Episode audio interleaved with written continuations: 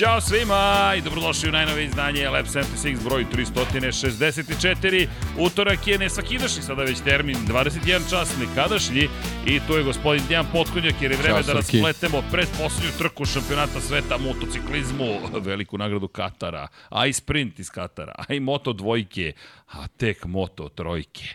Danas nas čeka jedan ozbiljan zadatak i shodno tome mi smo se ozbiljno pripremili. Tu su i dve mlade dame koje navijaju za Marka Marquez. O, o, vidi ovo, nisi, jeste očekivali kadar da ide na vas? Jel znate da ste uopšte bili u kadru trenutno? GoPro, taj što vam je iznad glave. Dakle, Vlado na pecalj koji je stavio, frizure vam se vide, dakle, jedna dama je plava, druga je crna i, jel crno ili smeđe? E, smeđe, okej. Ali čisto da znate, Vlado nisam očekivao da smo uveli taj kadar, ali eto, vredni Vlada na sve strane. E, ne zamerite što ste iznenađeni tim, ali pretpostavljam da niste mogli ni da vidite, pa eto da vam kažem, ne, nećemo vas više tako iznenađivati bez brige. U svakom slučaju, tu je publika. Juče je trebalo taj kadar da opalimo, šalim se, danas je nekako nežnije, mirnije. Nem su dame tu, ali pozdrav za Red Bull ekipu koja je juče bila, plus sve ostale koji su bili, tako, tako ih je Paja prozvao i ljudi se sada zovu Red Bull ekipom. Ali da ne skrenem sa puta. Ljudi, priprema je sledeća. Novembar je, pre svega mazite se i pazite se i vozite i vodite računa jedni u drugima. Zaista potrudite se da budete dobri, da budete pozitivni, da budete lepo raspoloženi za veliko finale. Napete su bile trke, podeljene emocije, moram priznati možda i najteže bilo za komentarisati, pogotovo Moto trojke, ali doći ćemo na to, ma nešto kasnije, idemo redosledom, mada verujem da će se nekako Jaume Masija, Leopard Racing, Miodar Kotur, svi ostali provući i kroz priču o Moto Grand Prix. Pozdrav gospodinu Koturu, čestitke za osvojenu titulu. Imate i pozdrave vi od gospodina Kotura, koji prilično emotivno doživio. Moram priznati, ne pamtim da se vidio toliko emocije ili čuo, ali to mi je i pokazatelj koliko znači. No, doći ćemo na tu priču. Pre nego što krenemo dalje, ljudi, Movembar je, Brkovi su i dalje tu ili makar ovo što liči na Brkove. Zaista se osjećam kao tinejdžer koji pokušava da gaji Brkove, ali uporno mu ne ide, no on i dalje ne odustaje. Ali postoji razlog zašto to činimo. U, Vlado, čekaj da ti pošaljem. Ja, jesi me čekao? Čekao me Vlada, moj dragi prijatelj, čekao da nešto pošaljem njemu i to ću upravo da učinim. Vi ste već navikli da mi te stvari radimo uživo, da se dobacujemo slikama, fotografijama, QR kodovima i ostalim stvarima, ali pre nego što se pojavi QR kod, da vas podsjetim na bitnu stvar. Movembari. Momci, novembar, da, nosim roze boju, oktobar je prošao, ali podsjetnik i devojkama, molim vas i u novembru otiđite da se prekontrolišete, borba protiv raka dojke traje neprekidno, ali ovoga meseca pre svega borba protiv jel te raka testisa i prostate, s obzirom na činjenicu da 3000 zapravo, nažalost, muškaraca oboli tokom godine samo u Republici Srbiji. Kažem stalno, ne znam za ostale države, ali ljudi, nažalost, verujem da je slična situacija i na i na drugim teritorijama gde god da se nalazite, bojim se da nije baš povoljno iz te perspektive i ja vas stoga molim, otiđite do lekara, otiđite kod urologa, prekontrolišite se kada je, kaži Vlado, Vla, Ni znam, nisi još uvek, nisam ja završio još uvek to. Vlado, polako, nemoj, nemoj te momente. Dakle, kada govorimo o, o borbi, to je ono što je najvažnije. A to vam je zapravo da, da možete dojte kod urologa i da se prekontrolišete. Dakle, pre svega kreće od testa, kreće da ne kažem od testisa, jel te, to je i prostate i molim vas, hoćemo onaj džingl da pustimo, jer je to tako zabavno e, već postalo, a ozbiljna je poruka i molim vas poslušajte poruku, dakle, s generalnim testiraj se, prostoje i testi se i prostatu, testiraj se prostoje i testi se i prostatu. I pozdrav za generali Srbiju, s obzirom na činjenicu da nas ne samo podržava, već poziva sve zajedno na par stvari, a to je ko produži osiguranje auto odgovornosti u novembru, dakle taj neko je već klijent generali osiguranja, ili uzme, to je registar automobil, deki to je ono standardno auto osiguranje, od auto odgovornosti osiguranje, dakle osiguranje auto odgovornosti i ukoliko to učinite u novembru, postanete njihov klijent, popunite formu koja će se pojaviti ne samo u potpisu ovoga videa, već će se pojaviti i kao kur kod čudom na ekranu u narednih 15 sekundi. Odete na link, popunite formular i prvih hiljadu koji to učini ima besplatan test kod urologa da bi ustanovio da li mora nešto dalje da se čini ili ćemo svi da kažemo dobar je ovaj Movembar, dobro je prošao, redovna godišnja kontrola i sve ok. Ljudi, hiljadu muškaraca prijemine, nažalost, tokom godine od ovih opakih bolesti. Eto, ja vas molim, kao i svake godine, da odete da se prekontrolišete prošle godine, smo dobili čak informaciju da je neko zahvaljujući tome što smo bili spremni da eto, nosimo besmislene brkove, makar iz moje perspektive. Dek ima lepo bradu već duži niz godina, pa ima bradu. Ovi moji pokušaj nek su smešni, ali ja vas molim, eto, učinite to zbog sebe, zbog svojih voljenih, mazite sebe, budite dobri, pazite se i sve će biti okej. Okay. A pozdrav generali Srbije s obzirom na činjenicu da nas je dodatno i podržao, ali nije u tome pojenta. Pojenta jeste da svi zajedno pokušamo kao partneri da pokrenemo neke stvari i iz one najvažnije perspektive. I u to ime hvala. A ukoliko imate neku potrebu za drugim osiguranjem, ja sad idem na put i ovo je besplatna reklama, stvarno imam generali, jel te, Srbije osiguranje aplikaciju i kupim sebi, jel te, u dva minuta kupim sebi osiguranje. A gde ću na put? Pa ako sve bude kako treba, u Valenciju, ali o tome ćemo pričati na kraju. Stižu testovi, ljudi, jedva čekam da budem, ako to sve prođe kako treba, narednog utorka u Valenciji. Deki, danas smo ti ja pričali, nije izvesno da li ćeš mi se pridružiti ili izvesno da nećeš. Ovo drugo izvesnije. Takva je kombinacija za putovanje, De, Deki mi požela sreća ne, put. Ne odgovara mi kombinacija nikako. e, to, to je neka akcija G6H8 skakači Hvala puno. i lovci u kombinaciji Mnogo toga je bilo Neki na taj 3D način, šah. dosta mi. Neki bi rekao, možeš ti to. Pošto nije baš jednostavno stići i, i, i deki, ali hoćemo odmah da se dogovorimo za sve koji nas prate, da kažemo, hoćemo u nedelju da uradimo mi podcast da posvećen bilo Moto Grand. Prix. Da, u, dakle, utorak će, ako sve prođe kako treba, ću ja biti na društvenim mrežama, ali u četvrtak naredni ćemo imati izveštaj sa testiranja, čisto humor i da budemo prema sebi, malo da se mazimo i pazimo, ali Nedelja veče, Vlado, ako imaš planove, nemoj ništa da brineš, zaboravi, ako nemaš planove, pa, pa, pa nadam se da možeš da isplaniraš, ako ne, samo reci, znaći ćemo se, znaš već kako tu ide organizacija, ali utorak, eto, neće nas biti u ponedeljak standardno Formula 1, opet kraj sezone, ali pošto se u Formula 1 zaista ne odlučuje ni jedna titula, da ne kažem da je Max to rešio uveliko, onda smo mi odlučili ove godine, to je jedan od vaših zahteva, da kada padne odluka o tituli, mada, mada, možda padne i u subotu. Šta radimo ako u subotu bude šampion odlučen? I dalje čekamo nedelju. Ipak je red. Pa red je da se završi sezona. Da onda sve prokomentarišemo i u nedelju da budemo zajedno sa vama, ali ja ću navijeti da, eto, ostane makar mala šansa teoretska otvorena da u nedelju se odlučuje titula šampiona sveta. Ne želim da bude opet bilo kakvih problema s obzirom na činjenicu da zaista iza nas je zanimljiv vikend i, i prava italijansko-španska sapunica u sred pustinje koju je krunisala pobeda čoveka koji još uvek nema posao za narednu godinu. Možda ga pozovemo da bude konsultant za Lab 76. Nazdravlje, istira Fabio Di Gian Antonio i kaže dama, ovo ti je lepa majica, najlepša od vaših boja. Ja kažem, pa hvala vam, to vam je kombinacija između ljubičasto i crvene. Dakle, nije, ali tako ćemo da glumimo. I zapravo podela između Jorgea Martina, koji juri 21 poen za ostatka, i Francesca Peka Banjaje, a koliko god da su velike zvezde, opet ih je neko nadmašio, kao Joan Zarko u Australiji, Fabio Di Gian Antonio. I evo, ja molim da se jave u, u komentarima svi oni koji su rekli da će Fabio Di Gian Antonio da pobedi ovoga vikenda, ali ne u nedelju, nego ko je to rekao prošle nedelje, to je prošlog utorka kada smo se družili.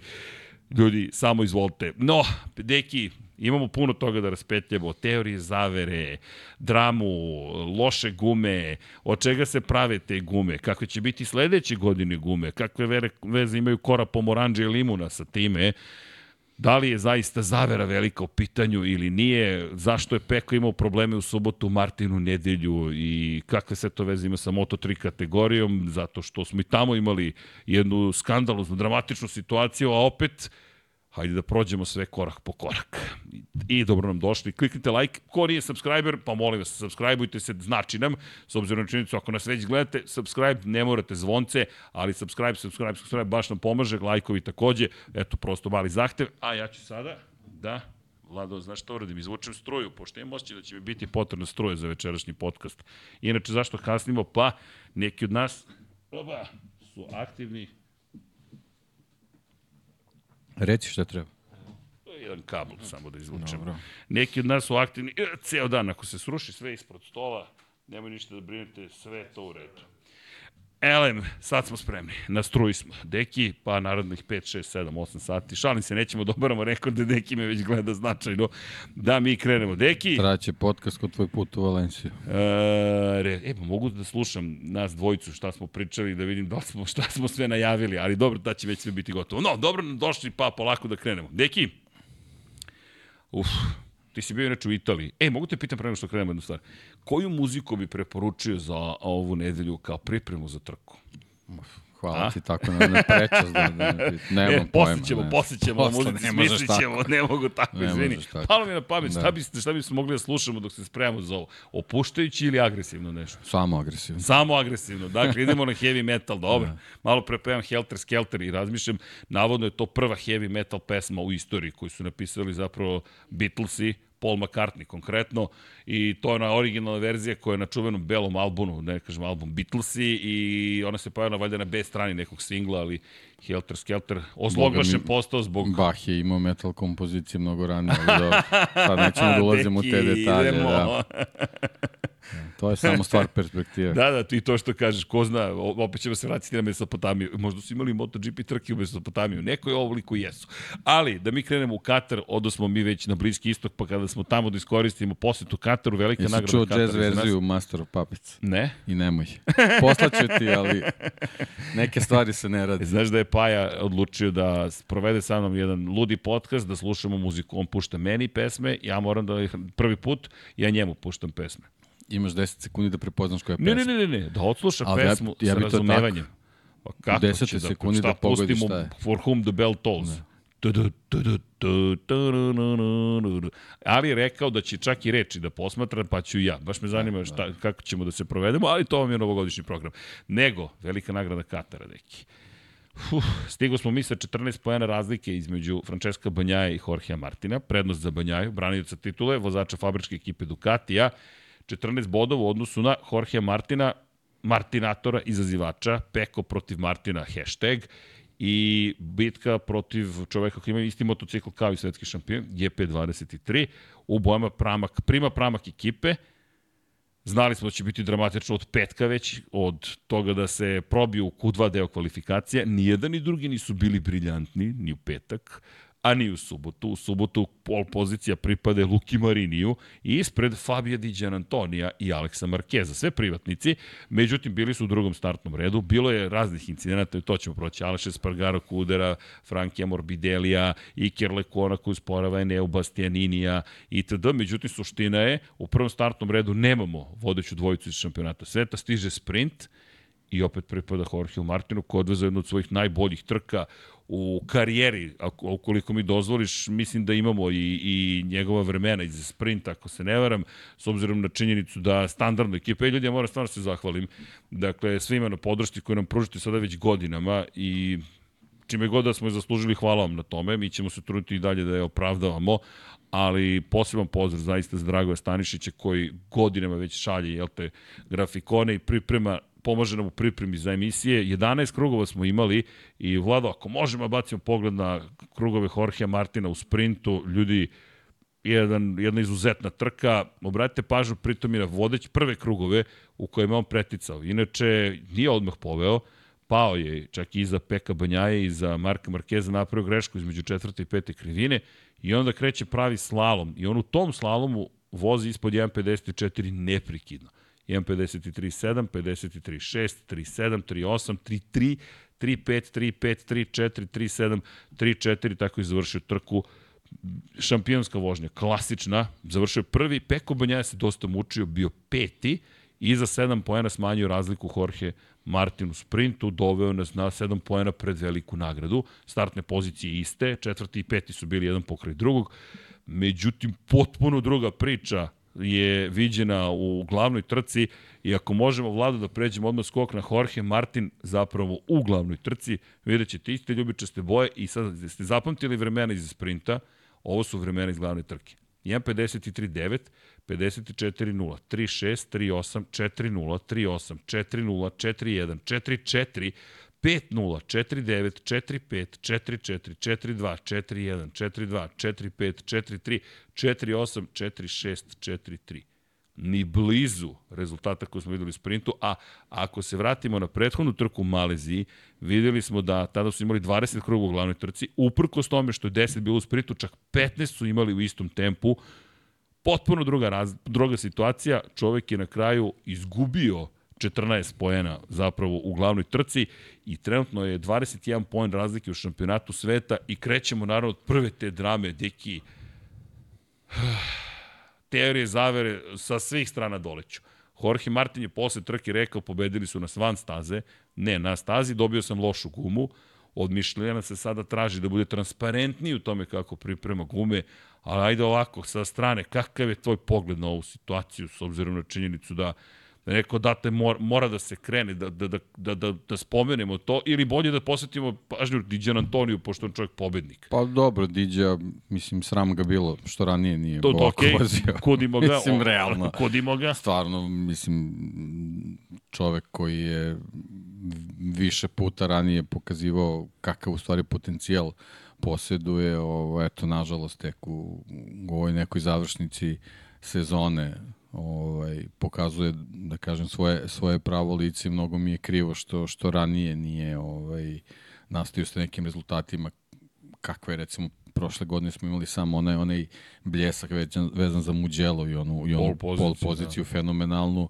da je približno nastavio u tom ovaj, smeru, verujem da, da, da ne bismo uopšte na ovaj način danas pričali o njemu i toj onako baš tužnoj mogućnosti da, da ostanemo bez njega ovaj, u Moto Grand Prix, ili ovim vikendom je u stvari pokazao, ne, ne vikendom, nego ovih nekih prethodnih desetak, 12, 15 dana je stvarno pokazao kakav je potencijal i koliko je kvalitetan vozač i koliko je, koliko je dobar vozač koji ne, e, nije samo takmičar koji koristi neke tuđe greške da bi, da bi ovaj napravio bolje plasmane, nego je, je čovek koji ume da gradi svoju poziciju tokom trkačkog vikenda i, i, i tokom same velike nagrade na način kako to rade veliki pobednici i, i kako je on izgurao ovu trku i, i kakav, kakav je uh, pritisak lako podneo u smislu uh, situacije da, da protiv aktualnog svetskog šampiona i čoveka koji se bori za, za titulu, on, on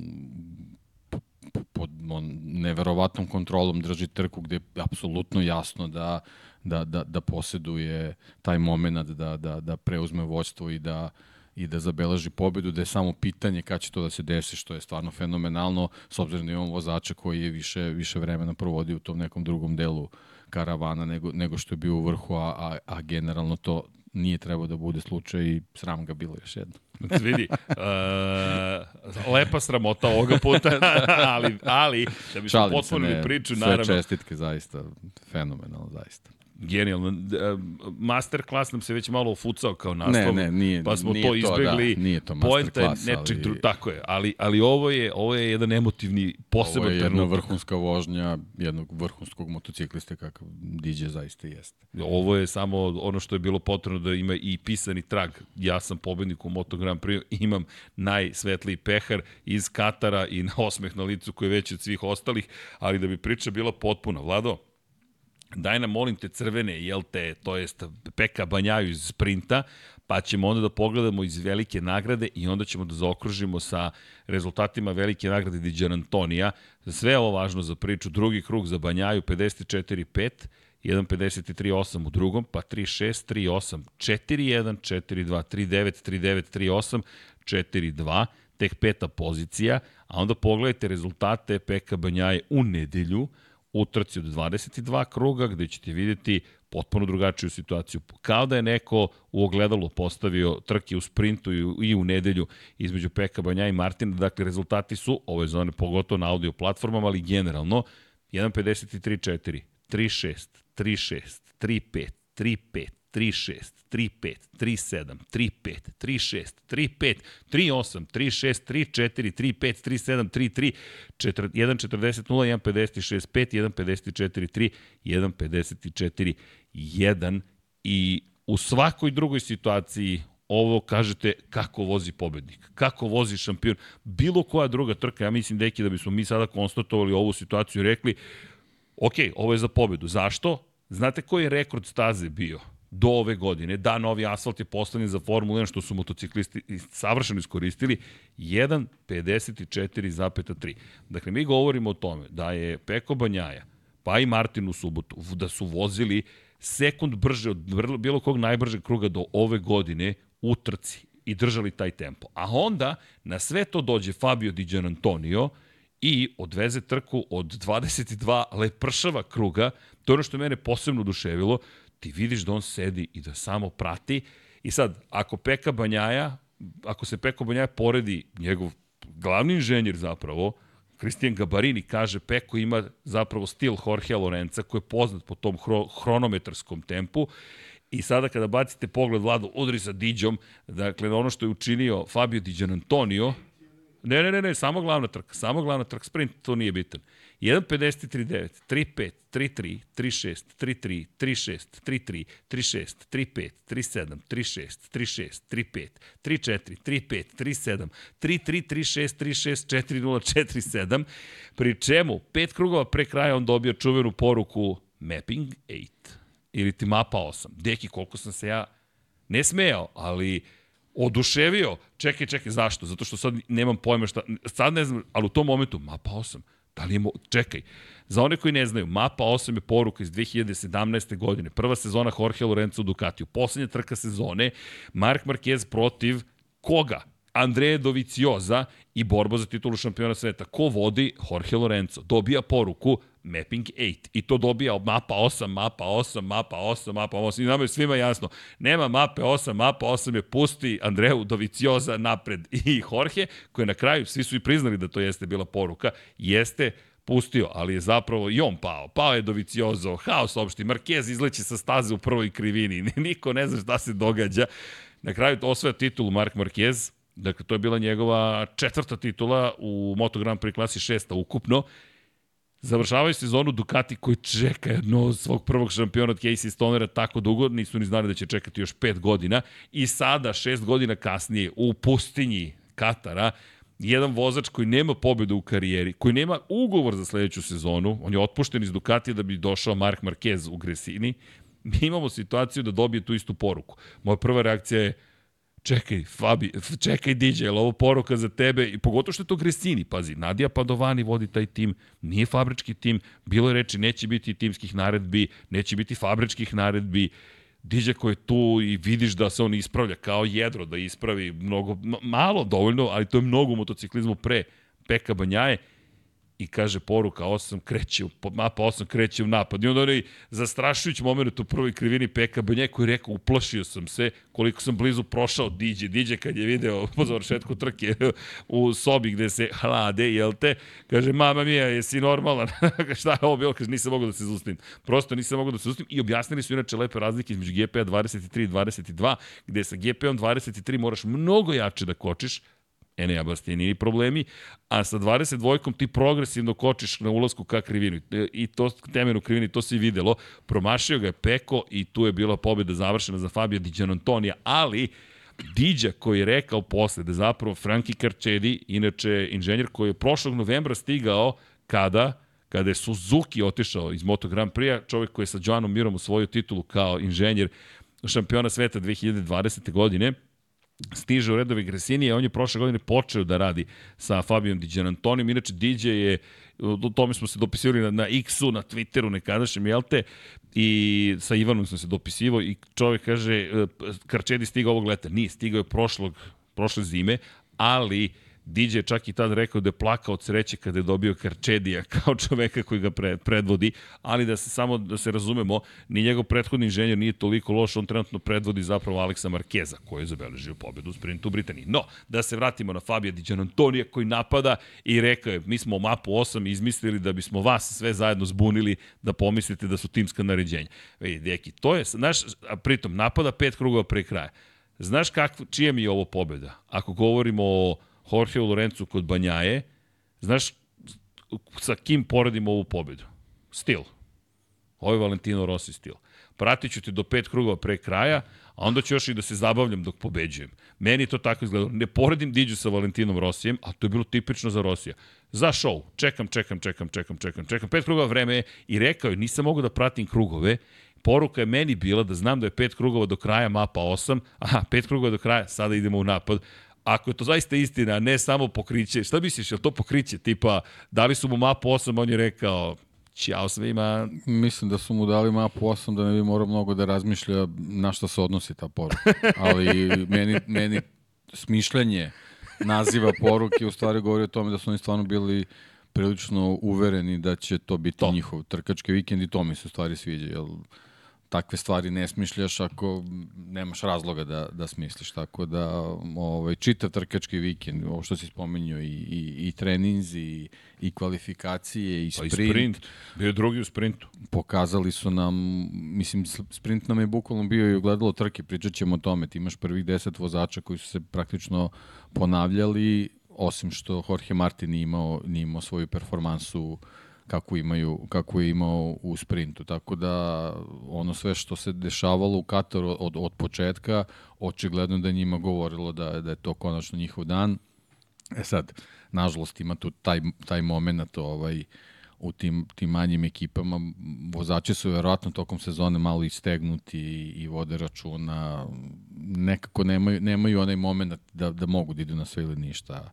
A eto, Diđa, zbog te neke svoje situacije u, u, u proteklih nekoliko nedelja jednostavno sad je došao do toga da jednostavno može potpuno opušteno da vozi, da nema šta, šta da, da, da, da, da rizikuje spektakularno, osim da, da, da se opusti da, da, da bude onakav pravi vozač kakav jeste i odmah, i odmah takve rezultate dobijemo i, i to je jednostavno iz svega toga i proistekla ta, ta poruka gde su oni jednostavno pretpostavljam u jednom trenutku razmišlja ako dođeš u situaciju da, da, da, da pobediš, pokazat ćemo ti moment kada to trebaš da uradiš.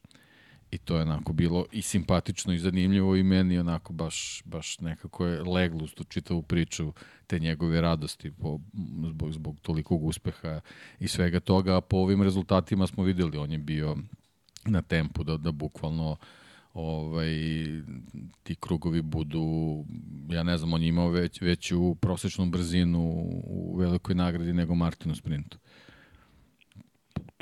veliko je pitanje koliko je tu potencijal još bio da, da, da, da, da, je da se ostvari, ostvari broj. Da, da, da, nego jednostavno poučen nekim možda a, drugim iskustvima i on, one situacije koje, koje smo imali sa Martinom ovaj, u, u sprintu na, na, na Philip Islandu, verovatno tu sad već Vodiš dođe računa. do kalkulacije da ako imaš dobar tempo, čuvaš nešto za kraj, a očigledno su dobro iskalkulisali da je taj finiš u stvari taj neki peti krug pre kraja, jer možda kasnije može da bude kasno. Jer Tako da, obično, da, da. izvini, Peko čuva gume za sam kraj jest, i ako čekaš poslednje dva kruga, čekate neprijatno iznenađenje. Ako imaš tempo napadaš, moraš pre toga da završiš, da završiš. Što znači peti krug, prvi pokušaj, ako nije uspešan četvrti krug, da. drugi, da. od trećeg pre kraja ćeš završiti posao, da. ako zaista možeš. Ovo je bila vožnja poput Ene na, na, na prošlom sprintu, gde, gde, gde smo isto videli da se, da se ispravlja, da zna da ima, da zna da ima tempo i naravno posle na trci sledećeg dana pokazao ovaj, da, da je to zaista tako. Tako da eto, imali smo u tom smislu neka dva preslikana vikenda gde su ljudi koji su pobedili u stvari već u sprintu pokazali koliko su brzi. Diđer Antoni je inače rekao na konferenciji za medije po završetku trke, rekao je da je dobio veoma loše, ružne, te tužne za njega vesti kada je stigao kući u Italiju iz Malezije i rekao je, sebi je rekao, ok, to je osveta, mora, mora da padne osveta, ali ne nekome, nego on mora sam da osvetu izvrši tako što će da bude najbolja verzija sebe. Rekao je svojim prijateljima pre nego što je krenuo za Katar, pobedit ću. I prijatelji koji mu kažu nemoj to da govoriš Fabio, to se nikad ne desi, energija ta koju imaš pobedničku, isprazni se kad izgovoriš. I rekao je, ne bio sam siguran da ću pobediti, a onda sam stigao u Katar. I onda moraš da uradiš sve što je neophodno da bi ti došao do tog nivoa i svega što je potrebno da se zabeleži pobeda, uključujući i pripremu za trku. I meni je fenomenalna sledeća njegova izjava, gde je rekao za Karčedija, ne, ne, mi smo imali jasan plan. U ovom trenutku u trci radiš ovo. Ako si ovde radiš ovo, ako si ovde radiš ovo. Pazite, klasičan algoritam. If then, if then, if then, if then i otvorila se trka, to jest odvezao je tako kvalitetno i sve se desilo kako su planirali Karčedi i on, što mi negde govori o tome kako John Mir osvojio titulu. Sa Karčedijem je seo i rekao, ok, ajmo da se dogovorimo šta je neophodno da uradimo, da budemo pobednici, šampioni, šta god je neophodno. I Diđan Antonio koji zapravo radi sve što su se dogovorili, uključujući i mapu 8, Rekao je samo za poslednji krug i to se vidi u njegovim vremenima. Ako bacite pogled na, na, na, na vremena, zapravo i poslednji krug u, u glavnoj trci, zašto je toliko loš krug 1.54.7? Rekao je, ja sam tu već počeo da vrištim u kacigu, da pravim greške, da vozim van idealne putanje, da radim sve i svašta, jer sam znao da ću pobediti, što mislim da je najstrašniji krug koji je verovatno odvezao. I onda kaže, pa dobro, počeo sam da Peko, da urlam. Peko mu je ovaj olakšao celu situaciju. Jeste, jeste. Peko je baš napravio no. Da. veliku grešku, ali Do, do... Bilo, je, bilo je i Fabiju jasno u tom trenutku da Peko neće više rizikovati. To je, to je bila poruka. Preživeo sam Idemo. 20 bodova. to je to. to je to. Kao pobeda. To je to. Da. Pri čemu? Pri čemu? Ja mislim da je Diđan Antonio iznudio pobedu, jer ako pogledamo, Peko je odvezao tako dobru trku. On je sa peti skočio na prvu poziciju. Njegova je šampionska vožnja bila u nedelju. I ponovit ću ono što sam rekao, tempo koji je imao, da je na bilo kom drugom mestu, nisam siguran da bi Iko imao šansu da ga prati. Mislim da bi tamo negde kod 11. 12. kruga već bilo smanji za 230 tinke, čuvaj gumu i završi priču. Ovako, i on je rekao, počeo sam da gubim kontrolu nad zadnjim pneumatikom pred kraj trke što je morao zapravo, do, do čega je došlo zahvaljujući tempu koji je nametnuo, na koji je odgovorio zapravo. A dobro, znaš kako, nametnuo je tempo, ja verujem da on ni on od samog početka nije mogao da pretpostavi da Martin ima tako, tako velik problem, problem da. zato što on je generalno zbog Martina taj tempo morao da nameće, zato što je znao Martino tempo od subote.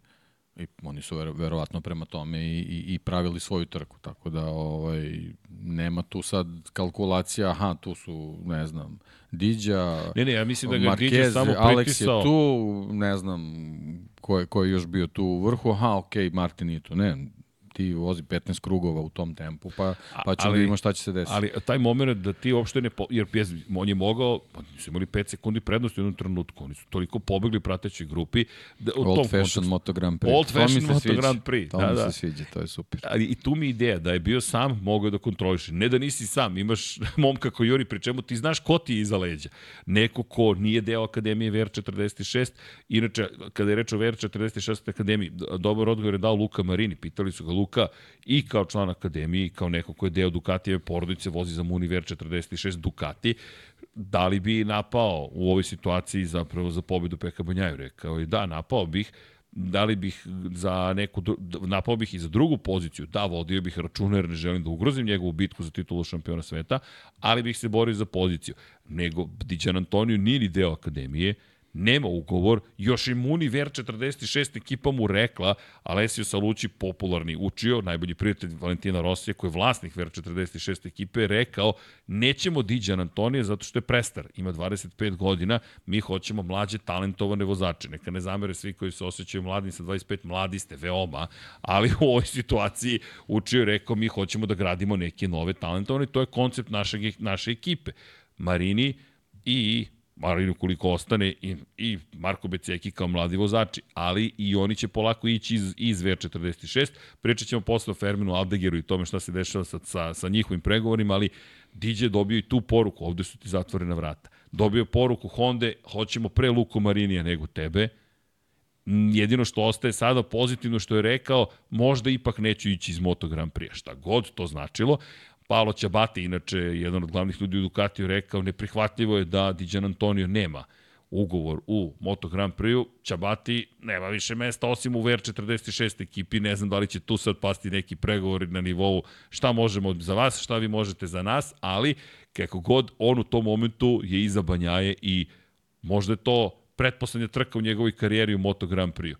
Moraš da napadneš. Napao i pobedio i bravo Diđa, Baš je romantično bila veče u, u, u Kataru, pogotovo kada spojite to sa pričom iz 2022 gde je Enea Bastianini zabeležio prvu pobedu posle 16 godina i Toni Elias u Portugalu 2006. za ekipu Gresinija. Nadija Padovani slavi pobedu, evo 18 meseci kasnije slavi žena pobedu u identičnim bojama praktično, ali sa Fabijom Diđan Antonijom, koji inače je ostao bez angažmana, ne kritikom Aleksa Markeza, ali Aleks Markez još uvijek nema pobedu u glavnoj trci, nema je Luka Marini, mnogi je nemaju.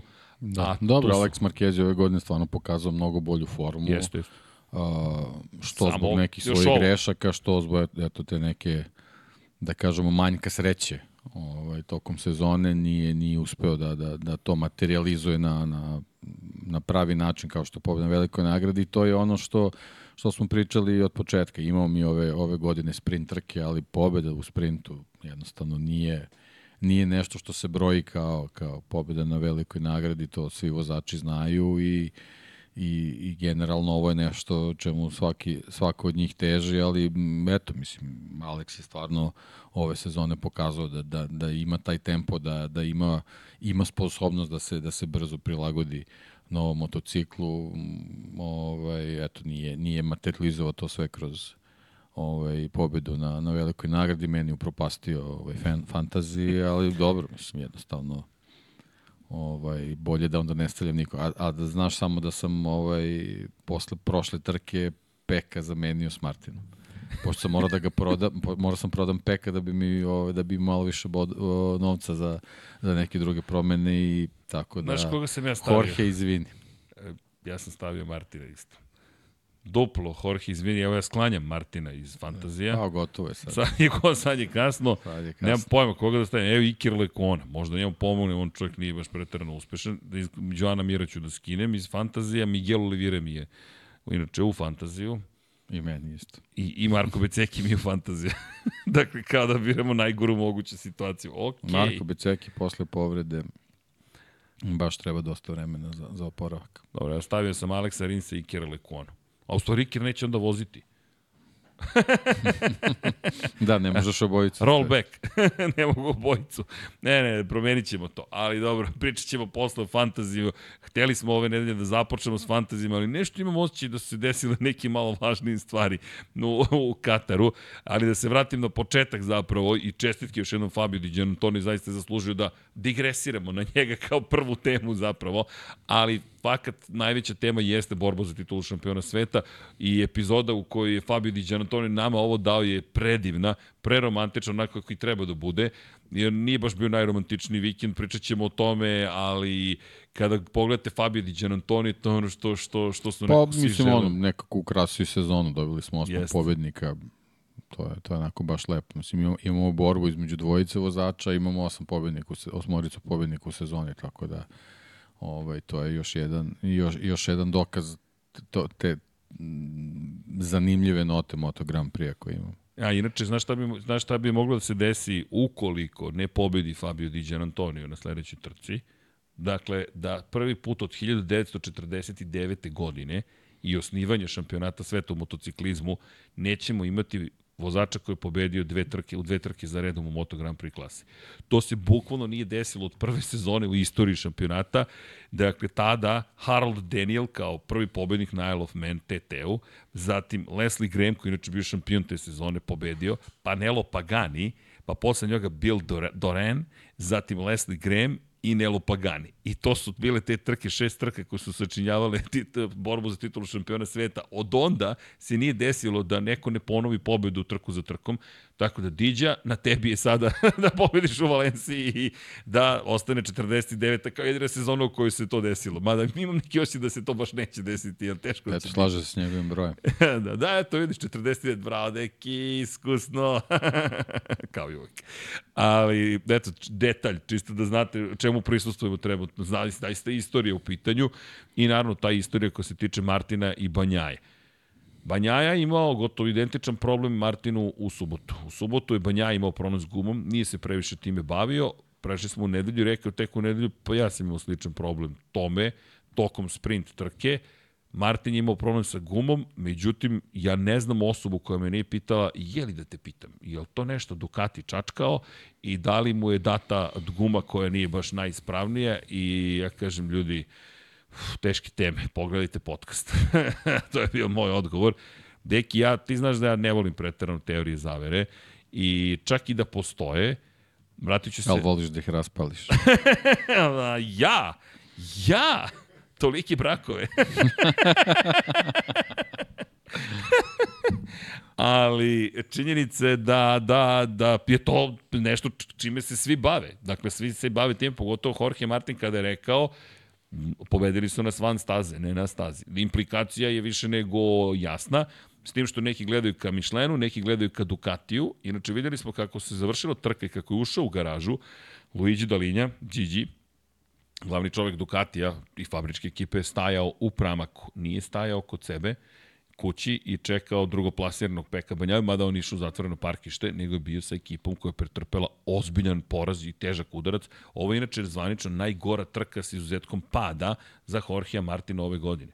Do sada završena najgora trka za Martina je bila Austrija, na kojoj je bio na sedmoplasirani. Danas, to je juče, završio, pretkoče, izvinjam se, na poziciji broj 10, I da, uz pobedu u sprintu osvoje 12 poena, plus ovih 618 ukupno za vikend. Međutim, Banjaja ukupno je osvojio 25 poena i to isto zanimljivo. 7 izgubiš 14 na dokladiš, za 7 se na kraju povećalo i došli smo na 21 poena razlike. Prošle godine tada nije bilo sprinterka, 23 poena prednosti imao Peko Banjaja, osvojio titulu protiv Fabio Kvartarara, sada je to situacija, ja ne, nemam prav adekvatan odgovor, ne znam kako bih dokazao ni za ni protiv, ono što mogu da kažem negde pozvaću se na pajnom mišljenju cinoć. Ljudi, na kraju dana svi možemo alibi da nađemo u nečemu, ali mi moramo se snađemo u datim okolnostima i to ti sve što ti ostaje. Sad, da li je dobio lošu gumu? Vrlo verovatno, način na koji se ponašala i prednja guma i zadnja, deluje kao da guma zaista nije funkcionisala kako treba. Njegovi rezultati to pokazuju, sumnjam da je baš sad rešio da loše vozi. Naravno, živci takođe, to jest, da kažeš, nervoza može da učini svoje. Ako se vratimo danu napred, subotu, zaista ne izgledao kao neko ko je pod pritiskom popustio. Izgledao je briljantno, odvezao fantastičnu trku. Pa ne, meni i malo pre sam rekao, ta, ta subota mi je nekako indikativna, zato što ti kad pogledaš a, poredak a, prve desetorice vozača, izuzev Augusta Fernandeza, to su bili momci koji su nedelju imali, imali taj tempo za, za, za borbu za podijum, osim Jorge Martina i to je onako baš, baš čudno, indikativno i meni onako, stvarno mi je žao zato što baš smo gledali na taj Katar kao mesto gde, gde on, on treba da bude onako u, u, u, svojoj, u svom punom kvalitetu i da stvarno dobijemo za, za Valenciju tu, tu neizvesnu borbu za, za titulu, međutim, eto, videli smo samog starta trke u nedelju, one, one i ubedljivo, ja, ja nisam video, video gori start ove sezone bilo, bilo kog vozača, stvarno se već, već u tom trenutku videlo da, da, ta, da ta zadnja guma, pretpostavljam, uopšte nije mogla da, da, da podnese tu, tu, tu snagu koju isporučuju Ducati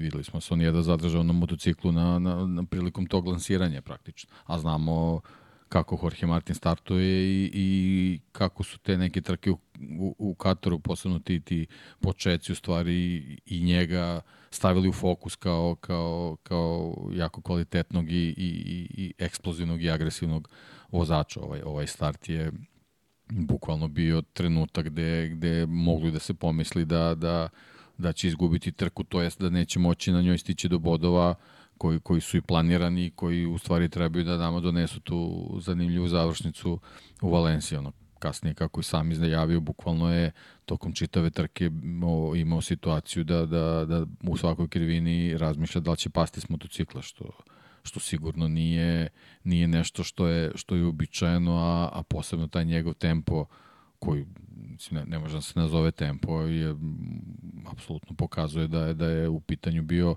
ogroman problem. Sad to što je Pek u subotu imao problem, meni deluje da to ipak neka minorna stvar zato što on je sa, sa petim mestom u sprintu praktično i odradio taj, te, te neke bodove koje generalno u sprintu i, i očekuje s obzirom da znamo da on toko vikenda gradi, gradi poziciju za, za veliku nagradu. A s druge strane, Martin je posle fantastične subote, to jest ne, ne fantastično očekivane subote za Jorge Martina imao, imao poražavajuću nedelju a najgore od svega apsolutno nije, nije kriv, niti bilo šta mogu da utiče, tako da stvarno onako veliki žal što što nismo dobili dobili pravu borbu za, za za pobedu, zato što bi nam to donelo i, i malu, malu razliku u šampionatu pred, pred, pred Valenciju. Sad, ne znam, mislim, stvarno je, stvarno je teško sad praviti tu, tu kako bih rekao, pretpostavku šta se desilo sa, sa motociklom Jorge Martina.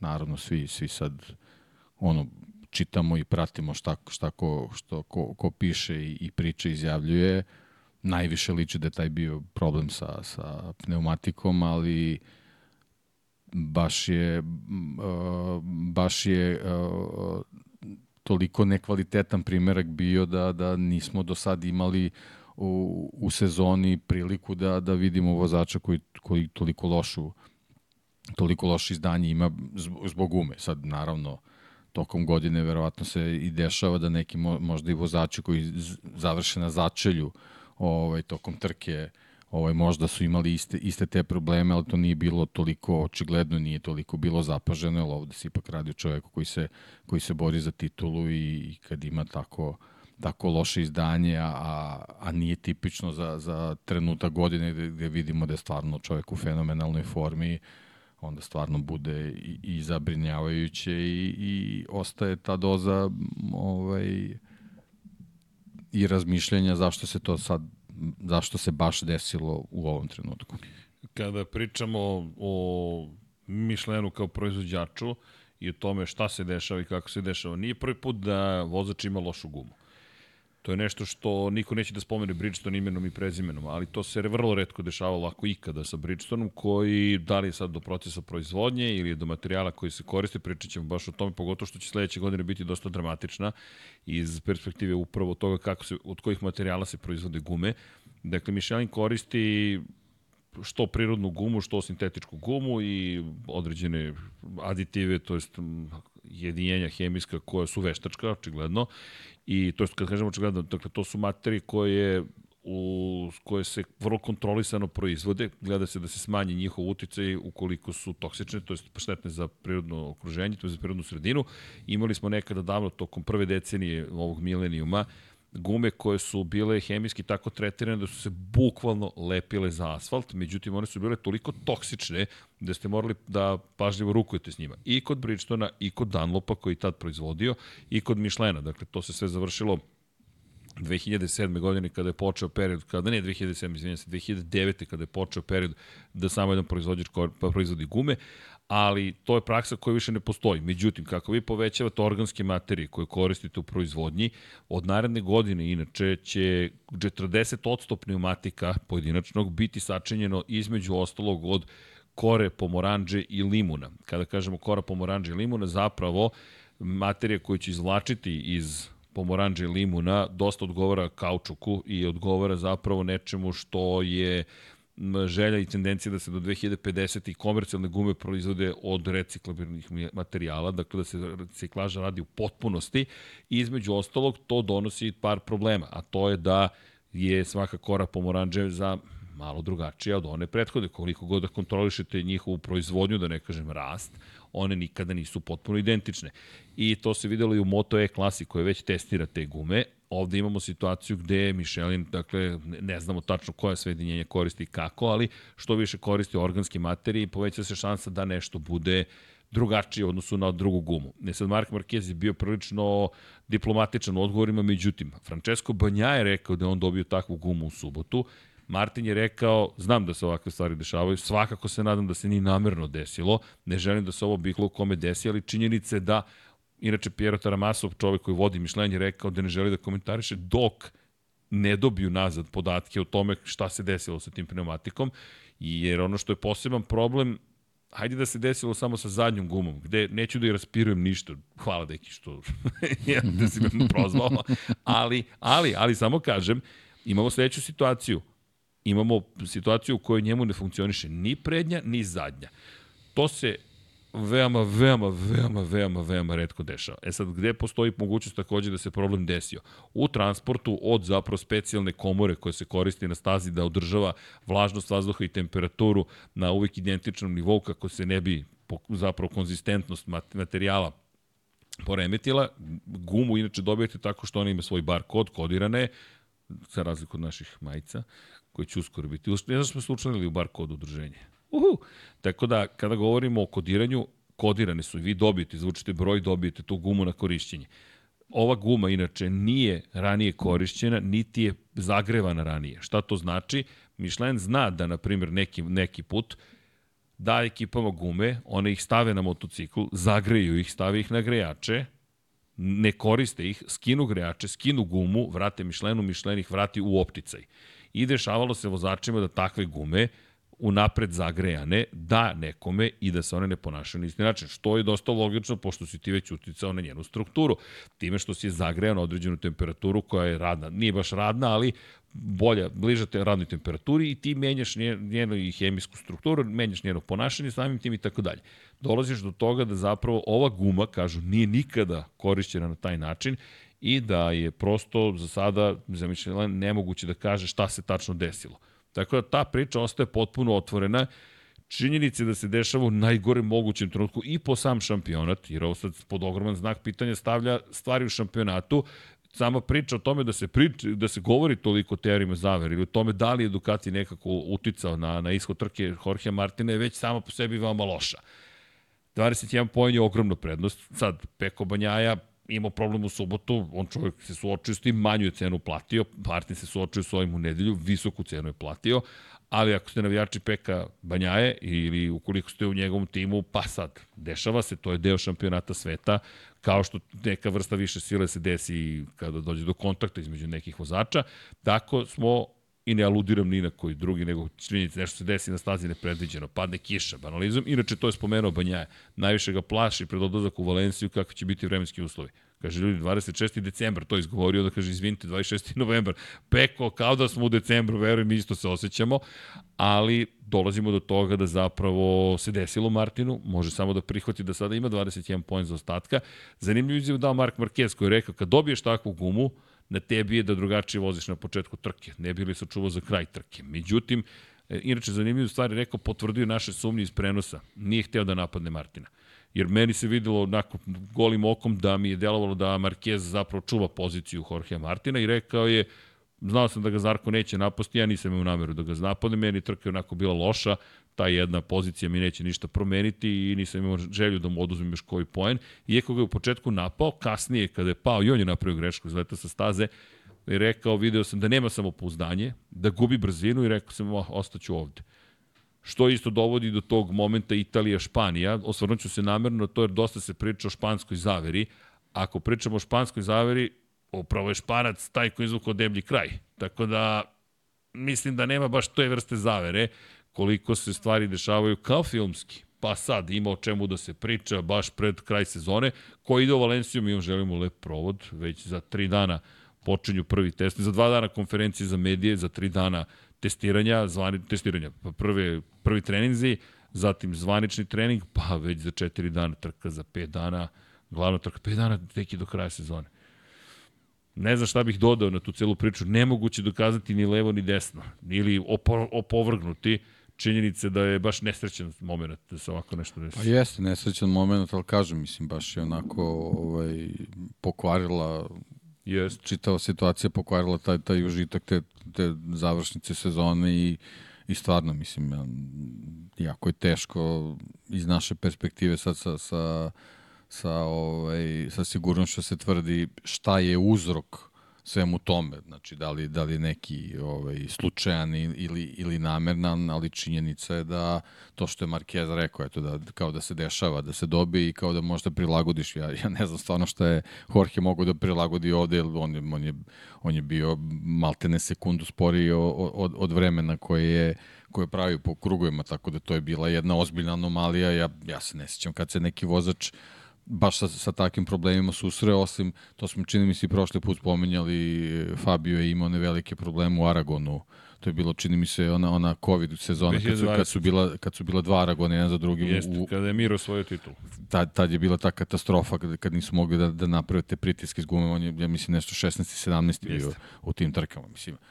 To je, to je onako poslednja, ta, ta neka drastična ovaj, drastična situacija koja je bila, pa, pa ni tad ljudima nije bilo jasno kako Michelin koji je francuski, francuskom vozaču dodeli takve gume. I ja sam baš skoro, pre neki dan sam čitao to, ovaj neki od neimenovni inženjer je rekao, ljudi, što se tiče Michelina, mi, mi kad, kad nam stignu gume, to su, to su crne, okrugle, lepljive stvari koje na sebi imaju neki bar kod. Mi nemamo pojma pred istoriju te gume, uh, kako je to, to što ti kažeš kako je čuvanja, čuvana, da li je, da li je zagrevana, da li je došla direktno iz, iz proizvodnje, oni jednostavno samo imaju mogućnost da, da, da nameste te pritiske ovaj, o, prema, prema podešavanjima i to je to. I onda se, eto, tako se desi ta, ta situacija gde, gde ne možeš ti baš da odreaguješ da, da, da u tom trenutku promeniš, prilagodiš stil vožnje, možeš ako su u nekim malim procentima neke razlike, ali ovako drastična ovaj, drastičan pad u performansama kako ima Jorge, ja, ja ne znam stvarno ko, ko bi uopšte mogao da, da bilo šta uradi s tim pneumaticima, da, da i ole može da, da dobije na tempu. A videli smo i tokom, tokom same trke on, koliko je bio i dekoncentrisan, nezadovoljan, maho je glavom, ruk, rukama je gestikulirao, znači potpuno dekoncentrisan van, van trke u kojoj mora da, da, da ostvari što bolji plasma da bi Jole ostao u borbi za titul. Mislim, stvarno, mnogo mi ga je žao, mislim, stvarno je stvarno je teška i, i, i nezgodna situacija bila, ali ovaj, sad u ovom trenutku tvrditi ko je kriv, zašto se to desilo je onako stvarno, stvarno ovaj, teško, teško za, za, za procenu i ocenu, jer jednostavno uh, da je bio neki problem sa motociklom, onda bi možda mogli da se usmerimo i na drugu stranu. Ovako, ako je zaista taj problem sa pneumaticima i to samo ne bi volao, volao bi stvarno da dobijemo izveštaje ako je Michelin navodno te, te gume poslao na, na analizu, zaista bih volao da, da, da dobijemo i te neke ovaj, podatke da vidimo šta se desilo. Ali eto, eto nekako postaje simptomatično da Michelin ulazi u te, te ovaj, uh, uh, probleme sa, sa, sa sa pouzdanošnju guma, sećamo se kako se završila ona, ona neslavna trka u Formuli 1 ovaj, u Indianapolisu. Jednostavno, očigledno da, da imaju filozofiju da svoje gume prave na limitima i onda se dešava da da kad imaš veliki broj pneumatika koji moraju da budu identični, ako jedan ne, ne, ne odgovara tom maksimumu, onda, onda onda dođe do, do drastičnog pada u, u, u performansama i, i onda se desi ovakav problem kakav se desilo, a ovo je baš zato što se, što se desilo u, u borbi za, za, za šampionsku titulu koju smo svi toliko ra, radovali, jedino što možemo da, da, da, da, da koristimo kao termin je skandalozno, zato što jednostavno to ne sme da se desi. Ne, mislim, nema tu sad nekih uh, velikih opravdanja uh, u tom smislu dešava se. To jednostavno mora da, da, da se predupredi da se da se u ovakvim situacijama to, to ne dešava e, pričamo o skandalima i zaista jeste skandal, ali da samo se razumemo, kada govorimo skandal, ne govorimo o namerama, već o posledicama, o rezultatu koji smo dobili. Ne sme bukvalno da dođemo s niko u situaciju da kaže, znaš šta, imao, imao sam lošu gumu i prednju na, i zadnju. Pri čemu svaki vozač dobije po 10 prednjih guma i po 12 zadnjih guma. Dakle, ti imaš 10% su ti šanse da dobiješ lošu gumu. To je katastrofa za takvog proizvođača. U slučaju, eto, 8%, malo 8,25% u, ili 825% u slučaju zadnje gume. Ne može to da se desi. Ne, problem je, problem je što ti, što ti ovaj, nemaš mogućnost kao ekipa da proveriš kvalitet tih pneumatika. Ne, ti samo možeš da ih staviš i da se nadaš da će oni funkcionisati. To je, to je, znači za, za šampionat na ovakvom nivou stvarno, posebno kad imaš ovako veliki ulog a pazi, Michelin naredne godine uvodi, uvodi M novu proizvod, novi način proizvodnje koji će biti još manje pouzdan po pitanju toga šta dobijaš i s druge strane menjaju konstrukciju prednje gume, to jest oni menjaju u potpunosti prednju gumu s kojim su vozači generalno imali puno problema, koja Michelina je zadnja guma uvek bila najbolja, kod Bridgestona prednja, to je neka tradicija bila, šteta što neću, ustaje, ne, ne sam to da kažem, ali bilo bi lepo da eto, može se pojavi neka konkurencija čisto malo da pogore stvari i Francuzi da se potrude oko toga, jer je ovo za njihovu reputaciju takođe veliki udarac Michelin Pa kažem, eto, često se, često se dešava da, da se takve stvari dešavaju, što, što u principu na ovom nivou gde ti imaš e, sve na, na, na, na tom limitu, jednostavno i pneumatici moraju to da prate. Ovaj, evo, mi smo sad imali trku, evo sad sam baš ušao da vidimo, ovaj, znači, od, od pobednika Fabio Di Antonija do 19. Tak, Take Nakagamija, vozači su u što se tiče prosečne brzine u 1,7 1,8 km na sat. Znači ti, ti bukvalno imaš u ovom slučaju 19-toricu vozača koji su morali da imaju praktično identične pneumatike da bi mogli da, da, da, da ostvare svoje najbolje rezultate, a ti sad, sad zbog ove situacije koju si imao sa Jorge Martinom moč, možeš opravdano da počneš da sumnjaš da li oni na svakoj trci u stvari imaju identične uslove za vožnju. E, pazi, mi smo imali ove godine situaciju u Mostu, u svetskom šampionatu Superbajku sa razgatli oglum, ali kako je Pirelli reagovao? Pirelli je odmah podneo izveštaj o obeležima guma i oni su pričali SC20, SC21 ili 201 i ne znam koja je bila još guma koju su koristili. Oni su rekli, Remy Gardner, koliko sećam, Toprak razgatli oglum i ne znam ko još imao problem sa gumama. I rekli su, odmah ćemo reagovati da vidimo kako se ovo desilo. Stvari u tome što su brinuli Pirelli da li će izdržati određena guma, pa su preporučili drugo, ali odmah usledilo dosta informacija. Pirelli tu bolji posao odradio u komunikaciji, što je bitno za Michelin, da nam iskomunicira upravo, ljudi, šta se desilo. Ba, prema onome što smo čuli, ta guma je direktno iz proizvodnje stigla na stazu i sa staze u garažu i sa, u garažu, stavlja, u garaži je stavljena, to je nije u garaži, ona se stavlja zapravo u specijalnom, zapravo, vulkanizerskoj radnji koju, da nekom šatoru koji Michelin tu ima, da šta rade timovi? Timovi na kolicima dovezu svoje točkove, u četvrtak ih dovoze bez guma, postavljaju im se gume na točkove, dobiju ih nazad tog jutra, obeleženi su bar kodovima i oni ih koriste. Vrate te gume, kaže ovo su potrošene, dajte nam nove gume, oni im daju nove gume, pripremim točkovi, to je to, ti ih, ti ih držiš potom u ekipi. I bukvalno stoje na tim kolicima. One se odatle ne pomeraju. Ne, sad, šta se sve dešavalo između, kada, kako, to je sada za istragu. Pa jeste za istragu Njihovu... i mislim da bi i Ducati i Michelin trebali da insistiraju da, da, da tu istragu sprovedu do kraja, čisto zbog zbog Pa zbog reputacije, reputacije šampionata, da ne kažemo legitimnosti ili reputacije. Tako je, legitimnosti šampionata, jer, jer veliki broj navijača je ovo stvarno onako prilično negativno podneo pre svega zato što smo zaista svi smo svi smo navijali za tu završnicu završnicu u Valenciji koja je bila praktično izvesna da ćemo doći sa sa tako malom bodovnom razlikom da niko neće moći da da da da pretpostavi da da neko tu sad može da pravi neku kalkulaciju, nego onako kako je najavljeno. Videli smo da i Moto Grand Prix spremio te grafike, sve ili ništa ovako sad sa 21 pojenom razlike ne, neko možda i može da ide, mora da ide na sve ili ništa kao Jorge Martin, s druge strane Peko može prilično veliku kalkulaciju da napravi i mi, mi gubimo tu draž koju smo mogli ovaj, da imamo, a možda smo izgubili eto, ili, ili zbog greške, slučajne ili namerne. Znači u ovom trenutku ne možemo to da kažemo, ali, ali bilo bi jako dobro da i Ducati i Michelin insistiraju da se, da se taj set pneumatika ovaj, dobro ovaj, istestira, ako je to zaista jedini uzrok njegov, njegovog lošeg izdanja u nedelju, pošto smo u subotu videli da je, da je sve bilo onako kako, kako u ovom trenutku Jorge Martin može da nam pruži. I ostaje pitanje njegove pripreme za ovu poslednju trku. Kao što si rekao, potpuno je bio. Pri čemu ti kada počne trka ti više ništa ne možeš da promeniš. Ali dodao bih još jednu dimenziju koja ne ide u korist Jorgea Martina, a to su njegovi startovi tokom celog vikenda. On je svaki probni start, on je tokom svakog probnog starta pogrešio. Sećam se mog komentara u, uf, uf, koji je bio to trening. Trening, da li su kvalifikacije čak bile, kada je radio probu starta, jer sam pratio nisam, nisam pratio specifično to, ali u prvom treningu ima probleme da pokrene motocikl. Bežimo motocikl, podiže se motocikl. U drugom treningu, dakle kada je prošao u Q2 deo kvalifikacije, opet problemi sa motociklom. U subotu se ponavljaju problemi i tokom treninga broj zvaničnog 2 i tokom kvalifikacije. I baš se sećam pred početak sprint trke da sam prokomentarisao da, ili ne, u stvari, mislim da sam pred, pred sprint rekao da je imao te probleme i da obično je dobro kada grešiš tokom priprema, tokom treninga, jer ne pogrešaš u samoj trci. I nije mi palo na pamet uopšte da ponovim taj komentar u nedelju, jer nekako je to stavljeno ad acta.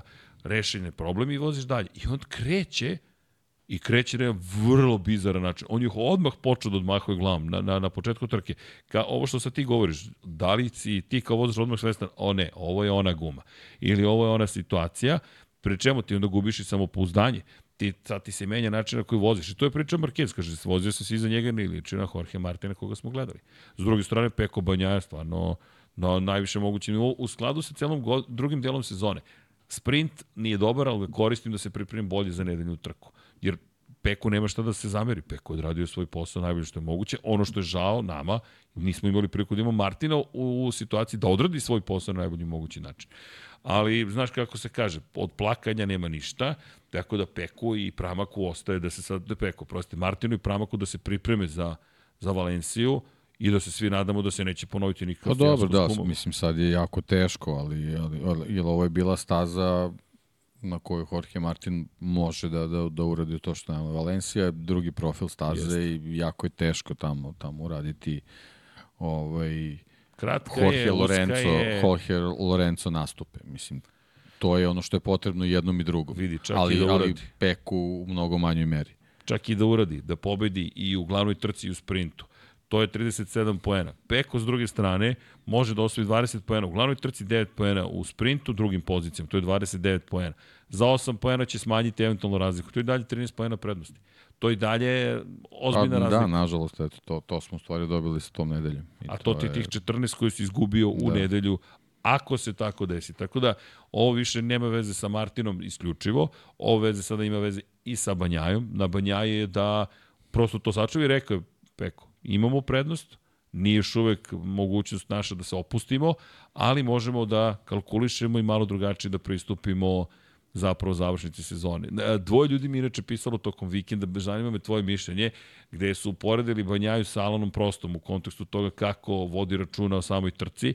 Ne znam da li bih baš, baš išao tako daleko, Alan Prost je jedan od zaista velikana Formula 1, postoje polako velikan Moto Grand Prix Peko Banjaja, ali da postoji ta doza pristupa gde kažeš čekaj, ovo liko moram, ovo je dovoljno, ovako ću da uradim i da izvučem maksimum iz datog trenutka i to je to. Da li te podsjeća? Na Pa ne, ima, ima, ima tu crtu vozača koji, koji ima, ima računicu tokom, tokom čitave trke, ali ovakve neke situacije kao što mu sad Diđom bila, to su neke stvari koje su mu svi prošle sezone događale, sećaš se Japan i Da, da. obilaženje Fabio Quartarara, to su, to su neke stvari koje, koje jednom kad ti se desi trebaš da naučiš da, da, da ovaj, ne radiš više, ali dobro, ima, ima ovaj, na svako je, svako je specifičan na, na, na svoj način i naravno da eto, te neke stvari se dešavaju i to su stvari ovaj, te neke sitnice koje, koje Peko još treba da, da ispravi, ali da, da ima, da ima tu neku crtu da, da,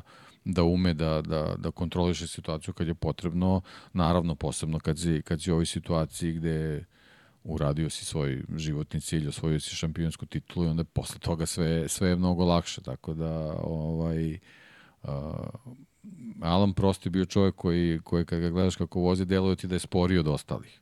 Zato što je tu vrstu kalkulacije imao. Peko Banjaje je ipak, ipak spada u grupu agresivnih vozača.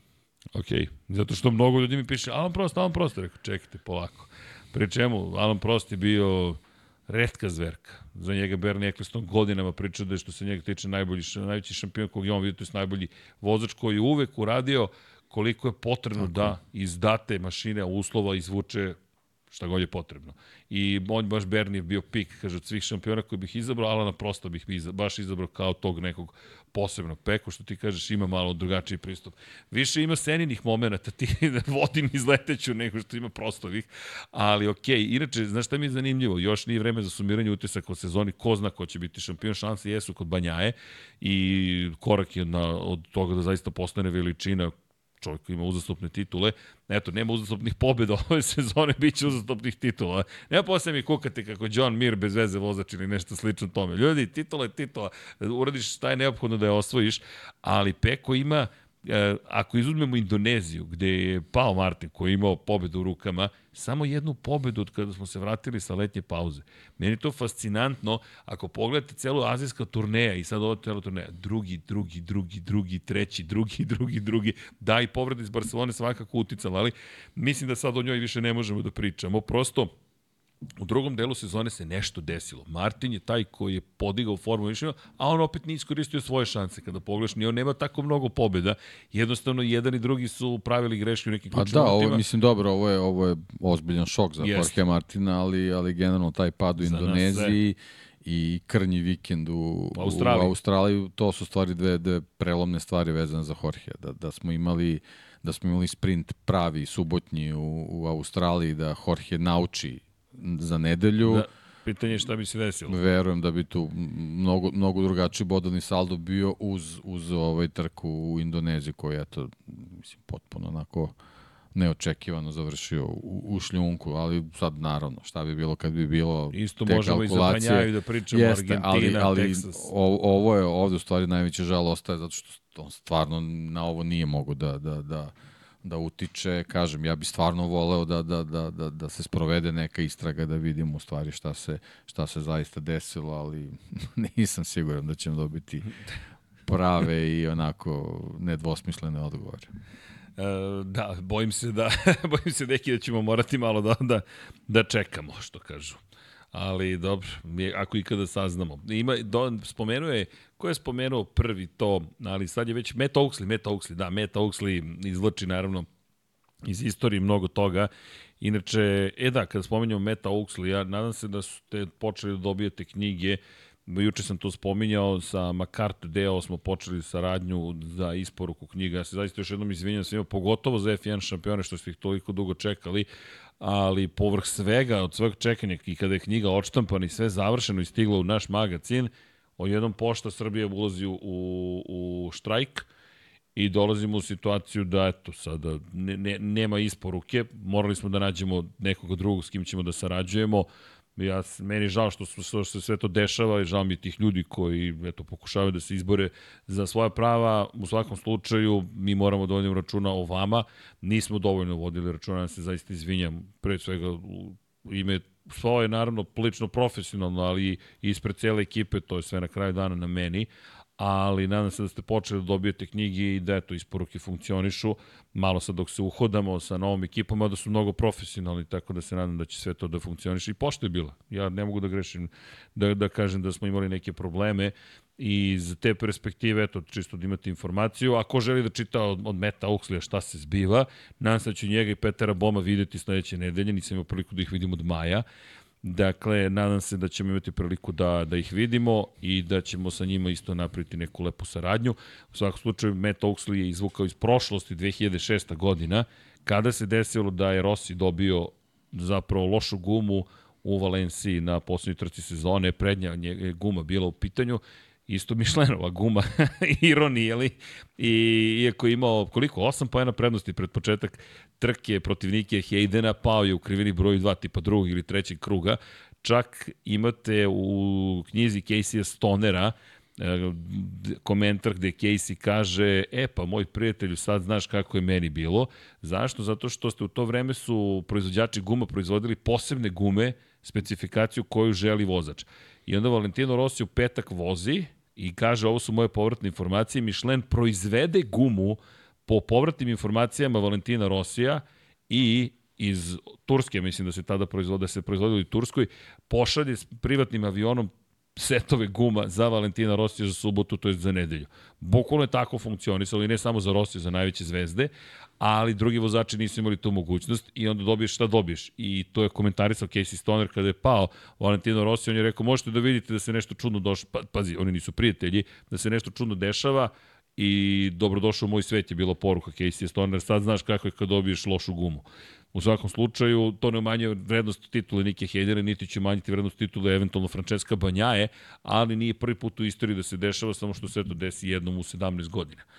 Tako da, eto, dešavalo se, samo što su baš te redke situacije. Eto, sad se desilo, i apropo te priče Italije, Španija. Pa dobro, da, opet ono, da kad poredimo sa Formulom 1, mi smo imali Bridgestone koji je svoje specifikacije pneumatika pravio prema testiranjima Ferrarija, yes. dok da, je sa da, druge da, strane da. Michelin to radio prema Renault.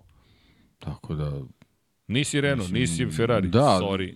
mislim, to, to je, kako bih rekao, jednostavno u nekom trenutku bilo potpuno normalno, nego ovde, ovde je problem što je jedan vozač koji se bori za, za šampionsku titulu bio apsolutno hendikepiran. To je To je problem, znači on se nije, nije, se, nije se borio sa, sa gumom koji ima donekle slabiju performansu. Da, da, ovo, je, ovo je bilo... Loša guma. Baš, baš onako loša guma. Tako je trka da ti jednostavno nemaš, nemaš mogućnost da, da bilo šta promeniš i kažem, mislim, meni, meni je, baš mi je krivo što, što ne, nećemo dobiti tu završnicu sezone koja možda trebala da bude na, na 4-5 bodova prednosti za jednog ili drugog. Ovako, što ti kažeš, možda se u subotu već sve, sve i reši, ali jednostavno matematika može, može to jednostavno da uredi. Peko ko osvoji četiri poena više od Jorge Martina u subotu, gotovo je. Čak i Martin da zabeleži pobedu u nedelju, Martin u ovom momentu ima četiri pobede u nedeljnim trkama, šest pobeda u nedeljnim trkama ima Peko Banjaja, dakle biće 6-5 u pobedama i da ima isti broj poena, Peko Banjaja ostaje šampion sveta. Tako da subota može biti ključni dan Sad, kakva je najava meteorologa, ajde ubacimo u celu priču za Valenciju i priču o vremenskim uslovima, jer veoma su topli dani trenutno u Valenciji. Imate pozdrav od naših i mi im šaljamo nazad pozdrave, to je za vas posebno od Nikoline i Nikole, koji su se inače ocelili u Valenciju pre koliko, tri nedelje.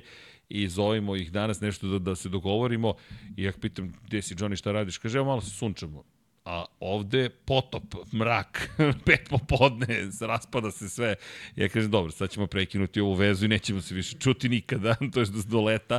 I kaže, ej, mogu ti reći, nije loše, mada je rekao da je španska administracija gora od lokalne administracije na Balkanu, kada oni još uvijek čekaju papire već tri nedelje, ali tamo nije FT 1.5, tamo je FT 10.5, tako da u ovom trenutku eto, rešavaju te administrativne probleme, ali pojente da je temperatura 31 stepen Celzijusa spoljna, ljudi, maksimalna, 23 je donja temperatura i tako će biti cijele nedelje.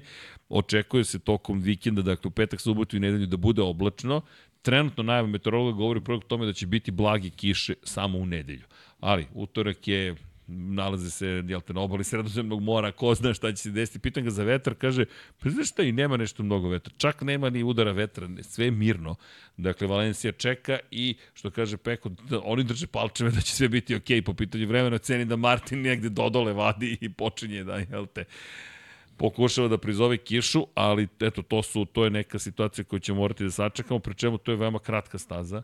Valencija spada u grupu staza, kao što si rekao, koja je... Inače, ulaznica više nema. Da, da znate, dosta ljudi je pitalo za ulaznice. Nema, eventualno da idete tamo i da pokušate nekako da se snađete, da zamolite nekog, neku pristojnu grupu ljudi da vam pomogne, ali kupovine ulaznica više nema jednostavno očekuju se pune tribine, 100.000 ljudi da bude u nedelju prisutno i vidjet ćemo. Ali evo imamo u četu, Mihajlo se javlja, kaže zbog nemogućnosti da na trku sad za vikend, da li neko možda želi ili zna nekog da mu trebaju karte za trku. Eto, tako da postoje te mogućnosti. Postoje, postoje. Postoje prozori, da, da, da. o, ok, Mihajlo Šuljagić, pozdrav za Mihajla. Dakle, eto, javite se Mihajlu u četu. E, pa eto, imate mogućnost da ukoliko vam treba, javite se, razmenite prosto nekako kontakt informacije.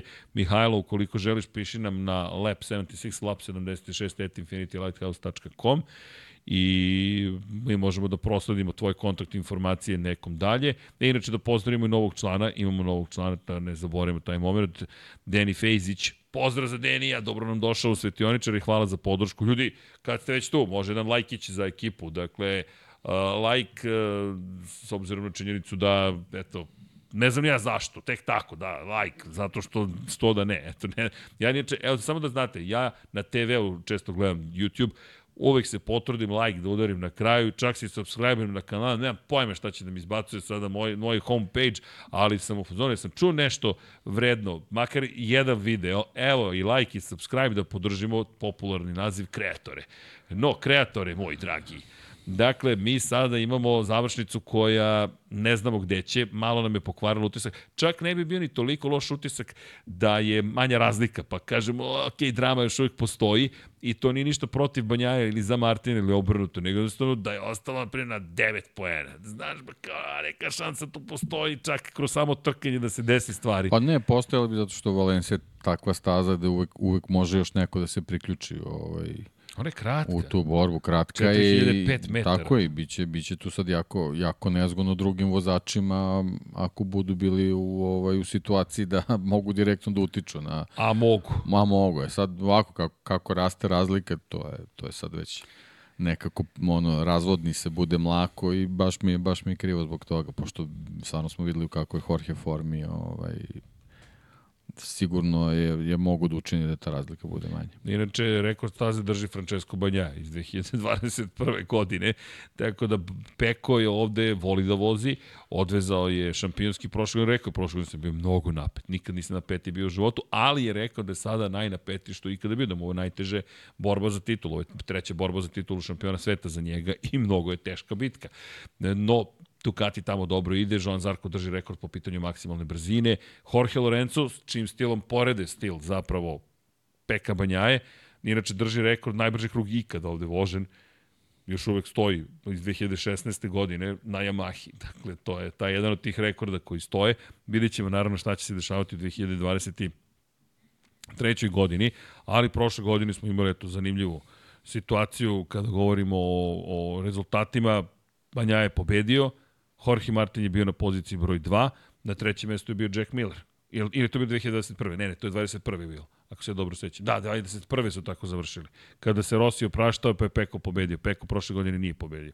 Ali činjenica eto da je zanimljiva zanimljiva situacija u kontekstu. Delo je da je Rins pobedio prošle. Delo je da je Rins, da, jeste Suzuki, jeste, jeste, izvinjam se. Izvinjam se, Čikadeki. e, Alex Rins se vraća da odveze poslednju trku za Lučić Kinelo Racing. Jedan od komentara je bilo, ja sam zaboravio da Alex Rins vozi.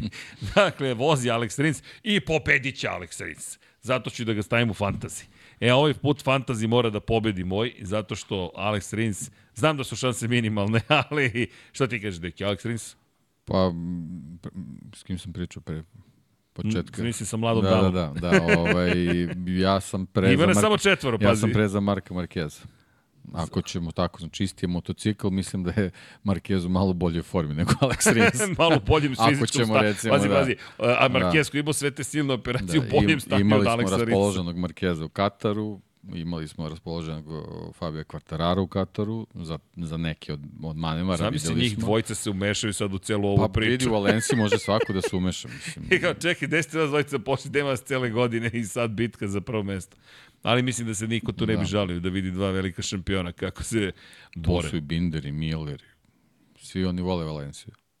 Vidi, zabave, zabavi ne manjka ništa, neće biti. I, i, i, i kada spominješ Marka Markeza, poslednja trka za Repsol Honda. Oproštajna trka. I to. Od Repsol Honda se na tom istom mestu 2003. oprostio Valentino Rossi. Pobedom. I taj motocikl isto stoji u muzeju, sve sa registracijom, to je bilo super. Kada vidiš taj motocikl, piše registracija zalepljena, Valencija, registrovan, zapečaćen motor i kažeš ovo je stvarno vožen motocikl do pobede. Specifičnost te situacije je ukoliko Mark Marquez zaista pobedi, ima šansu da ponovi ono što je Valentino Rossi učinio, a to je da pobedi na kraju jedne sezone na jednom motociklu i pobedi na, na početku druge sezone na drugom motociklu, što stvari čini naravno toliko dramatičnim. I ovde dve navijačice Marka Markeza već su ustale i cheerleading je pao, kako izmišljam priču. Vlada ima i kameru da pokaže da to nije istina, ali, ali, ali je vrlo stidljiv. De, devojke, se stidite. Da, ne, ako vlada upali sad GoPro, ćete da mahnete GoPro. Sad pitam vas pre nego što to uradimo. Šta kažete? Može. Ajmo, Vlado, show, da mašite, to vam kažem, čao, devojke, upale ste u studiju, drugu stranu studija. E, do, dosta je, Vlado, do, dovoljno blamiramo ljude, inače kad dođu u studiju.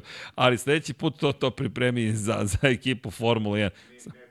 Ne bi stali. Ne, ne, ne, morat ćeš uh, wide, super angle neki da opališ. Elem, nisu to jedine priče, ali ovo jeste najveća priča. Uh, sve u svemu drama u Kataru, zaista sapunica i kažem, ima dosta tih priča Italija, Španija. Ja, ja bih se samo osvrnuo na par stvari. Ljudi, Jorge Martin je španac. Dakle, pa dobro, vidi, sad možemo da, vidi, da razmišljamo o tome kakav će ovaj, fabrički tabor Ducatija da dobije doček u Valenciji. Do, to je faktor. Moramo i o tome vidi da činjenica je, da. vidi činjenica je, ali ajmo ovako. Tamo je generalno futbolska atmosfera na, na tribinama. Jeste, jeste, ali znaš šta je meni zanimljivo? Meni je tu Rossi najveći car. Dakle, cijela priča, Španci ne vole Rosija. Pablo Nijeto mu vodi VR46 ekipu. Angel Nijeto mlađi mu vodi Yamaha VR46 ekipu.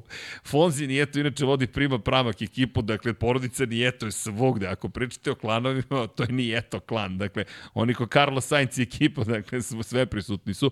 Ali samo hoću da kažem, ljudi, nema to veze s nacijama koliko ima veze sa ličnostima i sa ljudima. Tu je najveća situacija. Ko s kim dobar ili nije na jednom ljudskom nivou.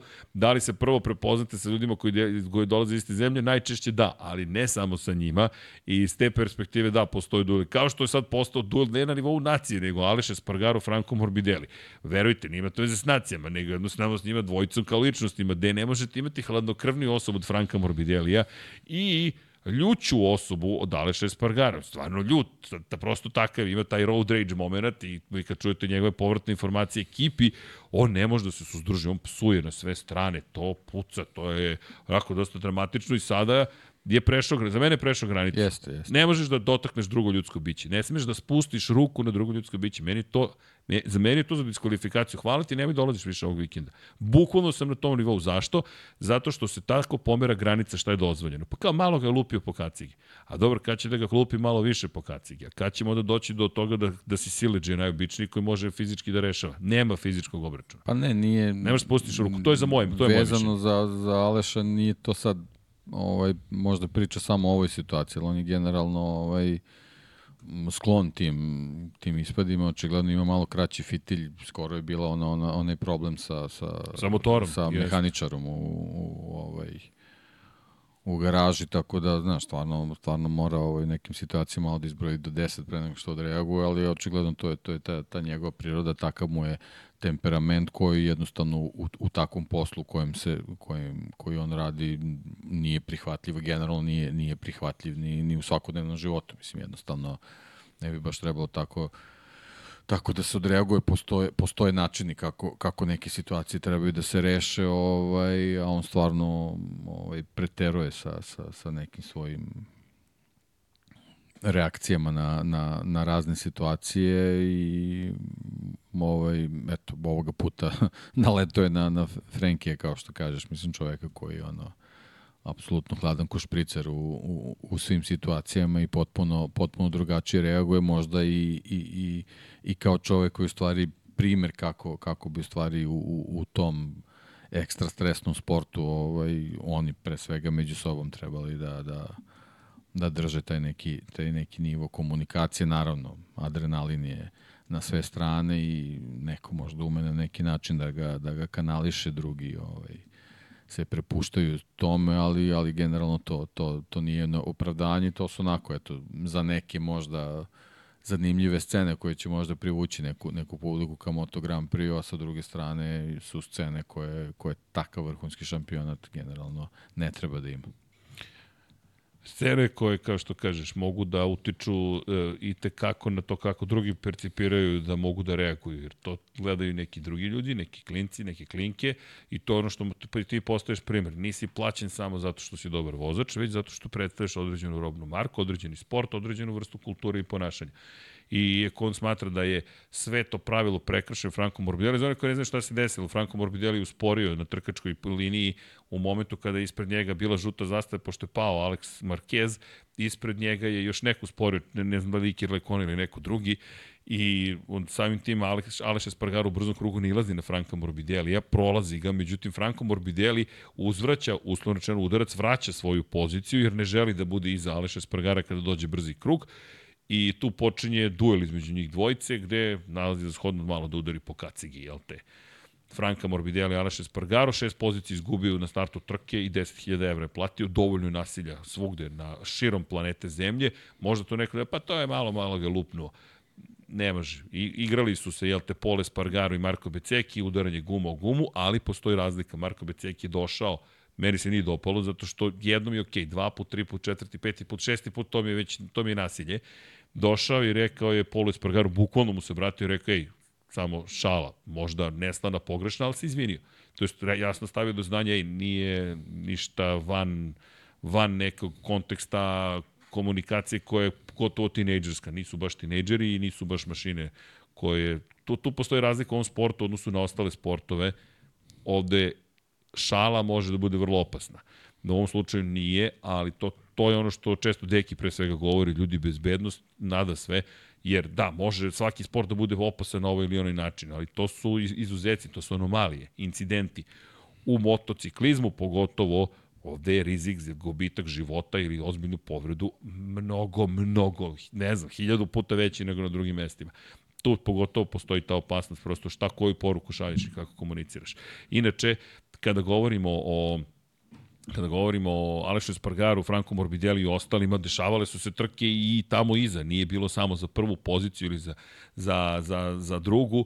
Treća pozicija pripala je Luki Mariniju na kraju. Imam potrebu da pohvalim dakle, to, dakle, ono što je poenta da smo imali uh, situaciju u kojoj Luka Marini u momentu kada se toliko priča o njegovom ugovoru sa Repsol Hondom, e, da je zapravo komunikacija na nivou, pa čak i naše sumnje zašto Luka Marini, kao da je dovelo do toga da pomalo Diđan Antonijevski kaže evo zašto idem na pol poziciju i najbrži krug ikada u Kataru.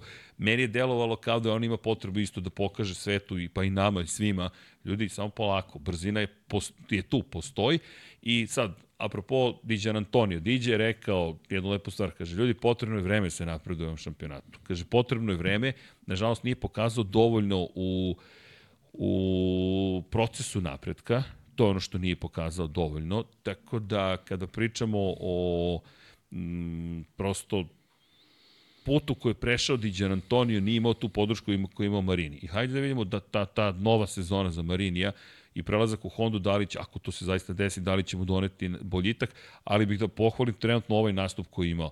Zaista svaka čast, pa i za bitku na kraju za to treće mesto. Rekao je, posle sprinta je rekao, to je posle kvalifikacije, nemam tempo za trku, i to se videlo, ali na kraju bio na trećoj poziciji, treći bio i u glavnoj trci, s tom razlikom što je rekao, imao sam tempo u nedelju, samo sam se zaglavio u duelima sa Aleksom Markezom. Pa da, bilo je, bilo je dosta duela u, u uvodnom delu trke, ovaj, tako da verujem da bi, da bi možda bio ovaj, u nekoj, u nekoj boljoj situaciji, ali, ali generalno zbog tempa koji su imali Peko i Diđa, nisam baš siguran da, da, da bi možda mogao da, da, na taj način ovaj, do, do, do kraja trke bude sa njima da, da se bori za, za, za samu pobedu, ali mislim da je ovako može da bude sasvim zadovoljan, posebno što sad dolazi za njega onako prilično taj nezgodan, da ne kažem težak period, ovaj, mnogi oči će biti uprte u njega i, i ovaj ono što je što je za njega najvažnije je da da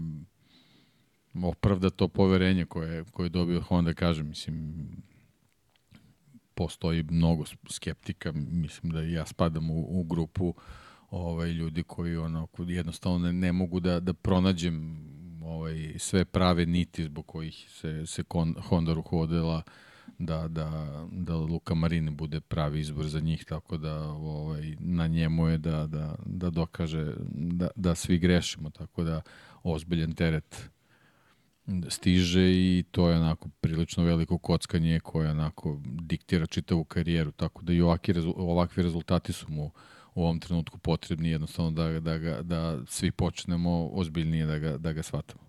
E, Luka, kažem, za, za ovaj vikend meni se mnogo dopalo šta je učinio. Zaista mi se mnogo dopalo i kada pričamo o, o Luki Marini, ja sam na nivou ok Luka, dobio si, ne da si dobio lepo potvrdu, nego si dobio situaciju u kojoj mi možemo sad opet o tebi da pričamo iz perspektive trkanja, ne iz perspektive toga zašto Luka, zašto dvogodišnji ugovor brat Valentina Rosija. Samo ja osjećam potrebu zaista da istaknem, jer kada ti odvezeš ovako, u momentu kada Diđa odveze ovako, kada Banjaja juri da odbrani titulu, kada imaš Aleksa Markeza koga, pazi, pobeđuje klubski kolega, koliko god da ti je sve drago i čestitali su. I to je bila lepa scena. Svi su mu čestitali, ali ti želiš da ga pobediš.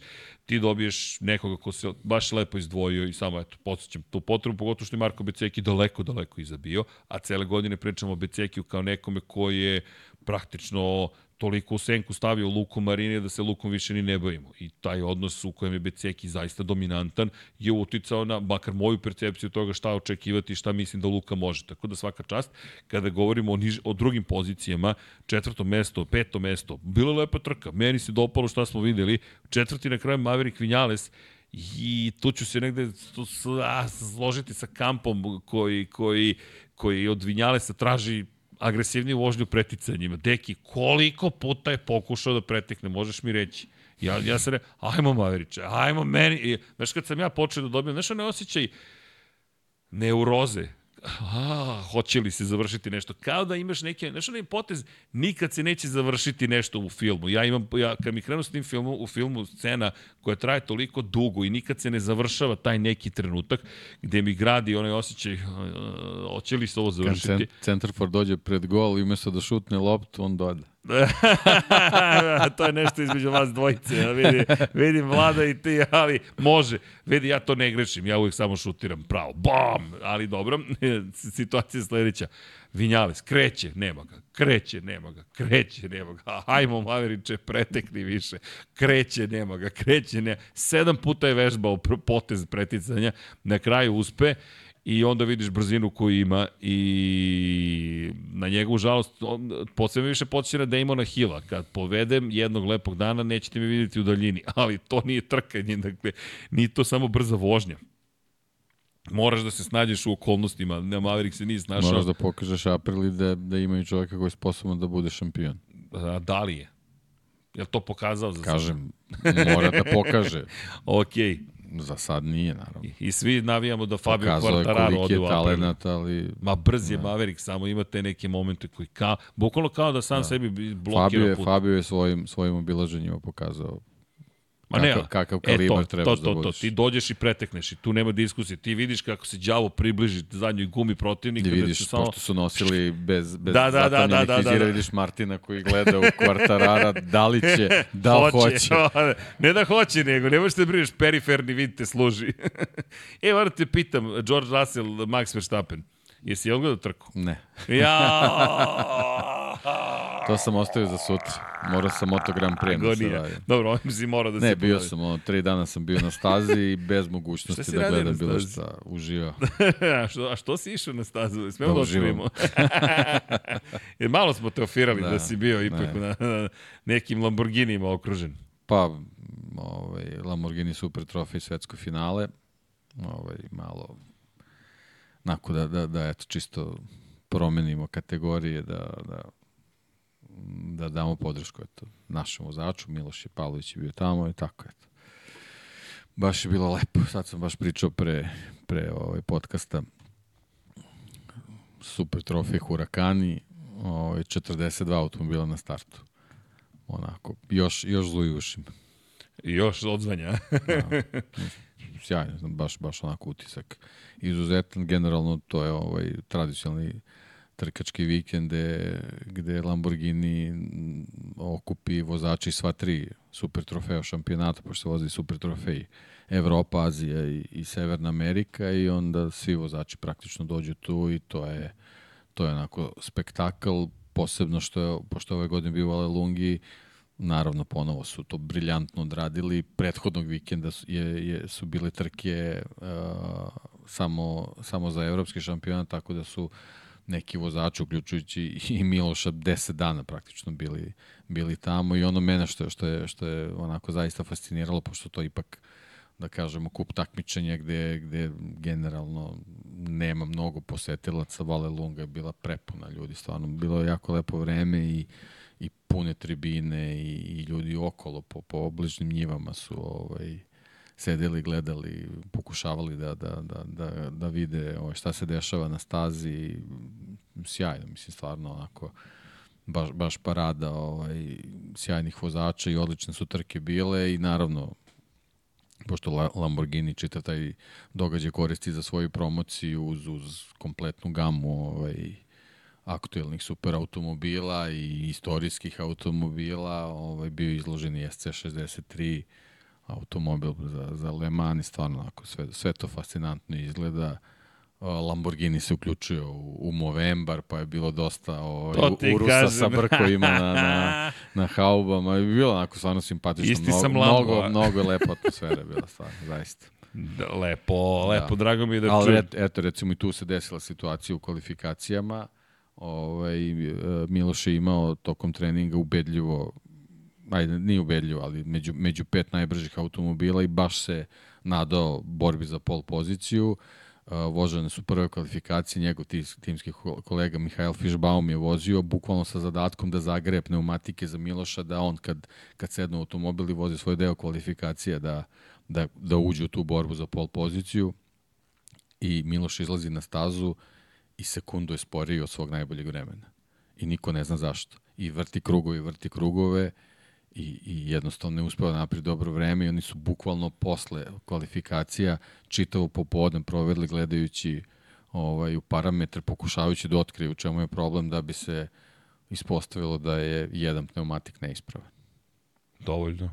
A ti ovdje imaš na A to su isto, motociklu... pošto, pošto Hankook je ovaj, snabdevač za, za, za kompletan šampionat, to je ta situacija, ti dobiješ set, tvoje da ga montiraš na, na automobil i da u tom trenutku namestiš pritisak koji, koji je odgovarajući za, za, za setup i to je to. Ti jednostavno ne možeš da znaš da li je kvalitet guma ovaj, identičan. I kako se to rešava? Nikako. Nikako. Nikako. Budeš, startuješ 30 od 42 automobila i onda se probiješ kroz, kroz kolonu i onda, Ne onda se ispostavi u trenutku kad je Miloš seo da vozi svoj stint, prvi, prvi leteći krug je vozio na, na nivou prvih pet iz kvalifikacije. I opet isto priča. Tako je, Kad te tako ne je, da. posluži situacija, Tako je, nije te je. poslužila situacija i možeš samo da plačeš u toj celoj je. situaciji. Ali dobro, kažem, to je, to je onako više, jeste naravno za sve vozače takmičarski vikend, ali meni onako to revijalna priča i, i stvarno sam uživao, zaista sjajno je bilo. Dobro, ti, si se lepo proveo. To, Jes, to je najvažnije. apsolutno, apsolutno da. Dobro, lepo. I, znači, za Valenciju sada... Šalim se, šalim se. A, a kako se zove staza na kojoj si bio? A, Piero Tarufi. Dobro. Lep provod, zna, dakle, Da. neki sve o svemu. Eto da znate gde nam je Deki bio. No da se vratimo mi e, motociklizmu. Dakle, Maverick Vinales, šta Gde ćemo? smo stali, da? Sa Aprilijom, šta ćemo sa tom Maverick. Aprilijom? Šta ćemo s Maverickom? Ništa, ovde samo možemo da konstatujemo da Aprilija nemamo pojma kako funkcioniše, eto, niže su bile temperature, pa iz Pa, te perspektive da. bolje, Da. ali opet ta cela priča mistična pomalo Aprilija. Ne, ne, ne možemo da, da razumemo kad će funkcionisati, kad neće, da se osvrnemo i užasnom pehu kojim se desio zapravo celoj ekipi, a to je i povreda opet Miguela Oliveire. Neverovatno. Ja nemam Znači, reči, Enea, Bastianini i Miguel Oliveira ove sezone, stvarno, ali deki da te pitam, kad si poslednji put čuo da je neko slomio lopaticu do Ene Bastianini? Da. Ja se ne sećam da je vozač imao problem sa slomljenom lopaticom. Ja zaista se toga ne sećam. Ne, i, I sad imamo dva vozača koji su slomila lopaticu ove sezone. Da razumem da je to slučajnost i ne govorim da sad odjednom zbog, ne znam, sprinta ili nečega se lome lopatice, ali mi je fascinantno da smo mi došli do toga da zapravo ti imaš Možda tu se lome zbog nekog vozačkog stila, pa se, pa se dešava, dešavaju se neke, neke, neka dejstva fizike koje možda do sad nismo imali. Da, zanimljivo je to da takva povreda na, na pogrešan način zanimljiva, a situacija, ali eto, ja se nećem da su se lomile lopatice, to se upravo desilo. I ništa. Kraj sezone. Kraj sezone, bukvalno, i ne samo to, neće ga biti na testiranjima, pri čemu je borio Aleša Espargara, dakle još jednog vozača Aprilije, Nea Bastianini učestvo u tom incidentu i Franco Morbidelli, želimo brzo poravak zapravo Miguel Aleš je imao, ja ne znam koliko padova. Ne, Aleš je nastavio svoje padove još iz Malezije. I nastavio da pada i nastavio da pada i nastavio da pada. I baš loš kraj sezone za Aprilu, pri čemu Aleš ima dve pobjede ove godine. Ne zaborimo, on je jedan od osam pobjednika. E, ajmo na pamet, ko su nam pobjednici ove sezone?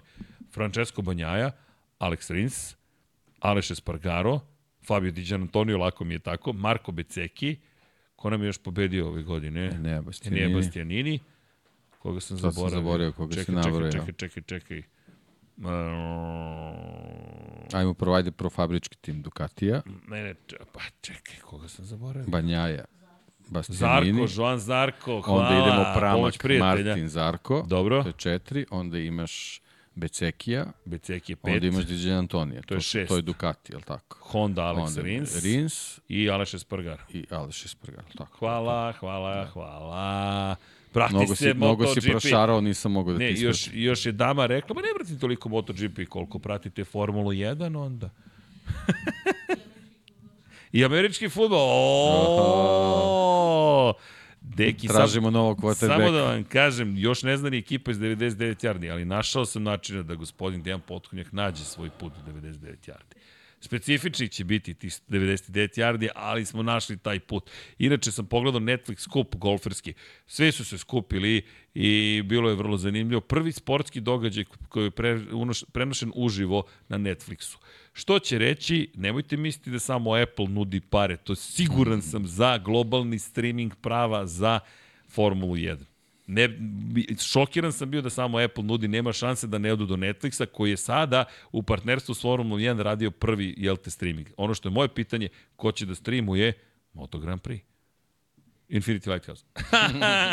Ali, pazite, pratite, pratite šta se zbio po tom pitanju. Nego, ajmo mi na stazu, deki, pobeže nam staza nekako. Imamo jednu veliku, imamo ogromnu temu u Moto3 kategoriji, zaista je ogromna i emotivna i ozbiljna, ali ne bih da ne zaboravimo momke i koji su takmičili u Moto Grand Prix klasi do kraja, prosto da ispoštujemo i neku, neku, neku normu. Fabio, Di, Fabio Di Gianantoni, Fabio Quartararo, izvinjam se, zaslužuje pohvale za vožnju. Sedma pozicija, vožnja je bila ono što je bilo zabavno. Preticanja, nastupi, pošto je bio tu oko Jorgea Martina, češće smo ga videli nego u nekim drugim situacijama, a kada govorimo o poziciji broj 8, Enea Bastianini, koji je zapravo imao Pa moje mišljenje da je mogao da bude među vodećih pet u najmanju ruku, ako ne i na pobedničkom postolju, međutim Iker Lekona je taj koji je odradio jedan, ne planski, ali vrlo ružan Pa dobro, pot, iz prošle sezone se pokazuje vezano za Eneu, njemu je bitno da u kvalifikaciji ima bolju startnu poziciju, da bi bolje mogo da kontroliše svoj napredak od grid. I sada, grid. da, ali sada više, da. sada u ovoj formi da. ne možeš baš da nadoknadiš tako lako pozicije pa, ko... ne možeš, naravno, posebno kad, kad imaš ovakvu stazu gde, gde su svi onako raspoloženi i brzi, ali dobro, on je, on je sam, je, je mu ostao najbrži krug trke? Jeste. Znam da ima, da, tako da... Jeste, jeste, ovaj... najbrži krug trke i još da. jedna stvar, on je taj koji kvalifikacijama najviše samo da opišemo na, na idealnoj putanji na Ikera Lekonu koju sporio i koštao ga brzo kruga, ali takođe i kritika i Nei Bastianiniju, zašto čekate stalno taj poslednji minut? E, imao je priliku da napadne i malo pre toga, ok, razumijem, hiljaditinke su u pitanju, ali ogroman je rizik ta žuta zastava ili da ćeš neći na nekoga koji je prosto sporo. Pa dobro, eto, opet se vraćamo. On je tokom svog bivstvovanja u Moto Grand Prix pokazao dosta često da se ne snalazi baš najbolje u, u kvalifikacijama, da nije baš dobar sa, sa proračunom kad treba da, da, da vozi svoj ovaj, najbrži krug vezano za kvalifikacije, tako da to je segment koji on, on treba da, da, da popravi, a nadam se da će to uraditi sad kad je, kad je savladao i to, to kočenje na, na ovaj, snažnim Ducatijem. Doviđenja. Doviđenja. Vidimo I se. I ko pobeđuje Valenciji? Evo pa Mark, to je konstatacija, dobro, ako vi tako kažete. Ja, vidimo se. Vidimo se, čao. Tvitujemo se, je li tako? Ili se tvitujemo? Ne. Dobro. A, ta X mora se aktivira. Molim vas, hashtag SK MotoGP, mora vaše mišljenje, nam je važno. Šalim se, šalim se, ne vršim pritisak, samo se šalim bez brige. Može. SK MotoGP, hashtag Lab76 je drugi hashtag, tako da samo pišite tokom trka, kvalifikacije i svega ostalog. Uživajte, vidimo se. Ćao, prijetno. Dakle, Kada pričamo o kada pričamo o ču, ču, ču, ču, gde smo stali, stani, stani, stani, stani, sad sam Bastianini. ja. Bastianini, da o, toj, o tom momentu kvalifikacije, da, kao što kažeš, ne, ne, da, ne snađe Da, to je potrebno da, da, da Ali ovaj, brz bio. popravi, jeste. Baš je bio brz. Jeste, I kada... ali daleko je, on s 15. Da, 15. je bio, je bio baš, jedan trenutka, tako? Baš je nisko daleko bio pozicioniran, pa, da, da. ali opet ok. Posebno kad imaš dvojicu vozača na, na čelu sa tim tempom, nemaš tu šta mnogo da, da, da očekuješ. Vidi, na neki način je pomogao Banjaj. Pretekao je Martin, ako ništa drugo. Da. Dakle, obavio taj deo priče. Što uopšte nije pa, najbolje. Pa dobro, ali Martin je baš, baš je padao u u poredku. Dobro, ali činjenica da da vidi svaki point znači čisto da Naravno, da, da je odradio uslovno rečeno taj a, deo jest. posla Enea Bastianini. E, Enea koji eto čekamo na završnici sezone da vidimo šta će učiniti. Test će biti glavni utorak, da vidimo GP24 u upotrebi. Iza njega Jack Miller. Ne znam kako bih prokomentario. E, ali nešto nismo komentarisali. Breda Bindera sam preskočio. Brad Binder ponovo standardno među vodećih 5-6 uvek je tu, lepo se bori, još uvek nešto nedostaje KTM-u, jednostavno još uvek ne može da... Ne, dobro, bio je tu, ali, ali generalno taj, taj rezultat, ovaj, sad kad smo već spomenuli Bastianini, Enea je došao na, ne, na sekund do Bindera koji je bio četvrti, znači nije, nije to bio tempo kojem bi mogo da se pra, prati barem, barem Marini. To je baš ne, bilo... Ne, tempo nije ovaj, na nivou Ducati, da. da se odmah razumemo. Da. Dakle, evo, Ivan Marković kaže, pita srce ko se i ko je verao u Diđinu pobedu, stavio je čoveka u fantazi. Bravo Ivane Markoviću, tako da Brad Binder mu je donio 25,5 poena, 46 poena Fabio Di Gianantonio. Rekao ti da je Rosijevska bila trka, znaš, 46 poena. Bravo Ivane Marković, evo dobit ćete i retweet, zato što ste postovali to javno, tako da eto, da odgovorim na pitanje ko je verovao. Ima ljudi koji su verovali, svaka čast. Pošto se tiče Breda Bindera, nema još uvek toga. Dakle, nema još uvek toga što je neophodno, ali to smo videli i u kvalifikacijama. Šest Ducati na prvih šest pozicija. Kako je svaki Ducati je vozač preticao Marka Markeza, ono izgledalo poražavajuće za Hondu. Dakle, kao da stoji bukvalno u mestu gde on samo može ovako da pogleda pored sebe i da isprati pogledom kako nestaje u daljini. Ako ništa drugo, makar će već za koliko? Pa sada već sedam dana i u časovima malo manje moći da vidi kakav je taj Ducati. Da li zaista će se stopiti s njim kao što mnogi očekuju ili ne. I moram ti priznati, ako sve prođe po mom planu, stići ću u jedan na stazu, što znači u dva počinje taj popodnevni test obično ili jedan čak, pa da vidimo mi kako će to da izgleda. Jedno čekam da ih vidim. Ja, Miguel Oliveira. E da, zahvaljujući povredi Miguel Oliveira, da ne zaboravimo, ove godine će se desiti da niti jedan jedini sprint, niti jednu jedinu trku sezone nismo imali, u nijednoj trci, ni u sprintu, ni u glavnoj trci nismo imali sve vozače koji su planirani da voze punu sezonu. Prvi put posle, ja ne znam, ne znam da se to ikada desilo, nećemo imati vozače koji su zdravi potpuno ni za jedan sprint, ni za jednu trku. Poražavajući. A mnogo je trka bilo. A mnogo godine. ih je bilo. Da. Poražavajući. Nešto o čemu vredi razmisliti i moram ti priznati ovako na jednom ličnom nivou da osjećam godine sva, verovatno, ne znam, ali osjećam da ovaj septembar, oktobar, novembar, ja sledeće godine moram drugačije da živim, jer ja ne mogu da izdržim. Dakle, ovo je, ovo je pakao. Dakle, ja, ja obožavam ovaj posao, imam energije i, i znaš me, deki, ali dolaziš do stadima i ja ne znam više šta je dan, šta je noć. E, to mi je najveći problem, nemam pojma gde sam. Znaš, dolazimo u situaciju, pa rekao sam ti, prošla trka, manje više haluciniram, ne znaš šta se zbiva. I iz te perspektive kada pogledam kako izgleda, ne smijem da zamislim kako je vozačima. Još Formula 1 i Moto Grand Prix završaju isto menjaju, vreme. menjaju kontinente, vremenske zone. Ma, zato što štede, znaš, čuvaju prirodu, pa jest, zato i Las Vegas jest, za Abu. Dhabi. Da. Ako ništa drugo, pohvale za Moto Grand Prix, što makar ovako ide na zapad, sa istoka, znaš, Katar, pa... Pa ne, njihova je sreća što stvarno ekipe nisu baš toliko imućne da mogu da, da priušte, da svaki da trkački vikend idu, idu na neki drugi na neki drugi kontinent, da. Da. da, da, na kraju dana će se svesti na to. E, deki, imamo bi tu još par stvari koje i tekako treba da spomenemo.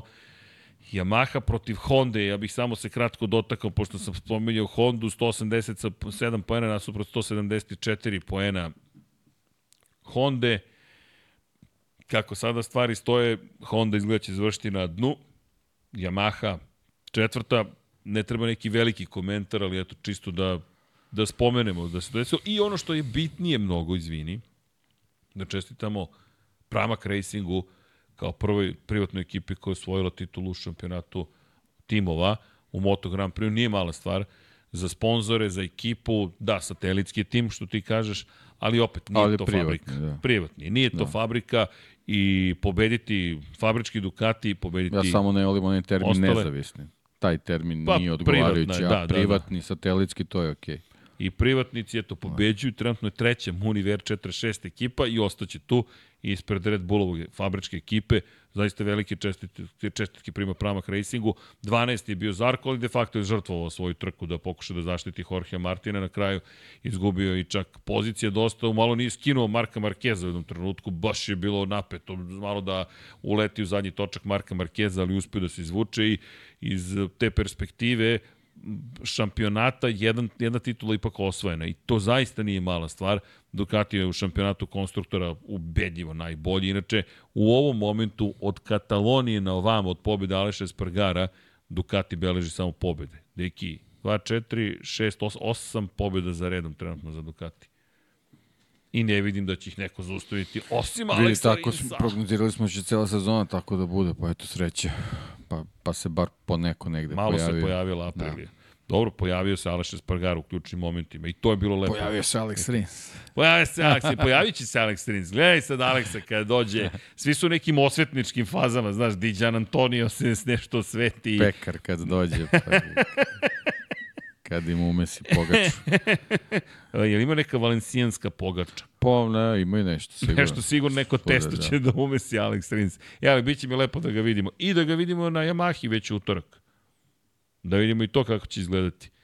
To mi dalje neverovatno. Dakle, Alex Rins na Yamahi kakvo putešestvije Utorak, lažni ponedeljak.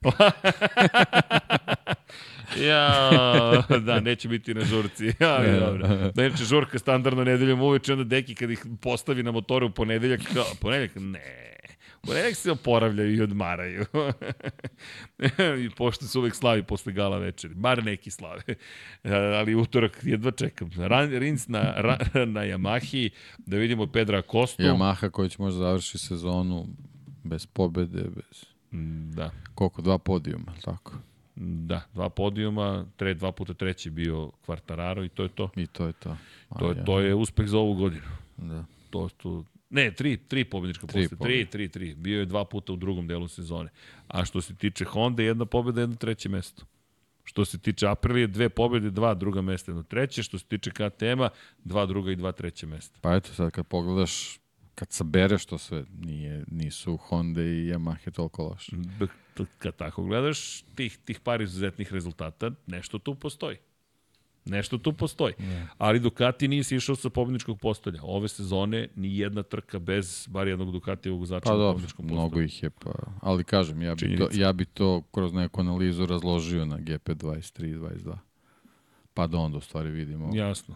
kakvi su to rezultati. Dobro, to ćemo svakako i da uradimo. Što se tiče Breda Bindera i KTM-a, Mislim, tu postoji zanimljiva ta situacija gde ne znamo gde će sad KTM dalje sa razvojem i dalje su čelični ramovi kod Pola Espargara i Augusta Fernandeza. Čestitke Augustu što opet osvojio poene, sad već druga trka za redno da osvoje poene, bio i deveti u sprintu, što je veoma pohvalno. Inače, Joan Mir bio 14. i osvojio poene, ako je to neka uteha, eto, pojavio se među pa da, eto, viš, Mark Marquez u svu tu borbu bio 4 sekunde samo ispred Mira. To je otprilike taj motocikl, to su njegovi dometi, to je to. Možeš da rizikuješ i da završiš pored staze ili da uzmeš par bodova. To je, to je u stvari, nažalost, sadašnjost Honda. Čekamo da vidimo i prvo ko će biti tamo. Čekamo da vidimo i utorak da li će se pojaviti na, na još jednu Ducatiju i Fermin Aldeguer čovjek koji je zabeležio treću pobedu u Moto2 klasi, deki, to, to, moram da povežem te priče. Inače, ajde, konstatujem samo Franco Morbidelli bio 16. nije osvojio poene. Spominju sam Pola Espargara u celoj priči malo pre, pa čisto da se dotaknem Pola, Pola je bio loš. 18. Takaki Nakagami 19. 17. Raul Fernandez. Ali želim da spojim priču sa Moto dvojkama baš iz perspektive Fermina Aldegera. Deki, ovo sada postaje, ovo su šampionske vožnje, dva treće mesto, tri, tri pobede, jeste da je to u momentu kada više teoretski ne može da bude šampion, ali ja ne mogu da verujem da ne postoji osoba u motociklizmu koja ne može da se osvrne na ovo što trenutno radi Fermin Aldeger. Pri čemu ovo je možda i najlepša i najveća pobeda koju je zabeležio.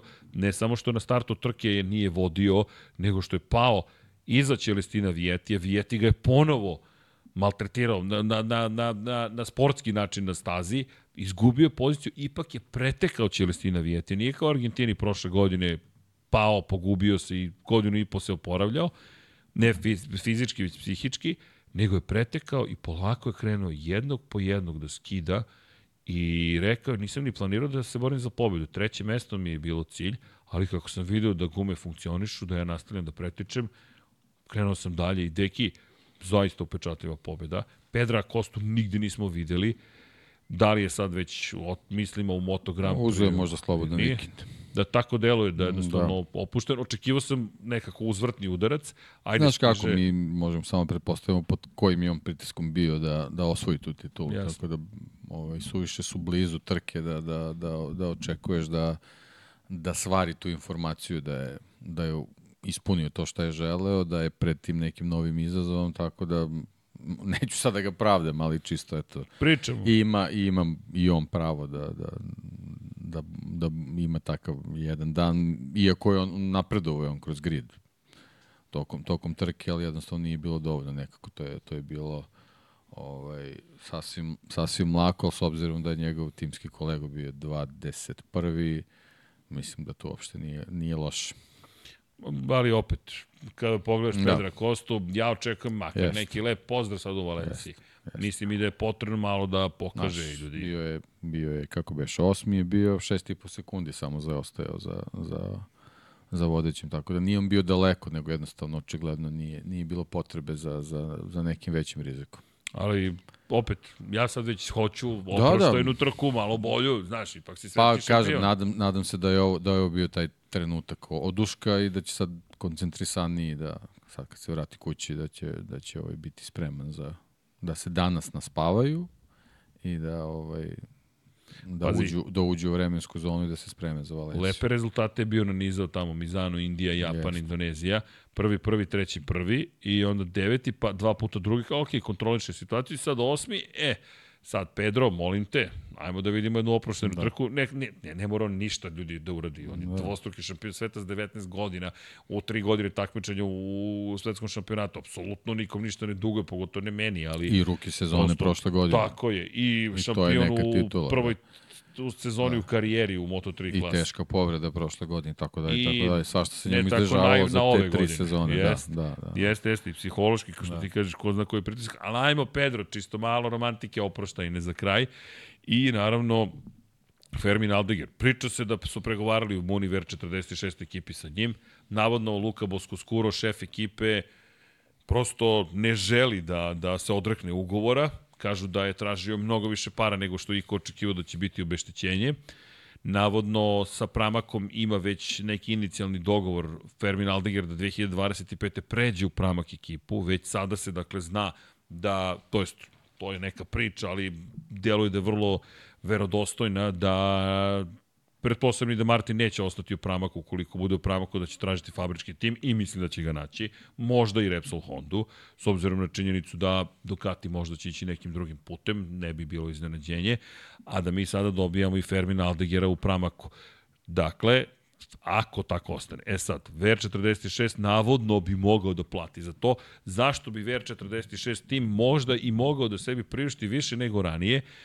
Ko voli ekipu VR46, evo da kažem da, prema pisanju Speedvika, će, finansijske, će finansijska situacija i kako biti povoljnija za Valentina Rosija i njegovu ekipu. Ako se sećate, sve krenulo da Ramka, to je lepo napisao Speedweek austrijski, gde je bilo priče da će Ramko dati zaista ozbiljnu količinu novca zapravo za sponzorstvo ekipe. Međutim, to se na kraju nije desilo i došli smo do toga da se snalazio Rossi, našao je Muni, međutim, navodno će Pertamina zapravo biti novi sponsor i ekipa iz Indonezije, to je proizvođač iz Indonezije, će navodno plaćati 18 miliona dolara je trebalo da plaća Aramco. I izgleda da su takav dogovor postigli i sa Pertaminom. Što onda znači da možda i mogu da odu kod Aldegera i da, to je Luki Bosko Skure, da kaže da platimo, iako mnogi kažu da to neće uraditi, s obzirom na činjenicu da, da da će čekati 2025. navodno da ne bi platili ništa jer to je istekao ugovor pa nema ni obeštećenja, samo plata za vozača.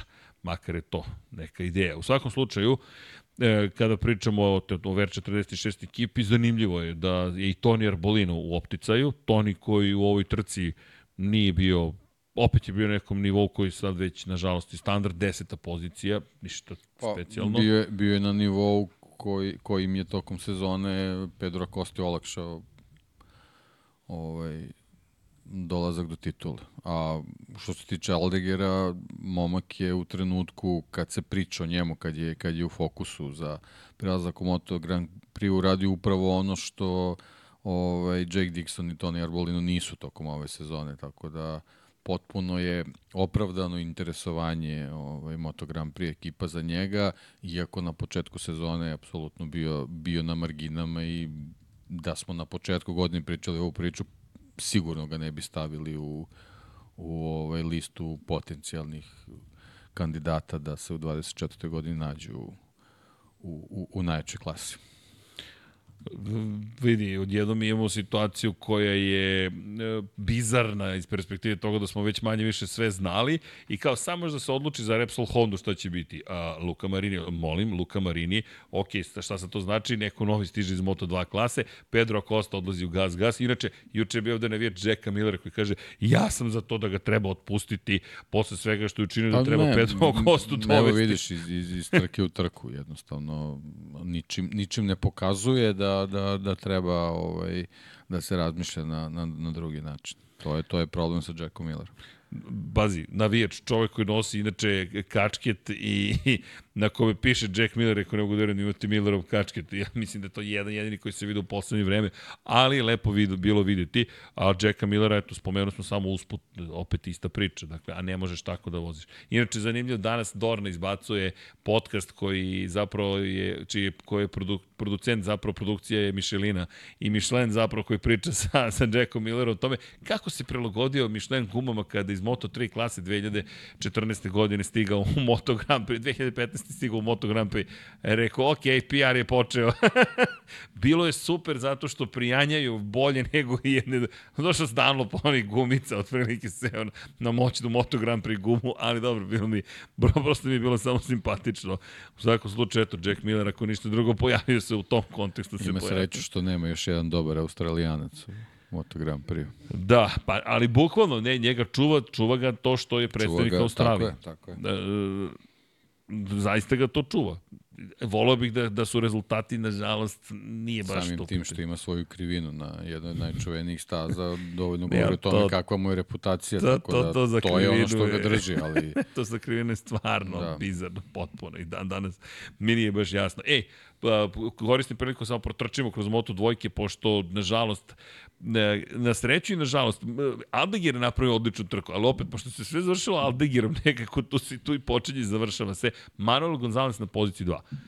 Bravo, prvo pobedničko postolje u klasi, u svetskom šampionatu, dugo je to čekao i lepo je napuštao Yamaha Master VR46 Camp ekipu, dve trke pre kraja sezone ti se penješ na pobedničko postolje i lepo je vidjeti sladoletka, da ne kažem eh, Angela Nijeta, mlađeg, njega inače zovu Gelete eh, na, na, na katalonskom, to je sladoled, možda da se kaže i ledeni, ali inače ljubiti sladoleda i lepo je bilo vidjeti ekipu, 76. godište dečko, dobro dečko. dakle, Dobra berba. Dorba. Odstajala. Aj, ima, znaš, 40 plus godina. Samo pampur da je dobar, ne pušta vazduh. E, pa hvala ti neki. e, mnogo su se opustili, pa je ono, prošlog vikenda, to je levom desnom, dakle, tuf, tuf, tuf, Mortal Kombat, ali neka, sve je okej. Okay. Pa ti nije žao pred damom, nasilje. Šalim se, naravno, ali, ali, ali, ali da, ako je dobar pa U svakom slučaju, Angel Nieto proslavio drugo mesto, treće mesto i to je bilo lepo vidjeti. Aaron Canet neće nikada pobediti i neće više ni da govori da će da. pobediti, ali brz pol pozicija i uvijek... Biće legenda to... Moto2 klasa. Apsolutno, da, on će kao Sam Lowe. Sam Lowe... 712 trka, 470 drugih mesta. da, ali Sam Lowe's, koji pogledaš njegovu statistiku, on čovjek 11 pobjeda u klasi. Znaš, čovjek koji ima tako mnogo uspeha na različite načine, nema titule. I Sam koji se opet pojavio, makar na trenutak, bilo lepo vidjeti ga 12. pozicija na kraju. Najbrži krug, krug, da, da, da, jeste, da, jeste. da. Uh, I Aju Gura se probudio. Peti, četvrti, četvrti u poslednje vreme. Ako ti vreme. kažeš, dobro. Okay. Pa nema šta drugo da kažem, pa, ovo su, ovo su plasmani iz Moto Trojke, ovako isto i Moto Trojka vozi, četvrti, peti, šesti, peti, četvrti i tako. Da, dobro, ali pazi, mi smo dobili realnu zvezdu sad pred kraj sezone. Dobili smo Fermina da, Aldegira. Da, zrelijeg vozača koji Jest. eto, naučio je tih, iz tih duela, ovaj, počelo je to i u prenosu ovaj, apostrofirao sve krenulo od Argentine prošle godine. Bio Jest. je to ozbiljan šok i onda kad je shvatio stvari kako stvari funkcionišu, polako je učio i sad smo dobili jednog zrelog vozača koji, eto, kad, kad, kad, već, kad je već naučio da, da, da sluša motocikl i, i pneumatike kako funkcionišu, da, da, da može da se da se ohrabri i da, i da nastavi takvom tempu da, da, da stigne do pobjede. To je onako baš, baš dobar kvalitet, a sigurno tu posjeduje još neke kvalitete ako ga ako ga ovaj, skautiraju ekipe iz Moto Grand Prix, to, to nije, nije sigurno slučajno. A kažem, koristi priliku da kad je u fokusu radi to što treba, šta treba da radi za razliku od, od Dixona i Arbolina, već ponavljam. Koji, Dixon kad, koji je bio peti. Da, koji kad je, kad je imao meč loptu da, da u, u, u, u Silverstonu ovaj, definitivno ovaj, bude kandidat za Moto Grand Prix, on, on od tog trenutka ovaj, ima baš loše epizode, a Toni Arbolino koji tokom čitave godine je gore dole, gore dole, to je jednostavno ovaj, šalje lošu poruku ovaj, da nisi baš sklon tome da, da, da, ima, da imaš ovaj, jednu, jednu ravnu sezonu, nego baš imaš dosta uspona iz padova, padova, a kad nemaš konstantnost, onda je teško da neko može da proceni u stvari koji su tvoji ono ključni kvaliteti da bi, da bi napredovao dalje, ali dobro, očigledno da neko procenjuje da oni dalje ovaj, dobar kandidat za Moto Grand Prix, pa vidjet ćemo, vidjet ćemo kome, kome to DR46 mesto pripada. Da, zanima me taj komentar Čabatije u kontekstu toga da Diđan Antoni ne sme da bude bez sedišta. Gde da, gde da ga smesti? Pa, da. Ne, nema, pramak je popunjen. Morbidelli... On nema, nema mesta ni za test vozača u ovom trenutku. Nema. Michele Piro je tu. Piro je zakucan tu. Ne Inače, Jonas Folger je produžio ugovor sa KTM-om da. kao probni vozač, da. čisto da znate, iako ga ne spomenjamo često pored Danija Pedros je to teško, da samo napomenemo da ostaje tu Jonas Folger. U svakom slučaju, Moto dvojke zabavne, lepe, međutim, Moto dvojke kao da su bile tampon zona između Moto 3 i Moto Grand Prix. Deki dolazimo do naj zahtevnije teme, makar za mene. Zašto? Pa prvi put sad znam kako je našim kolegama iz drugih država, kada ste upoznati sa ljudima na, na, lično, privat, na privatnom i lično profesionalnom nivou koji vode određenu ekipu, završi se trka i sad uf, teške teme. Inače, Ćaume Masija pobedio, osvojio titulu za Leopard Racing, titula koja se čekala od 2019. godine, ali titula koja je Deki pokrenula lavinu komentara. Ja ne znam da li je ikada bilo uliko komentara na Moto3 trku. Za one koji nisu gledali, Jame Masija i Ayumu Sasaki direktan duel manje više za, za titulu šampiona sveta. Dva poteza koja su bila, prvi potez kada je prvi put Masija branio poziciju, to je napao Ayumu Sasaki, dosta duboko su ušli u krivine, ostali na stazi, ali ušli duboko u krivine gde su izgubili poziciju, pali na neku šestu, sedmu, osmu poziciju. Nastavljaju da voze, opet se vraća ista situacija na vodeće dve su pozicije, Sasaki vodi, ista krivina, Ma Masija opet odlazi duboko, opet ne sjelaze sa staze, ali nastavljaju opet na nižim pozicijama. Moj komentar je tada bio, ne želim da ubacujem kolegu Aleksandra Đankića, nije prisutno da priču svoje ime, uh, napeto, ne sviđa mi se kako to izgleda. U smislu, ne ideš na poziciju, ideš praktično na to da zapravo sprečiš Sasakija da vodi, ali ne pokušaš da zadržiš prvo mesto. Bitno ti samo da Sasaki ne bude na toj poziciji. I onda treći moment koji je, mislim, najviše zapalio javnost, a to je Adrian Fernandez, drugi vozač ekipe Leopard Racinga koji se pojavlja pred kraj trke i napada Sasakija, mislim, za sedmu poziciju na ulasku u posljednju krivinu, baš je bio onako balzaj manevar, gde vidiš da zapravo idem da, ide da spreči Sasakija da napredu ne toliko da otme poziciju da nastavi se trkanje i kreće opšti haos. Đaume Masi, inače, ja mu i ponovo čestitam i na osvojenoj tituli i na pobedi. Zašto? Po, uprko svemu, on je na kraju pobedio. Pobedio, pričat ćemo o tome. Kotoru takođe mi udragu, zaista želim da uživa u, u osvojenoj tituli.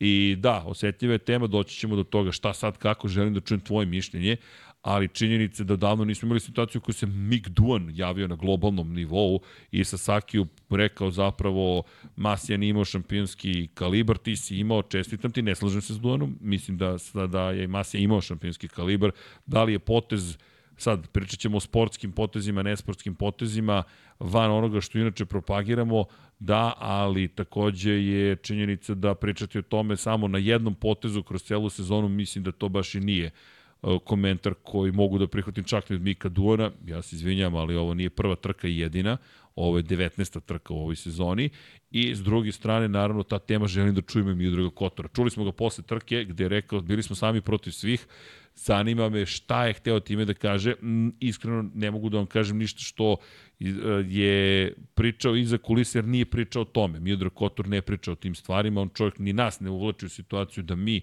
nešto znamo što može da nam se ili omakne ili da nas dovede u situaciju gde, e sad, moramo da pričamo na neki drugi način. Ne, jednostavno želim da znam na šta je tačno mislio. Ima, ima nekih informacija koje i mi znamo bez Kotura o tom tihom ratu između KTM-a i Honda iza kulisa, koji inače počeo još sa Joseom Antonijom Ruedom prošle godine, kada je KTM potpisao ugovor sa Ruedom u momentu kada pravilnik kaže da to nije moguće i tako neke stvari, ali ovo je baš neke kulminacije sezone na jedan malo neočekivan način. Kako je tvoje viđenje one situacije? Si uspeo da pogledaš trku? Jesam, jesam, gledao sam, gledao sam trku, ovaj, pa nema šta, mislim, ovo, rekao si tu, tu suštinu, znači, generalno, uh, svetski šampion se ne, ne odlučuje na jednoj trci, znači, ovo je generalno ne, neki, neki, neki pre svega zbir sezone i, i nevezano za to na što je Kotor mislio, Jaume Amas je generalno ove sezone bio sam proti svih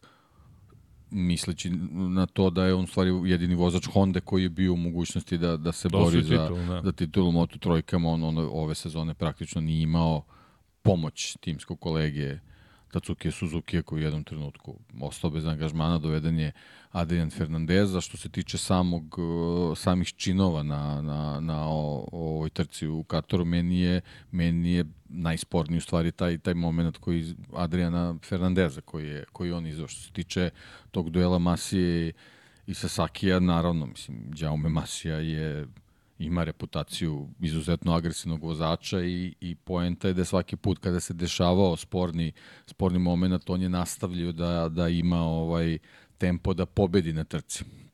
Sasaki je na, na njegovu žalost kao, kao da nije imao, da nije imao taj, taj potencijal ovoga puta i toga je generalno i dovelo u situaciju da, da ima taj duel sa Adrianom Fernandezom koji onako prilično očigledno je bilo, mislim jednostavno promena putanje da bi se praktično zaustavio vozač koji, koji ti je meta. Kažem, što se tiče duela Masije i Sasakija, naravno veoma, veoma agresivni i mogu da se ovaj, okarakterišu kao, kao nesportski, ali Masija je posle svakog duela, kao što kažeš, stavovi su da, da ideš na situaciju da te zanima ovaj, skretanje rivala sa staze, a, ne tvoja trenutna pozicija, on se svaki put vraćao ponovo svojim tempom na, na prvom mestu i na kraju, na kraju pobedio. Mislim, i to je ono što je, što je vezano za Masiju kad se, kad se podvuče crta. On je, on je vozio trku, znači gde, gde je imao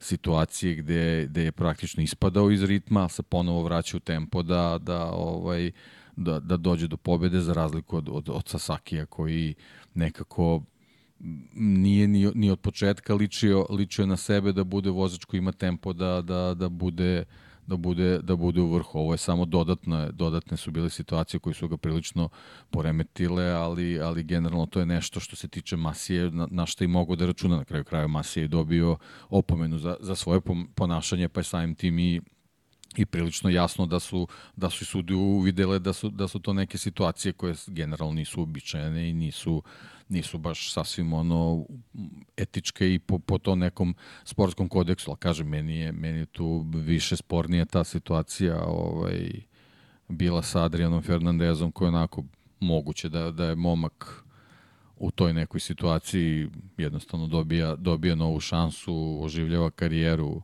ovaj, dolaskom u, u, u Leopard i nekako učvršćuje svoju poziciju za sledeću sezonu, ali, ali generalno ovaj, neko čak i ko, ko i površnije prati ovaj, uh, ovaj šampionat, jasno mu je da, da, da, da se na taj način ne trka jednostavno. To je bilo onako prilično, prilično providno, a opet sa druge strane ako je Masija imao tempo da, da, da, da se posle tih duela sa Sasakijem vrati na, na, na, ovaj, u borbu za, za, za pobedu, nekako sam ja i od Sasaki očekivao da, da isto ovaj agresivnije pristupi tom, tom, tom činu, tom, tom, tom, tom finišu sezone, toj, toj borbi za titulu, da, da i on, bez obzira na, na, na te ovaj, nesportske duele, ima takav tempo da, da bude u vrhu, a ne da, da uopšte dolazi u priliku da, da Adrian Fernandez može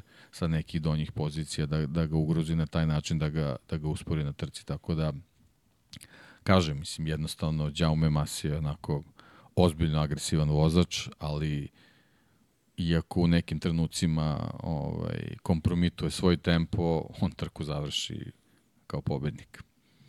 To je neki...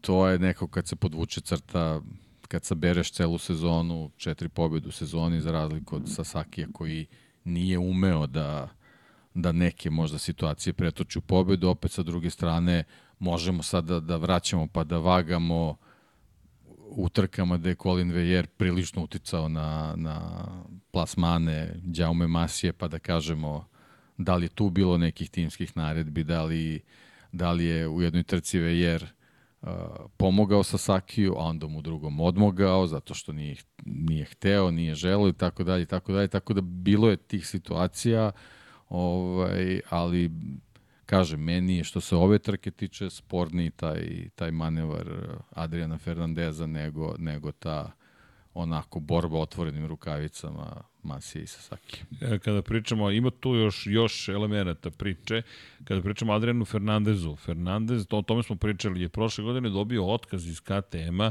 ne toliko zbog svojih performansi, navodno, koliko zbog toga što je rođeni brat Raula Fernandeza. Raul Fernandez koji uopšte nije bio srećen što ga je KTM zadržao u svojoj redu. To isto je bizarno koliko su se od ljubavi došli do, do, do de facto mržnje gde ti prošle godine slušaš Raul Fernandeza u Gas Gasu kako ne želi da bude tu, prosto on je hteo da potpiše ugovor sa Yamahom i evo, Raul neće otići u Yamahu, Alex Rins će otići u Yamahu, Yamaha više ne želi Raula Fernandeza, cela karijera se menja.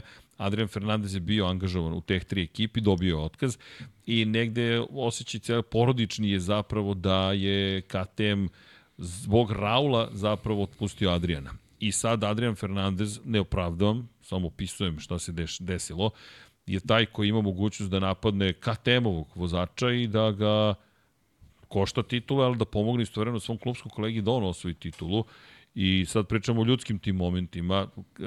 Želim da čujem Kotura takođe, da deluje kao da je baš bilo Honda protiv KTM-a. Baš onako na svim mogućim nivoima timskom, konstrukcijskom, pa da, mislim, ličnom. Čitava trka je mm, nekako delovala da, da ide ovaj, do tog nekog konačnog obračuna. E sad, i, i, i kroz tu priču sa Raulom, ovaj, znamo da i on u nekim svojim nastupima bio onako prilično netaktičan, tako da Jeste, verovatno im je u prirodi, znaš, da, da, da imaju jednostavno takve, takve nastupe i sad, naravno, sve, sve možda se podvede da je to bio neki pakleni plan, ali generalno očigledno da bez obzira su to moto trojke da je tu onako E, znaš šta? prilično zakuvana situacija i da, da ovaj, delo je lično. Delo je lično i da, da je možda i čita organizacija trebala se spremni da će da se, da ja se da dešavaju da su... takve stvari, iako, iako su možda mislili da, da, da može da bude bezazleno. Međutim, eto, oni, na stazi su pokazali ovaj, da, da to baš i nije tako.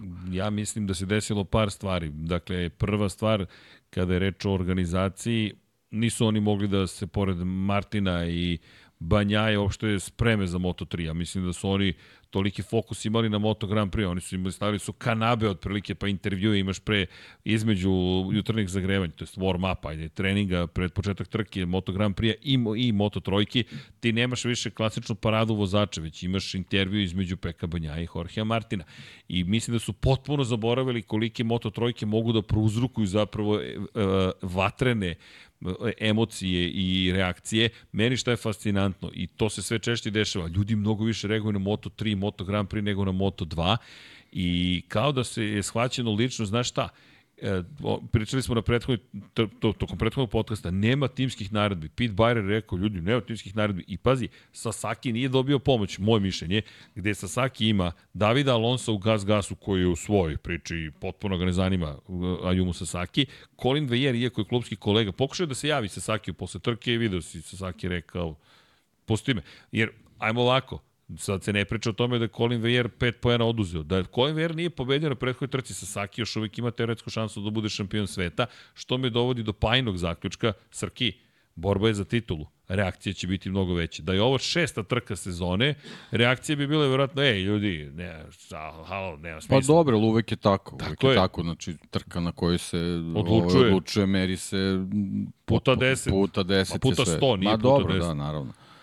Kažem, Znaš, mislim, nisu, nisu ti manevri čisti, apsolutno. Ali, Vidi, skandal ostaje, da, ali isto meni, tako... Meni je jako žao sa Sakije, kažem ti, meni je onako baš, baš ga gotivo od, od onog situacije prošle godine kad, kad su mu one oplate kad u onim trkama, izbacio. kad Pa- je trebao, trebao da pobedi u trci da je možda mogao da obiđe ovde. nekog za čitav U krug. Kataru je vodio 3,5 sekunde. Tako je, I on, tako on je je. ispaljen iz sedišta, pada, otkida op, nosač oplate i ne završava Tako, trku. sjajan vozač, mislim, nema, apsolutno, nema, nema, nema šta tu da, da se kaže, ali gleda se cela sezona. Mislim, Vidi. Bilo je ja, jako loš početak godine bio, ja mislim da on, ajde, možda nije 30, ali posle prve prve četiri trke, mislim da ima 20 i nešto bodova manje od Masije i evo, to, to je sad ta razlika koja je maltene otprilike identična. Jednostavno, takva je sezona da moraš da moraš da budeš konstantno dobar. Masija je to nekako svoju agresivnost pretočio u te četiri pobede koje su očigledno bile ključne.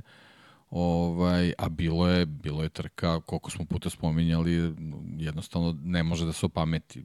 Jednostavno agresivan vozač koji svaku trku ide na pobedu i bukvalno ide sve, sve ili ništa. I često se dešavalo ništa.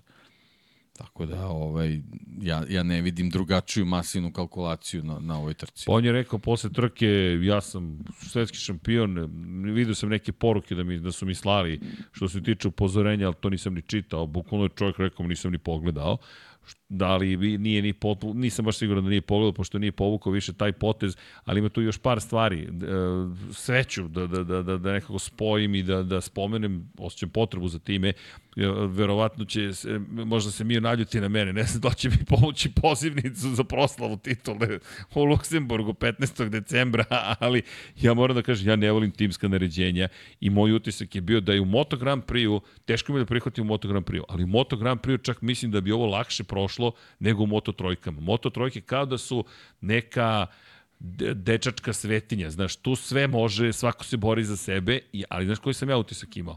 Formula 1 u Moto3 klasi.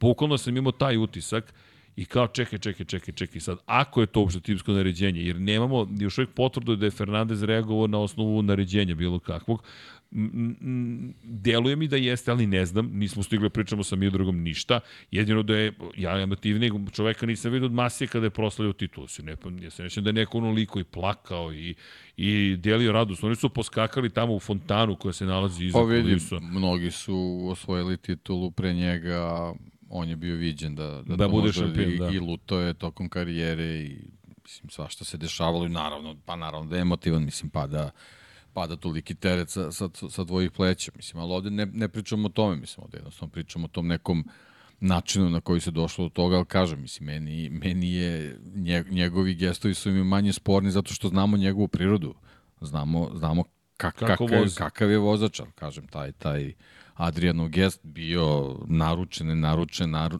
naređen, nenaređen, jednostavno se desio prema čoveku koji se bori za titulu.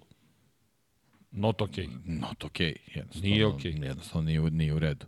Znaš, to, to, u krajnjem slučaju da se mešaš u poziciju, nisi se mešao u poziciju, ti si išao da ga blokiraš. Ma, tako, tako izgleda onaj manevar. Želim da čujem i Adriana Fernandeza, ne, o, ok, Tako dajte je. perspektivu. Ali, znaš, ne, čak nije ni nepisano pravilo, ti čak i da se ne Znaš, bori onda, za titul. onda onaj moment, on se okrenuo da vidi. Znaš, mislim, sve sve je malo čudno. Jednostavno. A rekao bih ipak da je jasno, da, znaš, da je pogledao i znao je šta radi. Tako A to, to nije okej, ima tu još jedan problem, praviš presedan. Uvodiš celu priču u presedan. Ono što mene brine, to ti je onaj Batmanovski moment, eskalacija. Ako je sada Honda povukla, Leopard Racing, rekli, ok, idemo na timske naredbe. Hoćemo da gledati sad KTM kako upravo radi ono što je rekao da neće, jer KTM, gde KTM igra svoju igru? KTM igra svoju igru iza kulisa. Kroz pravilnik, kroz to da jer fascinantno je da Aki Avija ima ugovor sa Joseom Antonijom Ruedom u momentu kada pravilnik jasno kaže da Ruedu nije moguće zaposliti. Rueda nije trebalo da uopšte bude neko koga je moguće angažovati zapravo u šampionatu sveta. Jer pravilo nije važilo da mlađi od 18 godina, opa, pade nam Ducati, da mogu, udaram po stolu, dakle nije pravilo važilo da će mlađi od 18 godina, iako su šampioni u svetskom juniorskom prvenstvu ili u Red Bullom kupu, u Red Bullom kupu, kupu Novalija, moći da se angažuju. Ispostavilo se da je moguće. Još jedna stvar, ne samo sa Ruedom. Nije bilo pravilo da je dovoljno da voziš jednu trku pa da možeš da voziš. To je pitanje za Davida Alonsa. Kako može da se potpiše ugovor? Pa kao vozi jednu trku. Pa da, pravilo je reklo da mora da vozi celu punu sezonu 2022. da bi imao pravo da učestvuje 2023. Pravilo nije bilo promenjeno u momentu kada su KTM-ovi timovi imali ugovore sa njima. Ne može ništa da se dokaže, ali kako ti to znaš? Pre nego što se pravilo promeni.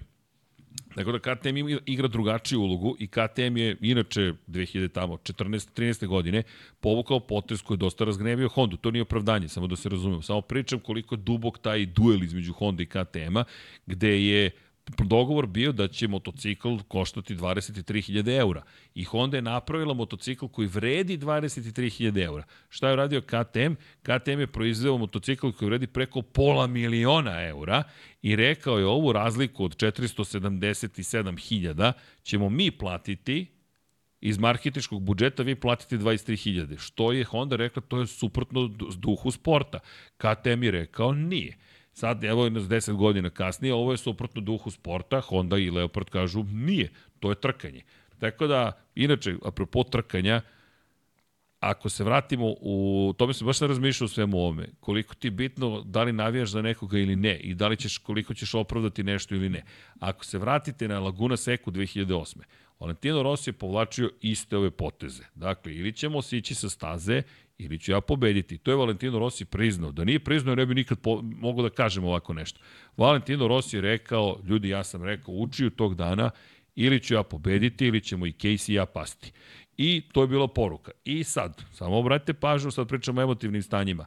Kada je Rossi to uradio, harizmatičan kakav jeste, svi su rekli kakav car, kakva legenda, pobedio čoveka koji je sekund po krugu brži od njega, osim Casey-a, koji je rekao neki od poteza su bili van granica sportskog duha. Međutim, Valentino je rekao, this is racing. Šta se desilo posle toga? Ima u knjizi sve njegove trke Meta Uxlija. Mark Marquez je usvojio to kao filozofiju i to je rekao Meta Uxley. Ta trka u Laguna Seca je promenila način na koji se vozači trkaju, samo što to nikome pa ni meni nije bilo tada jasno. Nije mi bilo jasno čak ni dok nisam pričao sa Uxleyem zapravo da se sve vrata, da se vraćamo na tu genezu. Što ne znači da Rossi nešto kriv ili odgovoran ili bilo šta, samo kako se stvari pomere. I sad, da li mi se sviđaju ovi potezi? Ne. Da li mi se sviđa što je Leopard osvojio titulu šampiona sveta? Sve jedno mi je, osim iz jedne perspektive.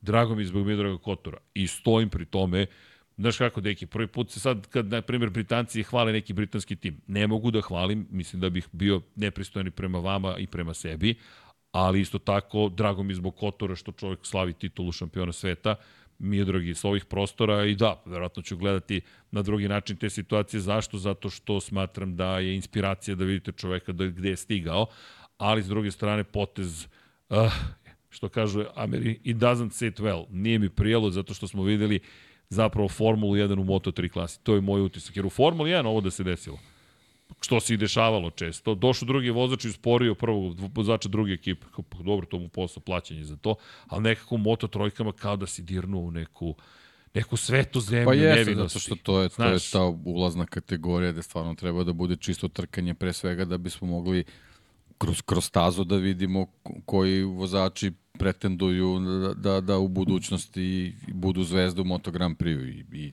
to je jednostavno uh, nešto što se od tih trka, od tog tih trka očekuje, a pa s druge strane koliko ovaj, koliko adrenalin radi kod tih momaka, to je jednostavno, sećaš se onih situacija u Valenciji, Arenasa i Kako ne? izlaska na stazu i namernog kočenja. Blokiranje za ceo krug. Znaš, ti, ceo da, krug. nego ovo, ovo je baš onako eksplicitna, specifična situacija, zato što se bukvalno u tom trenutku odlučivala titula i ne, nije lepo reći da, da Masija i Fernandez nisu svesno nešto radili. Naravno da jesu, ali... Vidi, vidi se da je svesno. Teško, Znaš, teško me da, da nije. To je, to je jednostavno ono što očigledno ne možemo da pobegnemo iz te kategorije ili, ili i, i, iako bismo volali da, da tu bude potpuno čisto trkanje. To je jednostavno, jednostavno nemoguće.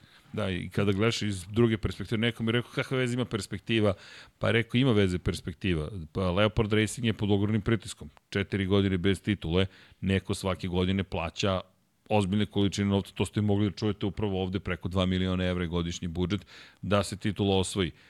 Kažem, ne opravdavam, ali isto tako treba čuti drugu perspektivu. Ja bih volao da čujemo Miodraga Kotura i na konto ove teške teme, jer pazi, čekamo Kotura da nam priča o svojoj karijeri, o tome šta su radili u Ferrariju, kakve su bile situacije kroz koje je prošao, ali ovo mislim da će biti prva tema, moram mi je da zovem na Zoom, nadam se sledeće nedelje, kada budemo sumirali utiske o sezoni, mada će biti u Valenciji pitanje da će moći možda one tamo nedelje ili kad prođemo zapravo pregled sezone, da nam kaže i ajmo mi, šta, šta kažeš, zato što mi imamo, pa i časti privilegiju, čovjek nam se javi na telefon, ajmo da ne zaboravimo iz te perspektive. Čovjek se javi na telefon u momentu kada njegov vozač osvaja titulu, bukvalno mi imamo svetsku ekskluzivu, slušamo čoveka koji upravo svoju titulu, koji se, i ono što je bila scena, vidiš kako drži telefon, otprilike, ej, ćao, moram da tešim masiju, otprilike, i ispušta slušalicu, tako da želim da čujem to, ali ne znaš, brine me ta eskalacija, brine me šta će biti sledeće godine. Hoćemo imati sad u Moto3 klasi situaciju, ali imam još jednu stvar, prego što nas sa time. Sudije. Deki, aj mi sad objasni, za šta je tačno upozoren Masija? Za šta je tačno upozoren? Da. E, po kom pravilniku on zaslužuje upozorenje? Jer ako pričamo o sportskom i nesportskom ponašanju, znaš, moral u sportu, to je onako malo, kako bih ti rekao, teška priča. E, moje pitanje je u kom pravilu je on zapravo nastupio, osim ono pravilo gde sudi ako procene da smatraju da ugrožava drugog vozača ili nesportsko ponašanje. Pa da, agresivno vožnje. Da. Na primjer. Da. Ali je li uzgurao Masija, Masija sa svake sa staze? Nije. Pri čemu imam problem našto čime? sa Aleša Spargaro padne, izbaci nekog sa staze, ali zato što je pao pre nego što je udario u drugog vozača, onda nema kazne za njega. Čekaj sad, Brad Binder uleti, padne, po, Fabio Quartararo prošle godine. Ne opravdavam, kažem i dalje, nikad mi se neće svideti ti potezi u Moto3 klasi. U Moto Grand Prix mislim da bih lakše to prihvatio. Rekao bih, ok, ne sviđa mi se, ali nije neočekivano. U Moto3 mislim da smo svi šokirani bili neočekivanošću zapravo toga. Dobro. Da, da. Čekamo mi je da, da se čujemo, da se ispričamo s njim. Znaš, želim i njegovu perspektivu da čujem. Da li će reći, momci, sorry, ali titula ne, titula. mislim da, poenta je što je Masija videlo se stvarno da ima, da ima taj tempo za pobedu i možda jednostavno ti du, dueli nisu ni bili nisu, potrebni. Nisu ni bili potrebni i sa druge strane Ajumu je i on je nekoliko puta se nalazi u to u, u, u, u čelu kolone bio u vođstvu, ali očigledno da, da, da, da su ga svi ti dueli prilično poremetili i, i jednostavno eto nije nije ovaj nekako kao da, da kao da se nije najbolje snašao u toj, toj čitovoj situaciji, kao da jednostavno samim tim, ono, naravno, Japanac, sve treba da bude čisto i, i korektno. Po pravilniku. Po pravilniku, ali, nažalost, taj, taj sport je malo suroviji, očigledno. Ovaj, naravno, postoji eto, čitava, čitava mrlja na, na, na, na, na šampionatu, ali kažem, ako, ako ako gledamo samo kroz jednu trku, onda nikad nećemo nigde stići, mislim, jednostavno treba. To je, to je isto kao, kao sad priča da li je, da li je Banjaja zaslužio da ima 21 poen prednosti. Znači, gledaš celu sezonu. I u celoj sezoni tako neko bio da bolji. gleda, da, tako da. da. Ne, možeš da vratiš Mislim, sad ne, film. baš je, baš je to sad, da sad tanka pao, linija. Da nije pa, ovo, da, da nije ono, ali ovaj osjećaj, znaš, taj osjećaj da. neki u stomaku i Jeste, ono što problem je, je takav. Problem je što je to ta trka u kojoj se odlučivalo sve jednostavno suviše tih agresivnih manevara bilo da, da, da sad deluje da sve samo žar borbe. To je, to je u stvari glavni problem. Pa, da. Štet, to je ono što je naj, moja konstatacija, neko toliko se raduje Moto trojkama i sad nešto, a ne. I još gledam sledeću sezonu, kad krene sad KTM, e pa sad zato što se desilo, o, e pa zato što se desilo, to pa, ne, dobro, ne, ne. Nadam se da toga neće da biti. Ne. Da ćemo to da stavimo sve ad akta nekako i, i vozi dalje. Zaista. Ali isto tako želim da čujem Mija zaista, zato što toliko ispomenjamo čoveka i sad imamo i priliku, kažem, priliku da pričamo s nekim šefom ekipe, ali kažem ti isto tako prvi put, znaš da razmišljamo našim kolegama, ne opravdavam njih, nego čekaj sad, ti si nekog znaš lično i sad dođeš i gledaš šta ste uradili, zašto ste, da, čekaj sad, da, da, bilo mi onako, ok, ovo je najteže komentarisanje, ali se trudim pa da bude izbalansirano, jeste, naravno, naravno. jer smatram da kritika za, je zaslužena, s druge strane da vas lažem da, da, da ne bi čestito bilo kome, pa i kada je osvojio Nikola Sterl pobedio na, protiv Zarka, kada su Zarku oduzimali pobedu u Barceloni, čestitke, ej, osvojili ste titulu, kogod da osvoji titulu, na kraju osvojio si titulu, a što se tiče Miodraga, verujte, čestito sam čoveku i lično i čestito ću mu ponovo. I znam koliko njima to znači, njemu se danas pa, baš vidi, ovo je u svetskim šampionatima najveći uspeh Honda. Na, da, trenutno na da. dva točka. Na dva točka. Na dva točka. Na dva točka. Max, Max je obrisao tamo sve, sve što se tiče Formule 1. Da, ali, ali, ali baš čudan osjećaj, moram ti prijeti. Bilo mi je potrebno, prijela mi je Moto2 trka da se oporavim do Moto Grand Prix-a, otprilike. Da, poenta je Moto trojke, ponavljam, mislim, to jednostavno treba da bude čisto trkanje, da bismo mogli tako je. kroz trkanje da, da u stvari vidimo šta nas čeka u budućnosti koji, koji momci dolaze.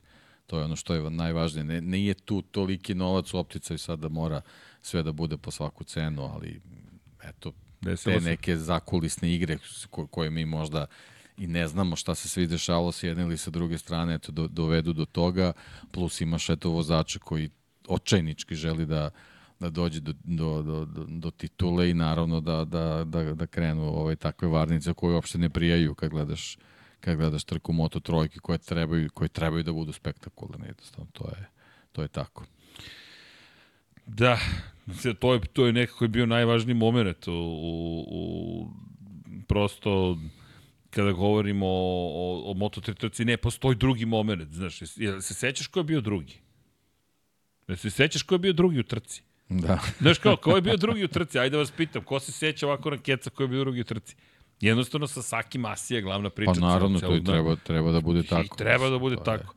Znaš, Samo što je ali- trebalo da bude čista borba na stazi. Tako je, tako je, tako to je. To je ono što nam je. nedostaje. A, agonija, moram ti priznati, baš agonija. Nedostaje nam izlazak iz poslednje krivine njih dvojice. I, Jedan pored drugog i, jedan pored drugog to. i ta borba. Da. Da, inače ima jedan snimak gde se Colin Vejer čak ni naslanja na, na, na, na Masiju, nego lepo oko gura Masiju, da gura mu zadnji kraj. To je ono što je zabrinjavajuće. Nemojte ljudi, zašto? Zato što jedno je kad napravite tehničku u košarci.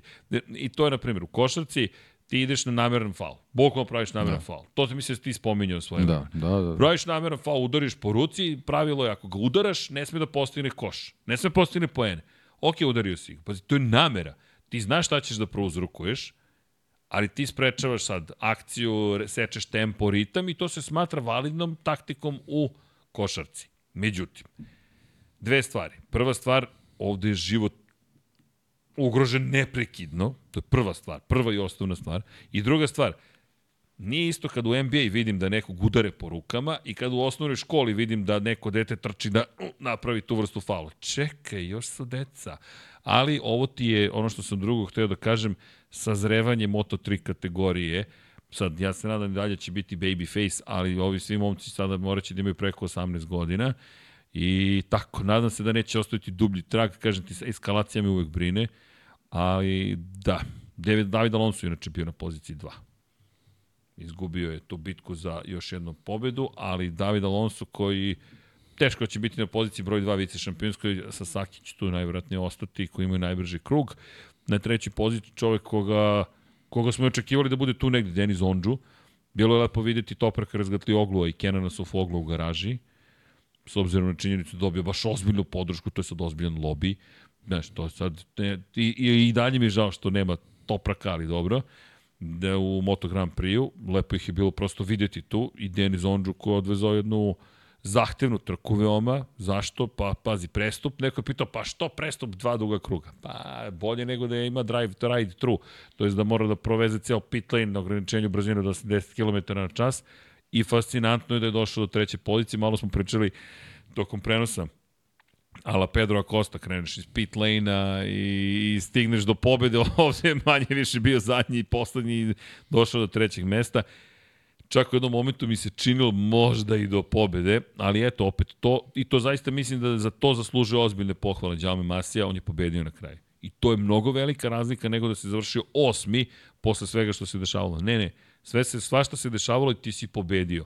Pobedio si koga? Gas, gas, KTM to jest, pobedio si KTM, što je KTM, pobedio si na poziciji inače broj 4 Ricarda Rosija, što je Honda, zapravo sve više Leopard utiče na razvoj motocikala Honda i kada govorimo generalno o tome koga si sve nadigrao, peta pozicija za čoveka koji ej, zaslužuje pohvale, a nevidljiv je za Bo Motorsports, Vicente Perez.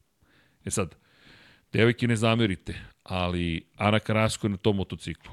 Apsolutno ništa nije postigla cele sezone. I sad, ja ne sudim po polovima, sudim po rezultatima. Njeni rezultati nisu dovoljno dobri.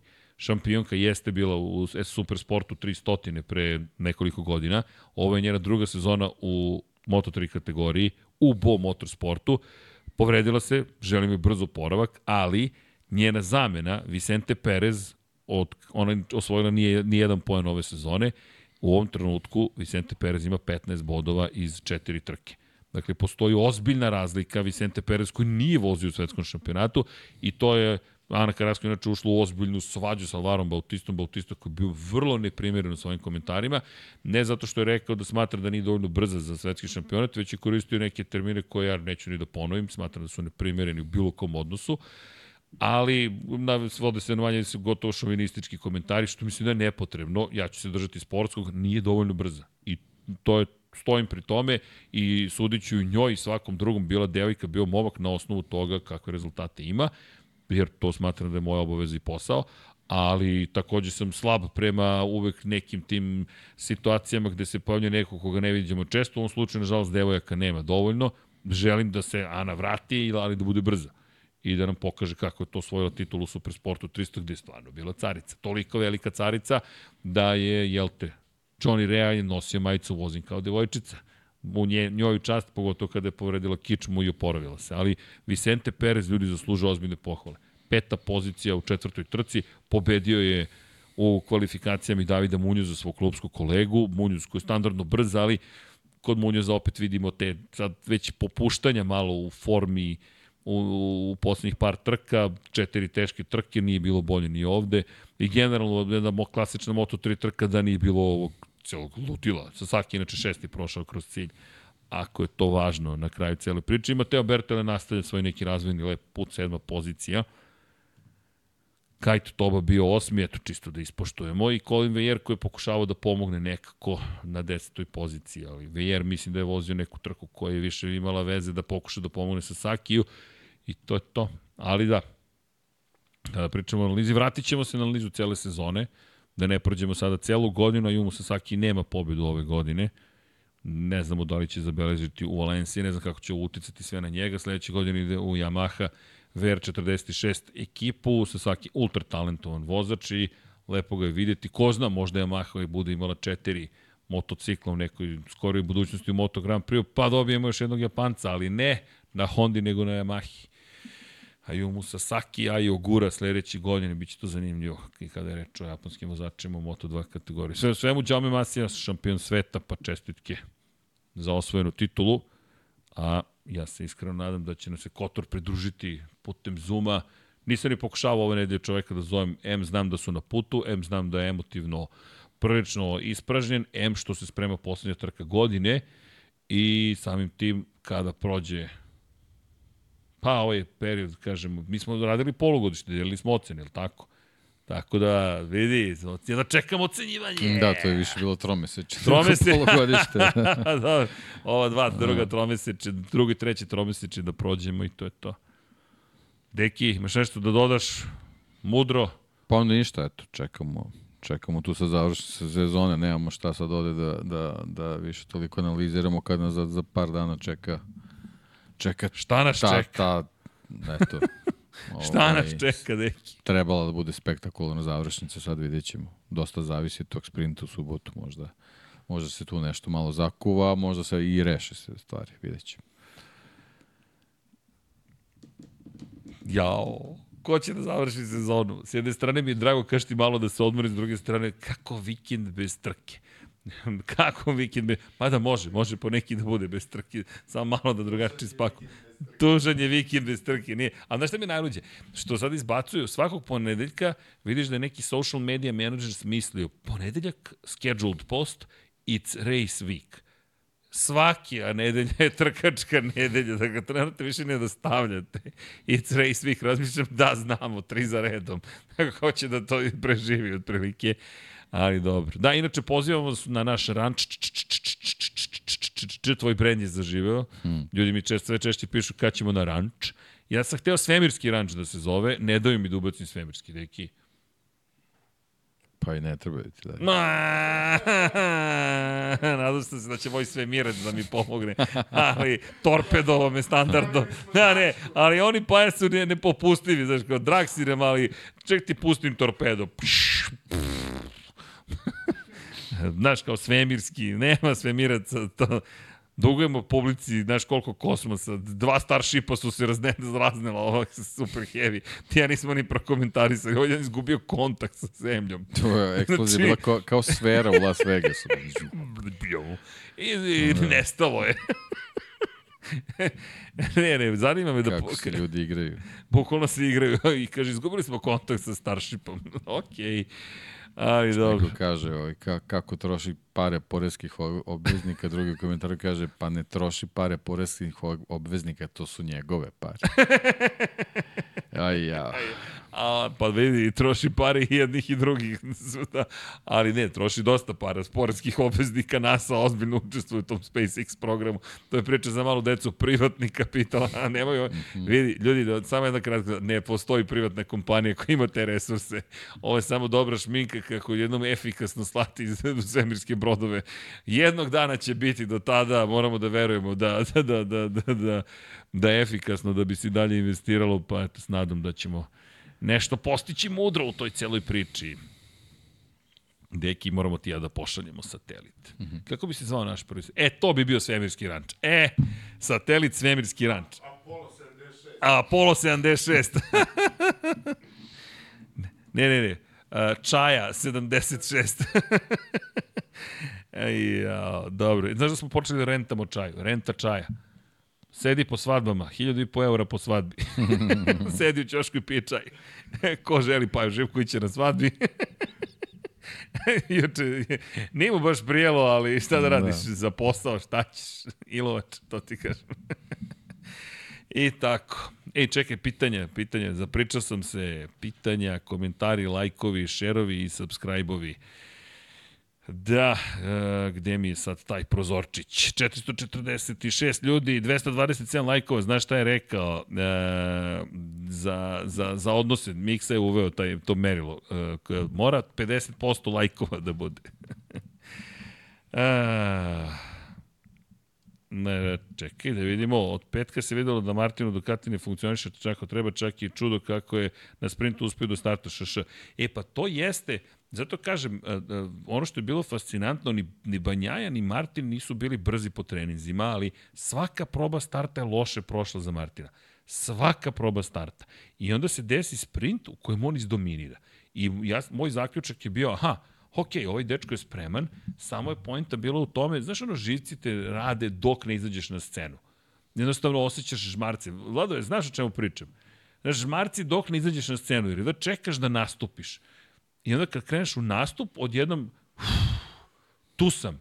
Znaš, ne mogu da, da, da razmišljam, jer više razmišljaš o tome šta će sve da se dešava tokom toga i da li će sve biti okej, okay, iako znaš da će biti okej, okay, ali čekaš nastup. I onda krene nastup i ti si u svom elementu. Tako mi izgledao Martin, zato mi je bila, zato nisam očekivao trci takve probleme, iskreno.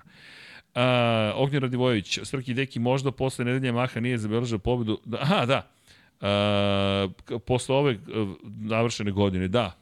Čekaj, je bila neka sezona bez pobjede? Stani, stani, stani.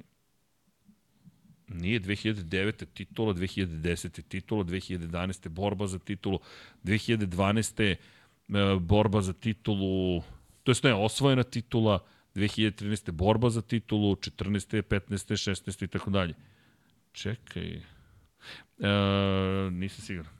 Kaže Strahinja Blagović, cijele sezone niste fair prema Sasaki. Dečko je prvih nekoliko trka, pa je tog momenta počeo skupljen, pa je došlo do prve boje, a stalno ga sporate zbog pobjede. A Mir, Strahinja, izvinjam se, niste u pravu, vratite naše komentare, nikoga nije usporio, mi smo samo, čak smo ga hvalili na početku tog perioda kada osvaja poene, vratite taj Lab 76, ja ga se sećam vrlo dobro, kada smo rekli da je super vozio mudro, pogotovo se sećam Lemana, kada je rekao ok, morao sam da skupim ove poene i sad mogu da se opustim i krenem ka boljim. Čak mi je Deki upravo rekao da mu je žao sa Sakija, baš zbog toga što je ta drag kakav jeste, nosi japansku duksericu, a kako vam to nije jasna poruka, ja stvarno ne znam, ama da se ne vidi od, od, od, od računara. Deki nosi e, Japan, če, čekaj, možemo da, e, e, e ovo je Japan specijal. Dakle, pogotovo nas dvojice imamo slabost prema Japanu i Japancima. Ljudi, verujte, niste u pravu, to vam je možda uspomena, ali nisam ga osporio zato što nema pobedu, samo sam konstatovao da nema pobedu. Čak smo pričali o tome da bi mogao da bude prvi čovjek još od Emilija Lazmore koji je svoju titulu. Ne znam što bismo osporili nekome titulu, samo konstatujemo da nije zabeležio pobedu, kao što imate Davida Alonso koji je zabeležio isti broj pobjeda kao i šampion. Iako Alonso pobedi sad u nedelju, imaće više pobjeda nego šampion. Ali, verujte, to, to, to, to nismo, ne zamerite, stvarno, Srahinje, razumijem emociju navijačku, ali vratite taj lep, baš smo hvalili se Sakija za mudrost koju je pokazao u trkanju i završio najzad trku i krenuo da osvaja poene. E, da, evo, poslednji put je Maha nije pobedila na jednoj trci 2003. godine. To je tačno. Oni, čak mislim da su imali samo jedno pobedničko postolje 2003. i da je to bio Baros koji je treći bio tipa u Lemanu, ako se dobro sećam. Uh, Stefan Sedar za pitanje zašto nekad uspeju da pokrenu motor posle pada, nekada ne u svim klasama. Mm, to je dobro pitanje. Moram priznati da nemam kompletan odgovor. Uh, voleo bih da znam, ali zaista nisam siguran zašto baš ne uspeju. Da li postoji jedan razlog ili ih je više. Ajde da vam ostanemo dužni pa da pitamo malo timove, pa da prosto da, da, da, da, da odgovorim. Ajde da ne bude... Ne, ne, znaš zašto? Ima previše stvari, sad bih mnogo hipotetisao. Ne, ne, u redu je, u redu, pa vidim, znaš koliko stvari ja ne znam. Ali, ali, ali bih volio da znam baš... Pa da, jednostavnije pitanje da. šta, šta se desi da ne možeš da pokreneš motocikl to, posle to, to, to. To, to je to. Da. Uh, inače, pita Boško, ne, ne, Dragan, uh, Da, Dragan Matić, da li je neko radio analizu sezone bez boda i sprinta? Dragane, sačekajte da prođe sezona, sprema se ekipa upravo za takvu, za takvu situaciju. A, Branislav Dević, čemu tolika panika da se Sasaki sloni, a moćan si? E, u kom smislu? E, samo ako može pojašnjenje, Branislave. To je panika da se skloni Sasaki. Mislite zašto bi Leopard paničio da se da i ima potrebu da skloni Sasaki ukoliko je moćan ili nešto drugo? Samo nam recite. Evo, Dragan Matić zavisi od pada. Pa, A, da, to, da. Ne, ne znam da li postoji jedno pravilo. Na primjer, Honda je 2012, 11. promenila sistem za pokretanje zapravo motora, zato što je Casey Stoner u Herezu, na primjer, ima ogroman problem da pokrene motor, jer je Honda bila poznata kao motor koji se teško pokreće. I onda su bukvalno radili na tome kako da naprave sistem koji će omogućiti vozačima da lakše pokrenu kada padnu motocikl. Uh, Pamasija. Kada će Marek penzionuti da može uh, Branislav Dević Pamasija? Pa, ne, čujte, pitanje je da li bi bio brži od Sasakija da je Sasaki poveo. Zato što Sasaki je u Kataru prošle godine izdominirao. Ja sam utiska da Masija nije smeo da dozvoli da Sasaki povede. Da, da je to bukvalno bio svakako deo ideje, cilja, plana, ali nije to ništa novo. To nije novo. Nov je metod. Dakle, često pričamo o trkama uh, da je jedini put da nekog zaustaviš da mu presečeš ritam. Meni se čini da Sasaki da je poveo da bi baš imali žestoku bitku sa Sasakijem. U smislu da li bi ga uopšte stigli, ali to nećemo saznati. Jer Sasaki, rekli smo, 12 meseci ranije ovde ljudi nestao u daljini. Na stazi na kojoj se to baš teško čini. Tako da mi to, to je moj utisak. E, Masija i Leopard. Pa eto, to, to, to, je, to, je, to je moje mišljenje. Kada će se Maverick penzionisati da može Bec da uzme broj 12, Alex Zoma pita. Mislim da se neće skoro penzionisati. Mislim da se Maverick tako lepo zabavlja vozeći svoju Apriliju i uživajući svemu ovome da mislim da, da neće skoro. Um, da vidimo. Pozdrav Srki, koje staze biste voljeli vidjeti u kalendaru MotoGP i šta mislite o prelasku na 850 kubika 2027. Pa ovo drugo pitanje, ajde prvo da pokrijemo. Mislim da će opet da naprave haos kakav su napravili prošli put kad su smanjivali... Pa da dobro, ali zbog trenutne situacije sa ovim, da kažemo, tehničko-tehnološkim napretkom da. treba da se promeni nešto. Čisto da možda neko drugi da. dobije neku šansu. E, da. Imaćemo mi trke i sa tim Ne, imaćemo, ali znaš šta me plaši? Plaši me da ćemo dobiti u eri 800 kubika znalo je da bude još teže za preticanje. Ako sa svom ovom aerodinamikom smanjiš kapacitet motora, aj samo razmislimo. mi imamo osmoricu pobednika ove godine. Da, dobro, to što kažeš. Pa dobro, što bismo onda menjali? Pa zato što je jedan, jedan proizvođač dominira, drugi ne okay. mogu da se snađu. Ok, ok, ok. Ali da li je to promjena koja će, to nikad ne znaš dok ne, ne promeniš? Ne znam, pojma, vidjet ćemo. Ne znam, e, ja bih ma, malo oprečan stav. Ja se plašim, može tako, Deki se ne plaši toliko. Ne plašim se. Ali to je to. Uh, Srki da voziš Valenciju. Koje bi se staze volio da vidite u kalendaru? E da, koje staze bismo volili? Uh, manje staza. Te bi volio da vidimo kalendar. Dobro, ali, ali eto, da li bi neku stazu zamenio nekom stazom?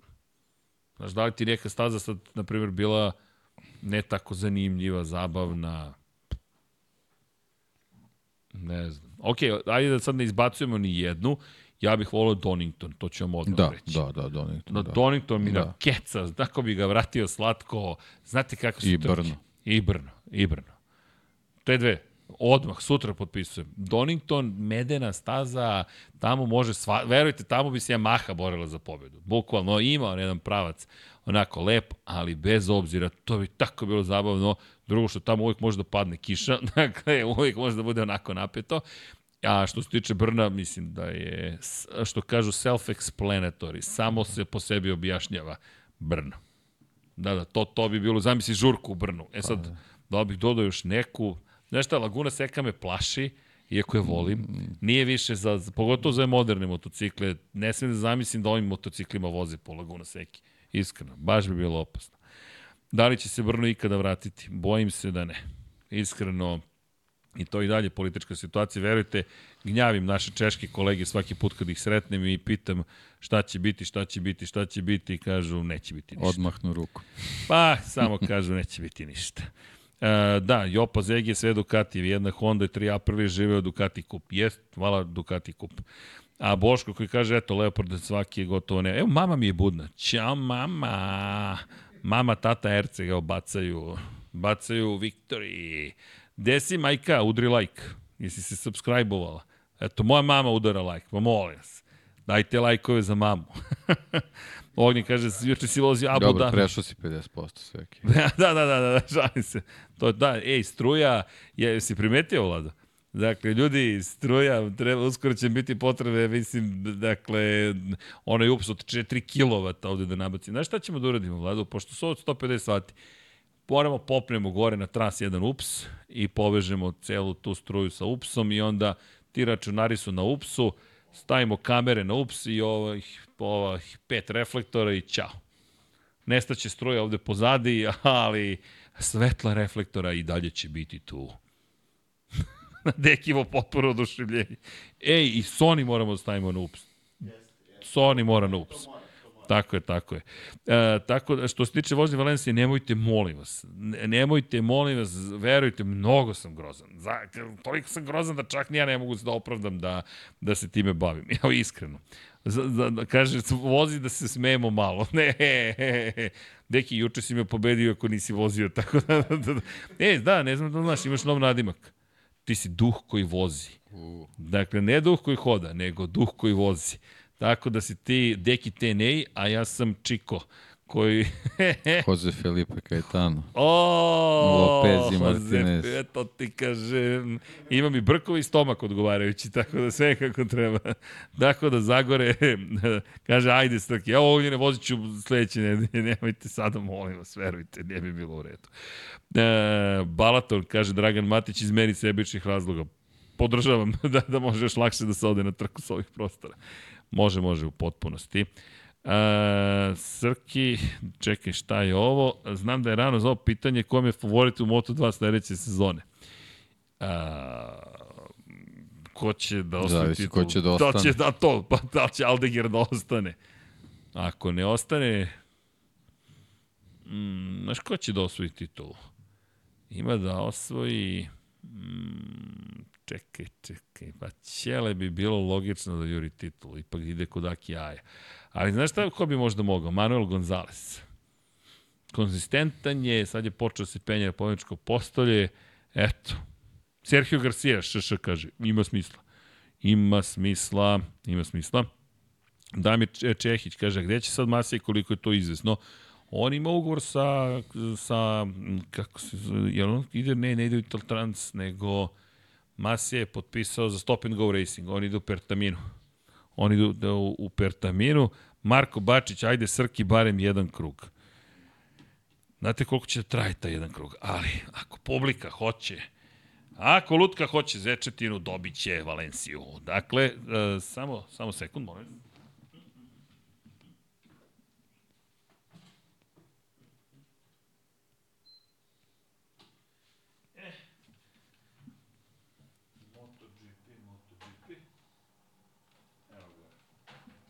Bobić. Deki, ima nekih pitanja? Dok ja ovo nameštam. Evo, cenjena publiko, samo da namestimo disk. Evo, Vlado, bit ću brz.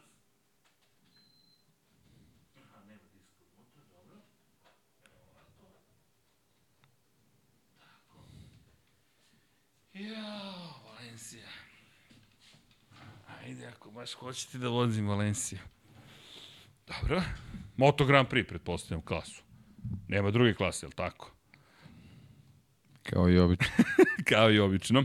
Eto, dobit ćete ispunjenje žene. Deki, kako je bilo Neverica na, liku, neverica na licu Dena Potkunjaka sve govori. Apsolutno sve govori, verujte. Deki, e da tvoje mišljenje za VRC i Romperu? Pa, nekako mi VRC ne ide putem kojim bi trebalo da ide. Znači, to je, to je moje mišljenje. Da svetski šampion sledeće godine nema ovaj vožnju na, na svim ovaj, trkama, to mi je onako malo malo mi govori da nekako ovaj, kao da nekog nije, nije briga u kom smeru se razvija šampionat.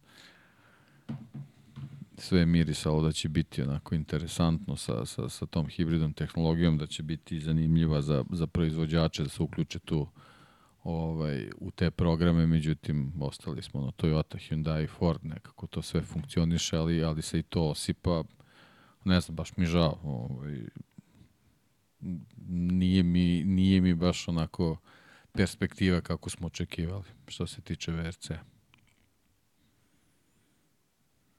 Da, zanimljiva situacija, ajde blago rečeno. Ja neću da dajem komentar pored. U stvari mogu da vam kratak komentar, mogu samo da se složim da mi da mi djeluje kao da se odustaje od šampionata na Ne da se odustaje, kao da je pa sa pola srca se neki Pa stvari, da, mislim baš je baš je šteta taj šampionat koji treba da bude masovan, ovaj mislim dobro, masovan je u nekim nižim kategorijama gde su gde takođe lepe su vožnje, ali kad imaš neku ovaj perjanicu kategoriju gde imaš samo 6-7 automobila, to baš i, i nije lepa poruka. Izvinite, samo, evo, namestili smo i ovo. Deki, bit ću brz, evo. Switcher, ali zašto neće da nam radi back to game?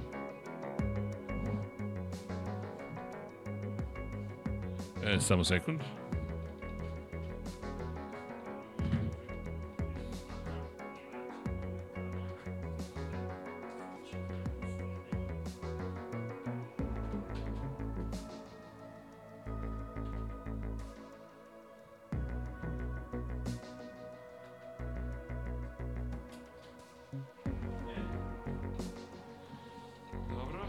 Ilan Kabul je stigao, kao što možete vidjeti, retry. E, zašto?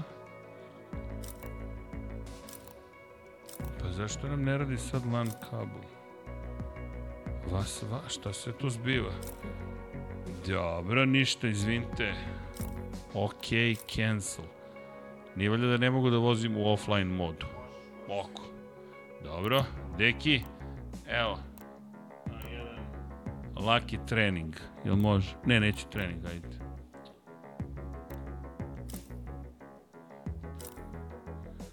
Offline, molim vas. A, kako se samo izabralo.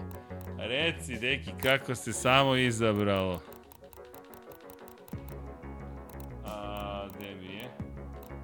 Evo je Valencijica. Dobro je da Dobro, sve je u redu.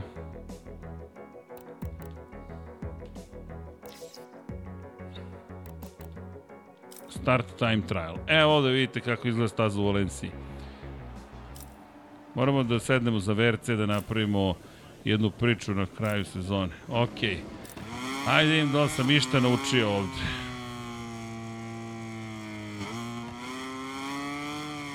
Ovo i dalje autopilot. To su poslednje krivine.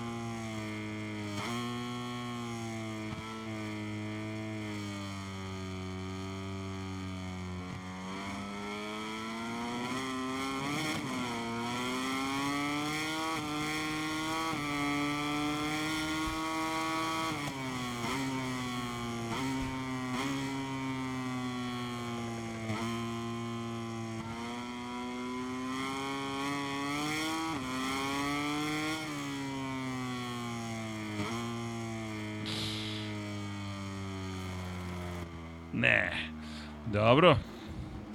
Ove snažne krivine mi malo prave problemčiće. Da, da, pokrenuo sam motor, bravo.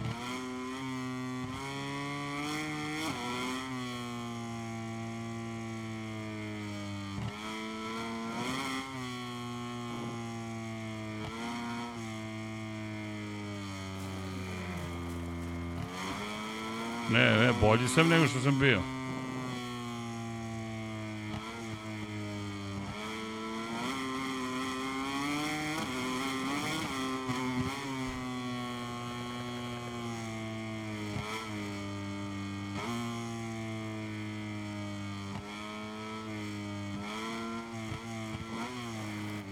Ne. Dobro, stišao sam malo van staze.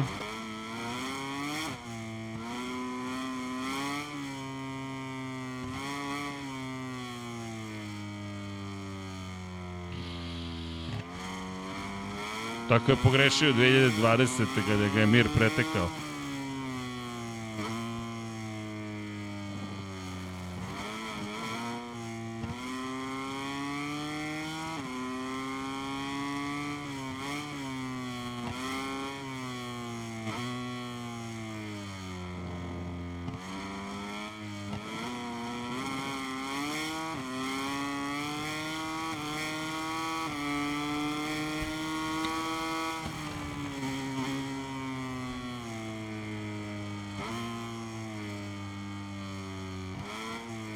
Sad sam pa preko kočio, zanimljivo.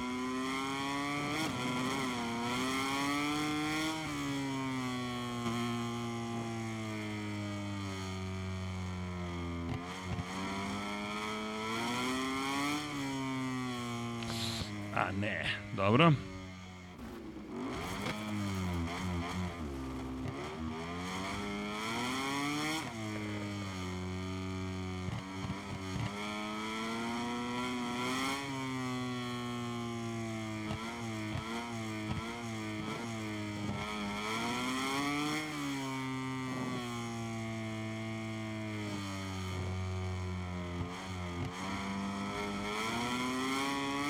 Deki, a, jel bolje nego što je bilo? Ako ne, napredovao si. Napredovao sam. Ozbiljan napredak. Samo četiri frakture do sada. Arre, što ste preozbiljni, ovo je ipak igrica na kraju dana. Ne, ne, mislim da je do gume, nije to uopšte do, do tvog vozačkog umeća. Dobio sam lošu gumu, bravo deki. Ej, kakav si ti menadžer ekipe moj. Ako ništa drugo, bar PR menadžer. Da, da, jednom u 17 godina na Sony se ne... E, pa možda to treba da ubaci Sony u simulaciju. Dobili ste lošu gumu za ovu trku.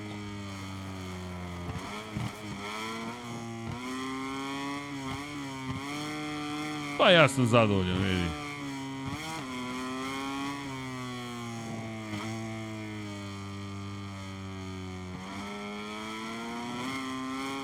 Čak sam i ovladao izlaskom iz krivine ovim, a?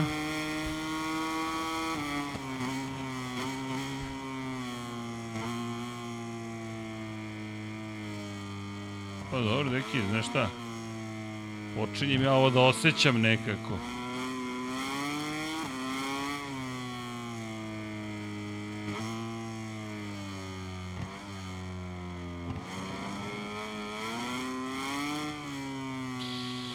Ah, dobro.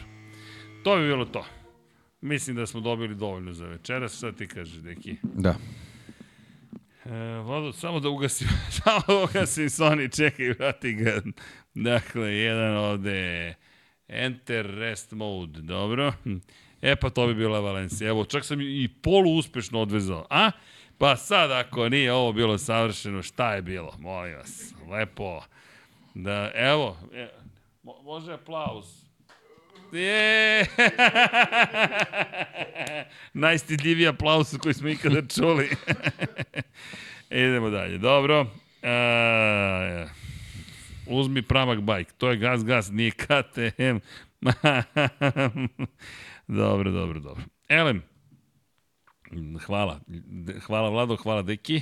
Mislim da je vreme da se polako pozdravljamo, ako se slažete. Dobar Srki, kako se očekivalo? A, reci, reci da je, da je, to ti kažem.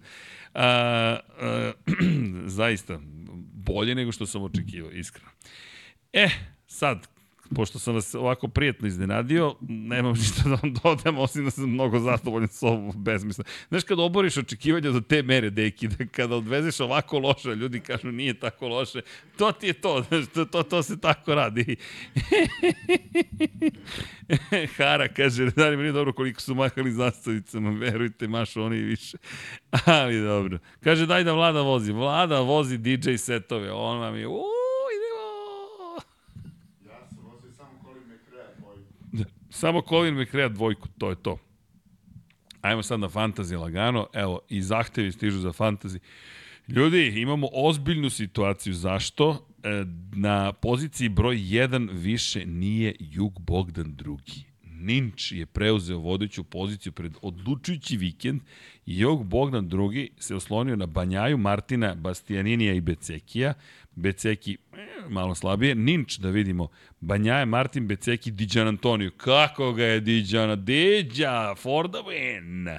E sad, mislim da mi je jasno da čuvate ove Banjaje, Martine i to, ali ko će biti novi Diđa? Zarko je bio u Australiji, Diđa je bio u Valenciji, pa rekao si Mark Marquez. Eto, Dekijev pik, dobro, ko pobeđuje Deki? Mark Marquez. Ja kažem Alex Rins, ko je drugi?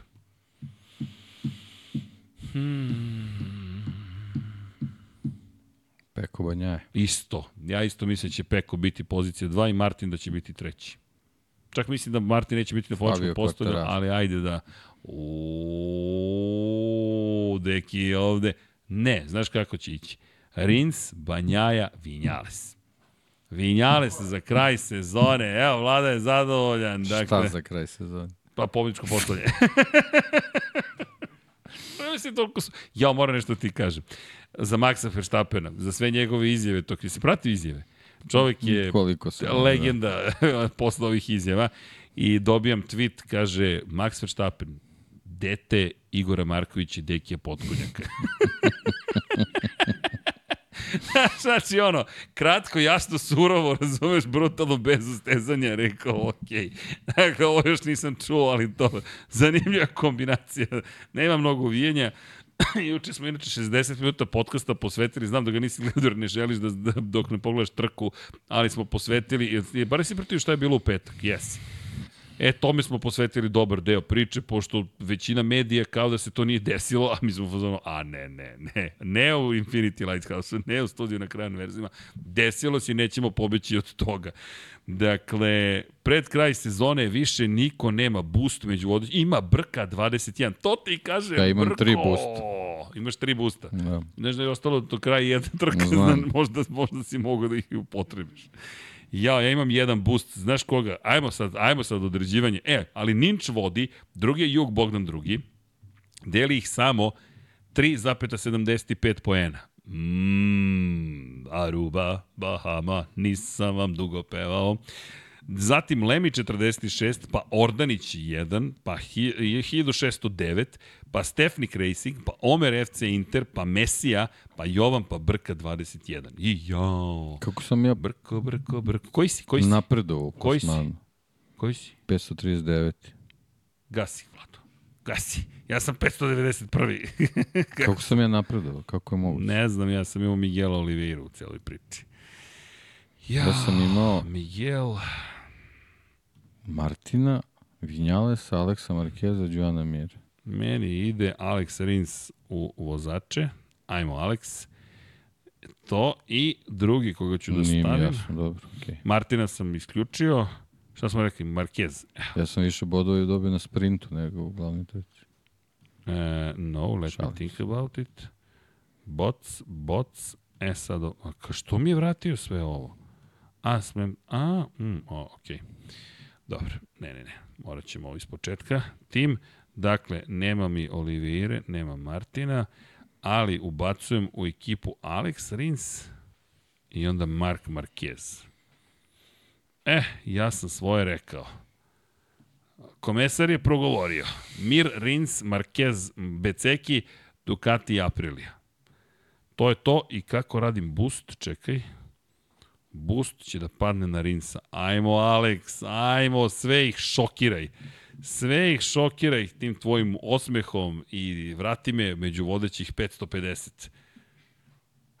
za kraj sezone. Jako vinjale za kraj, sad ćemo te da se pozabavimo. Izvinjam se. Dobro, deki, šta nam još ostaje za kraj?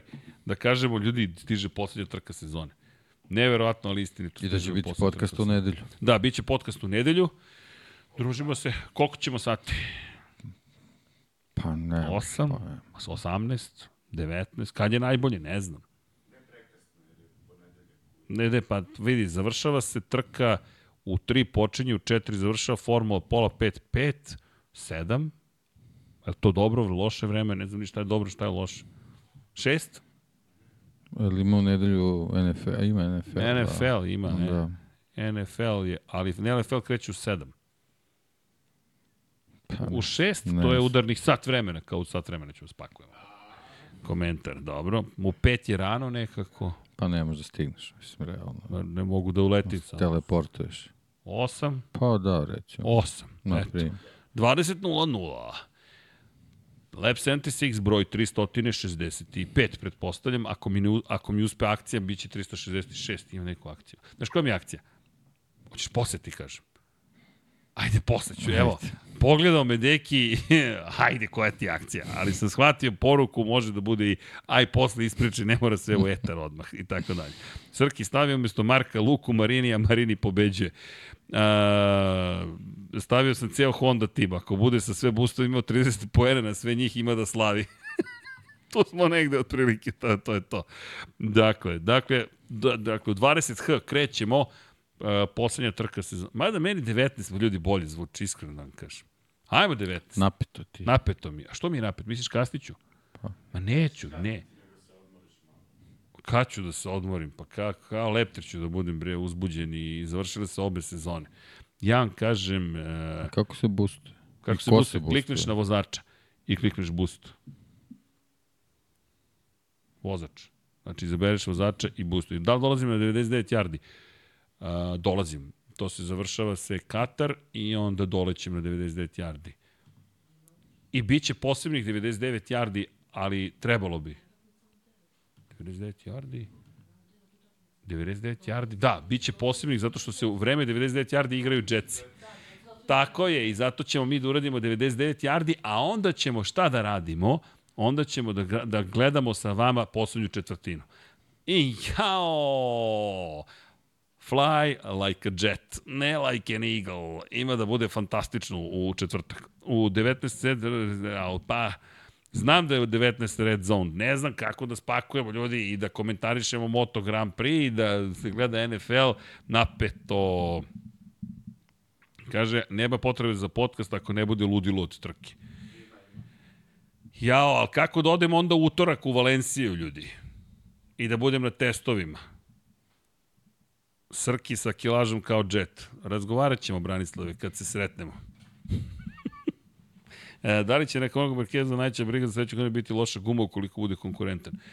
Pa ajde da vidimo utorak, ljudi. Ajmo da vidimo u utorak šta će da se desi. A što se tiče podcasta, aj vidjet ćemo još. Iz veće, veće, će, već, veće staraca, pa ćemo to da, da, da, da to uradimo. Da, Srki, deki, da li ste za ukidanje DRS-a? Pa ne može tek tako da se ukine. Znate, cijel koncept je napravljen oko DRS-a. Moraju se promene bolidi, pa onda možemo da pričamo o promeni DRS-a.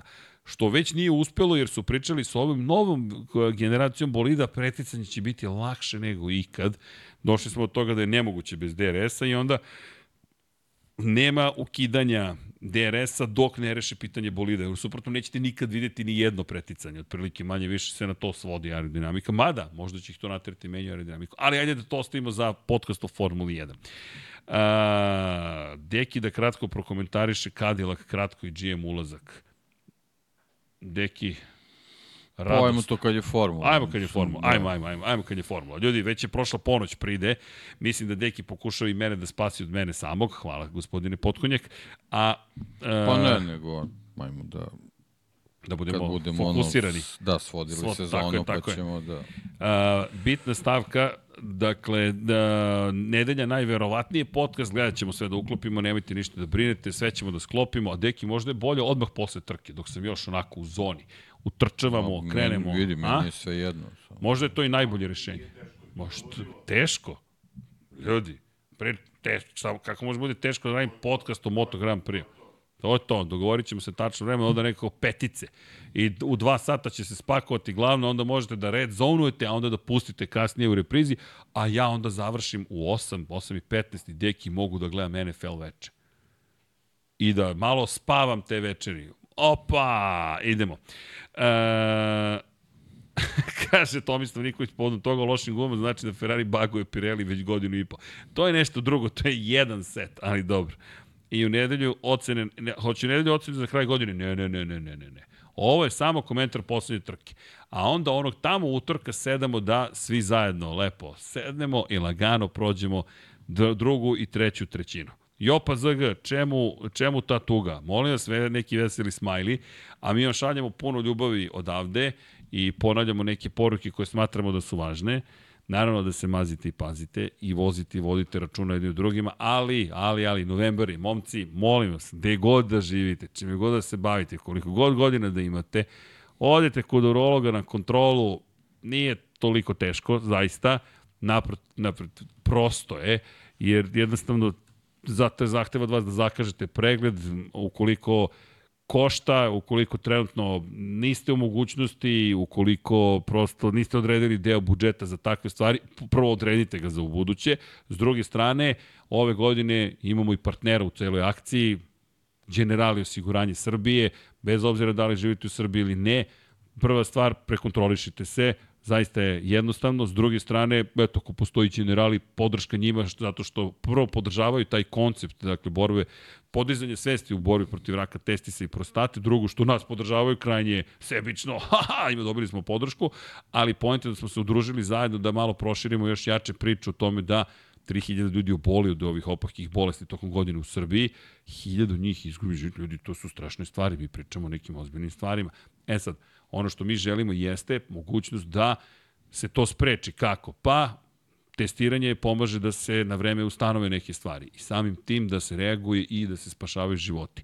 Ko hoće da se testira, ukoliko ima u novembru plan da registruje automobil, obavezno osiguranje od auto odgovornosti, kupite kod generali osiguranja i popunite formular, skenirate QR kod na, na online forma na adresi na kojoj će vas uputiti ovaj QR kod i popunite formular, hiljadu ljudi dobije besplatan voucher za testiranje kod urologa, zaista je jednostavno, Vlado udri i džingl za koji smo mi sami osmislili, zašto? Pa zato što, eto, na kroz neki drugačiji način komunikacije. Mislimo da plašiti ljude nije baš neka, neki motiv, ali kad kažete testiraj se prosto i testi se i prostatu, testiraj se prosto, se, prosto i testi se i prostatu i to ponovite par puta ako možete bez greške za razliku od mene.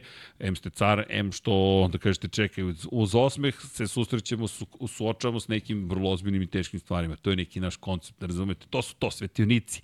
Svetli u mraku, po noći, danju, magli i tako dalje, tako dalje. Šta god da se dešava, eto, vi se potrudite oko sebe, mazite se, pazite se, povedite računa o sebi, stvarno nije teško. Dakle, to je obaveza i za nas trojicu ovde da se testiramo. Mlada dama, nadam se da je uradila svoj deo priče u oktobru, jer jeste to roze majice. U avgustu, nema veze, i u avgustu je u redu, kada god, ali redovno, makar jednom godišnje se prekontrolišete, roze majice tu, pre svega da devojkama u oktobru skrenemo pažnju na to i podignemo svest o borbi protiv raka dojke, protiv čega god da se borimo kada reč o bolestima, ok je da se borimo i svi zajedno, pa eto to vam je neka poruka koju uvek šaljemo, ali eto, ove godine dodatna cela priča. Inače imate kape iza mene, kao što možete vidjeti, eto, to mi je podrška u shopu, shop.infinitylighthouse.com, kape, knjige, stigle F1 šampioni knjige, još jednom izvinjenje za kašnjenje, počele su isporuke da se organizuju, tako da i to smo rešili i iz te perspektive nadam se da ćemo sad uploviti u jedan normalan period po pitanju naših knjiga, zaista smo ponosni na njih i volimo ih. Evo reklama i za knjigu Mark Marquez. Inače, sa štamparima upravo završamo dinastiju, tako da eto, to mi isto, nadam se, radosna vest. Tako da, znate, tu, tu isto bilo nekih par stvari oko prava za korice, pa omotnice, pa dok dobijete sign off, dok vam kažu u redu je, ali to se završava, tako da znate sve je spremno i ja se nadam da će uskoro biti još mnogo knjiga, jer smo se malo promenili, ozbiljili u kontekstu ne knjiga kao knjiga, nego u, to, u kontekstu toga da razumemo kako ceo proces funkcioniše. Tako da mislim da ćete biti zadovoljni i ponosni na nas, da ne pričamo samo previše, to ja, ali da sledeće godine uradimo i delima vam pokažemo. Ne pojma šta da pokažemo, ni to, ajde vam pokažemo. Ne, ne, vi ste naši drugari i drugarice, nego da kažemo ljudi, evo, uradili smo ono što smo obećali. To je cilj i to je plan, a vama hvala puno za svu podršku. Imamo nove Patreone, tako da hvala patreon.com kroz Infinity Lighthouse, zaista znači ko klikne join takođe nam znači. Pozdrav za sve nove članove, sledeće nedelje ubacujemo nova imena. Sada 9,5 minuta otprilike čitanja, čisto da znate imena i prezimena i nadimaka svih onih koji nas podržavaju na taj način. I rekao juče, traje duže nego prosečna pesma Iron Maiden, što je impozantno i hvala vam puno, zaista ne možemo da vam opišemo koliko smo srećni, ponosni i emotivni. Nadamo se da smo zaslužili vašu podršku i ko je došao do ovde zajedno s nama, like, share, subscribe i šaljemo vam mnogo ljubavi, vidimo se i čujemo za desetak minuta. Deki pauza, mlada dama pauza i čak i vlada ima pauzu, ali zato ću ja sada da ustanem, ispravim svoje nogice, ispravim mikrofon i pročitam sva imena, tako da znate. Vlado, idemo standardno naše u hipersvemir. Goša 46, Mlađan Antić, Ivan Rebac, Inzulin 13, Nemanja Zagorac, Zoran Cimeša, Stefan Vuletić, Aca 43, Zla, Aleksandar Čučković, Stefan Dulić, Safet Isnjami, Zoran Majdov, Alen Stojčić, Matej Sopta, Boris Radović, Đorđe Radojević, Bojan Majstorović, Hrvoje Lovrić, Anonimus, Donatorus, Dragan Matić, Darko Trajković, Boris Kujundžić, Milan Ristić, Ognjen Ungurjanović, Luka Martinović, Đole Kube 4, Denis Špoljarić, Marin Antunović, Antonio Novak, Toni Ruščić, Blufonac, Branislav Dević, Benjo KK, Nemanja Miloradović, Marina Mihajlović, Jeca N, Stefan, Ivan Panajotović, Nenad Pantelić, Vučinić Miroslav, Jelena Mak, Laslo Boroš, Jovan Đodan, Ivan Ciger, Ljubo Đurović, Miloš Radosavljević, LFC, Nedim, Stefan Stanković, Renata Neš, Ognjen Grgur, Dorijan Kablar, Jugoslav Ilić, Vukašin Vučenović, Jelena Veljković, Gloria Edson, Optimistic, Josh Allen Fan, Mario Vidović, Ivan, Josip Kovačić, Jasenko Sambarčić, Bogdan Uzelac, Anonimus Donatorus, Vukašin Jekić, Branko Bisački, Andreja Miladinović, Monika Erceg, Aleksandar, Vladan Miladinović, Marko Bogavac, Stevan Zekanović, Aleksa Valter, Nikola Beljić, Milan Kića, Mladen Tešić, Tijana Vidanović, Miloš Rosandić, Ivan Čule, Deus Nikola,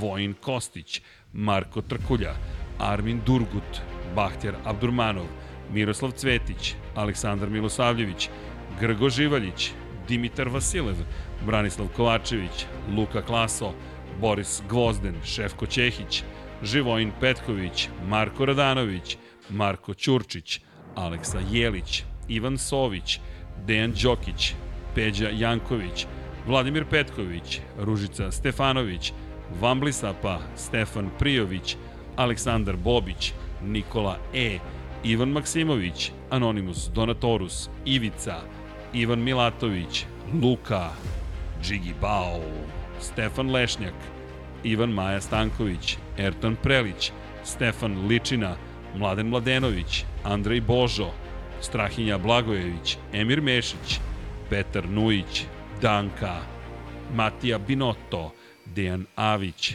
Žarko Milić, Lj. Đurović, Andrija Todorović, Kovačević Omer, Marko Kozić, Zoltan Mezeji, Stefan Vidić, Đorđe Andrić, Ljiljana Milutinović, Miloš Banduka, Dejan Vujović, Đole Cheesehead, Tina i Ilija, Sean Hing, Branimir Rijevec, Dejan Avić, Vladimir Jovanović, Branimir Kovačev, Đole Bronkos, Igor Gašparević, Stefan Janković, Milan Milašević, Kristina Ratković, Branislav Milošević, Strahinja Brajanoski, Nikola Grujičić, Miloš Todorov, Milan Nešković, Milan, Zoran Šalamun, Stefan Radosavljević, Mario, Jelena Komšić, Zlatko Vasić, Nemanja, Aleksandar Anđelić, Đorđe Đukić, Nedim Drljević, Stefan Nedeljković, Aleksandar Banovac, Bogdan Mitrović, Boris Golubar, Nenad Ivić, Lazar Hristov, Damjan Veljanoski, Đurđica Martinović, Milan Paunović, Vladimir Mutić, Alen Vuletić, Vladidov Dave, Petar Relić, Saša Arnisavljević, Vuk Korać, Mirjana Živković, Marko Kostić, Bojan, Zorana Vidić, Aleksandar Radivojša, Milan Apro, Lukas, Ante Primorac, Branislav Marković, Marko Marković, Miloš Broćeta, Kimi Rajkonen, Novak Tomić, Aleksandar Mitrović, Aleksandar Antonović, Andreja Branković, Jasmina Pešić, Danijela Ilić, Ognjen Marinković, Katarina, Neđo Mališić, Mladen Krstić, Nikola Stojanović, Aleksandar Jurić, Mirina Kovačević, Andrej Bicok, Dušan Delić, Aleksa Vučaj, Bojan Bogdanović, Dimitrije Mišić, Nemanja Jeremić, Crnogorski Džedaj, Marko Petrekanović, Armin, Nikola Marinković, Aleksa Lilić, Vladimir Filipović, Andreja, Vlada Ivanović, Miloš Vuletić, Nedo Lepanović, klub štovatelja Ramona Mireza, Bata Brada, Kristijan Šestak, Igor Jankovski, Bojan Markov, Ivan Toškov, Pavle Nj, Đerman, Đorđije Lopušina, Simović Sarajevo, Nenad Simić, Ivan Simeunović, Miloš Rašić, Ivan Rečević, Igor Vučković, Nikola Božinović, Predrag Simić, Jugoslav Krasnić, Salim Okanović, Mihajlo Krgović, Životić Jovan, Da žena ne sazna, Zoran Baka, Marko Mostarac, Filip, Bojan Mijatović, Luka Manitašević, Veselin Vukićević, Borko Božunović, Vladimir Uskoković, Nebojša Živanović, Nikola Milosavljević, Đorđe Milanović, Daniel Kolobarić, Lazar Pejović, Vanja Radulović, Predrag Pižurica, Nemanja Labović, Žorž, Marko Blagojević, Dragan Nikolovski, Jelena Jeremić, Martin Gašpar, Luka Savović, Ferenc Laslofi, Mihovil Stamičar, Borislav Ivanović, Laslo Bolok, Klara Gašpar, Sava Dugi, Vladimir Stojadinov, Boris Erceg, Ivana, Dejan Janić, Dušan Petrović, Šmele, Nenad Đorđević, Dušan Ristić, Stefan Milošević, Sead Šantić, Marko Horg, Srđan Sivić, Matija Rajić, Borislav Vukojević, Kro Robi 00, Tomić Miloš, Zoran Mladenović, Mateja Nenadović, Nikola Božović, Kromit, Ejhil, Pujo, Domagoj Kovač Rajkov, Nedžad Mrakić, Škundra, Mrča, Vladimir Bulatović, Marina, Eldin Polovina, Nemanja Bračko, Marko Lučić, Hajrudin Hajdić, Mensur Kurtogić, Jovan Bojanić, Nikola Grđan, Bakadu, Marakos, Stefan Škrbić, Marko Bogavac, Future, Graciano Rossi, Aleksandar Egerić, Slaven 84, Anonymous, Donatorus, Luke Williams, Bojan Gitarić, Nemanja, Penđer, Nikola Grujičić, Aleks Vulović, Oliver Nikolić, Milanka Marunić, Predrag Zec, Bojan Stanković, Uroš Ćosić, Branko Rašević, Zlatko Marić, Vladan Đurić, Toni Soni 76, Miloš Stanimirović, Omer Sarajlić, Aleksandar Kockar, Pavle Lukić, Laslo Bolok, Tatjana Lemajić, Nemanja Cimbaljević, Filip Knežević, Galeksić, Ivan Magdelinić, Nemanja Miloradović, Petar Bijelić, Vukašin Vučenović, Marko Jevkić, Dejan Janić, Nikola Hrnjaković, Drago Veković, Katarina Stepanović, Din Stero, Almedina Kmetović, Vladan Miladinović, Jelena Jeremić, Vladimir Subotić, Ivan Vincetić, Milan Knežević, Milorad Reljić, Bojan Markov, Srđan Ćirić, Ivan Hornjak, Nikola Adamović, Almir Vuk, Dejan Plackov, Plackov, Saša Stevanović, Konstantin Mlinarević, Ivan Vujasinović, Nikoleta Minić, Đera 7, Vlada Ivanović, Mile Supudinov, Ristov, Uroš Čuturilo, Peja MD, Bruno Jurić, Ada Sokolović, Blagoj Ačevski, Aleksandar Jokić, Aleksandar Radivojša, Igor Ninić, Đorđe Janjić, Amar Taso, Nikola Vulović, Ivana Vesković, Zoran Baka, Ivan Božanić, Mađar 007, Alen Jesenović, Vuk, Marko Stojilković, Žika Sul, Jovan Bajić, Aleksandar Stojković, Edin Ustavdić, Marko Pavić, Vojislav Tadić, Miloš Zed, LFC, Josip Buljovčić, Iljana Milutinović, Ivor M, Aleksandar P, Vladimir Vujičić, Resničanin i sa gospodinom, dragim našim Resničaninom, zaokružujemo ovaj video, vidjet ćemo Pera kad nam spremi sledeći kako će stvari da izgledaju i zvuče. Znam da će biti lepo i zabavno, deki, bliži nam se kraj još jedne sezone, pa da ga zatvorimo spektakularno. Brzo nešto prošlo. Brzo prošlo, si primetio na brže nego što sam mislio. brzo? Ej, baš niste u redu, moširate me ko da sam iz četvrtog jedna. A jesam iz četvrtog jedna. Ej, brzo je prošlo i nikad sporije. To je moj utisak. Nekako gde prođe godina, ljudi, pa ovako je nestala. S druge strane, brzo će poći, početi nova, ali ajmo mi da zaokružimo ovu. Deki, znaš da te volim, želim ti lep ostatak večeri, želimo i vama lep ostatak večeri, budite dobri jedni prema drugima, mazite se, pazite se, čitajte nešto lepo, u svakom slučaju volite se i naravno vidimo se sledeće, u nedelju se vidimo, ne sledeće nedelje, do tada. Ove nedelje. Ove nedelje, čao svi.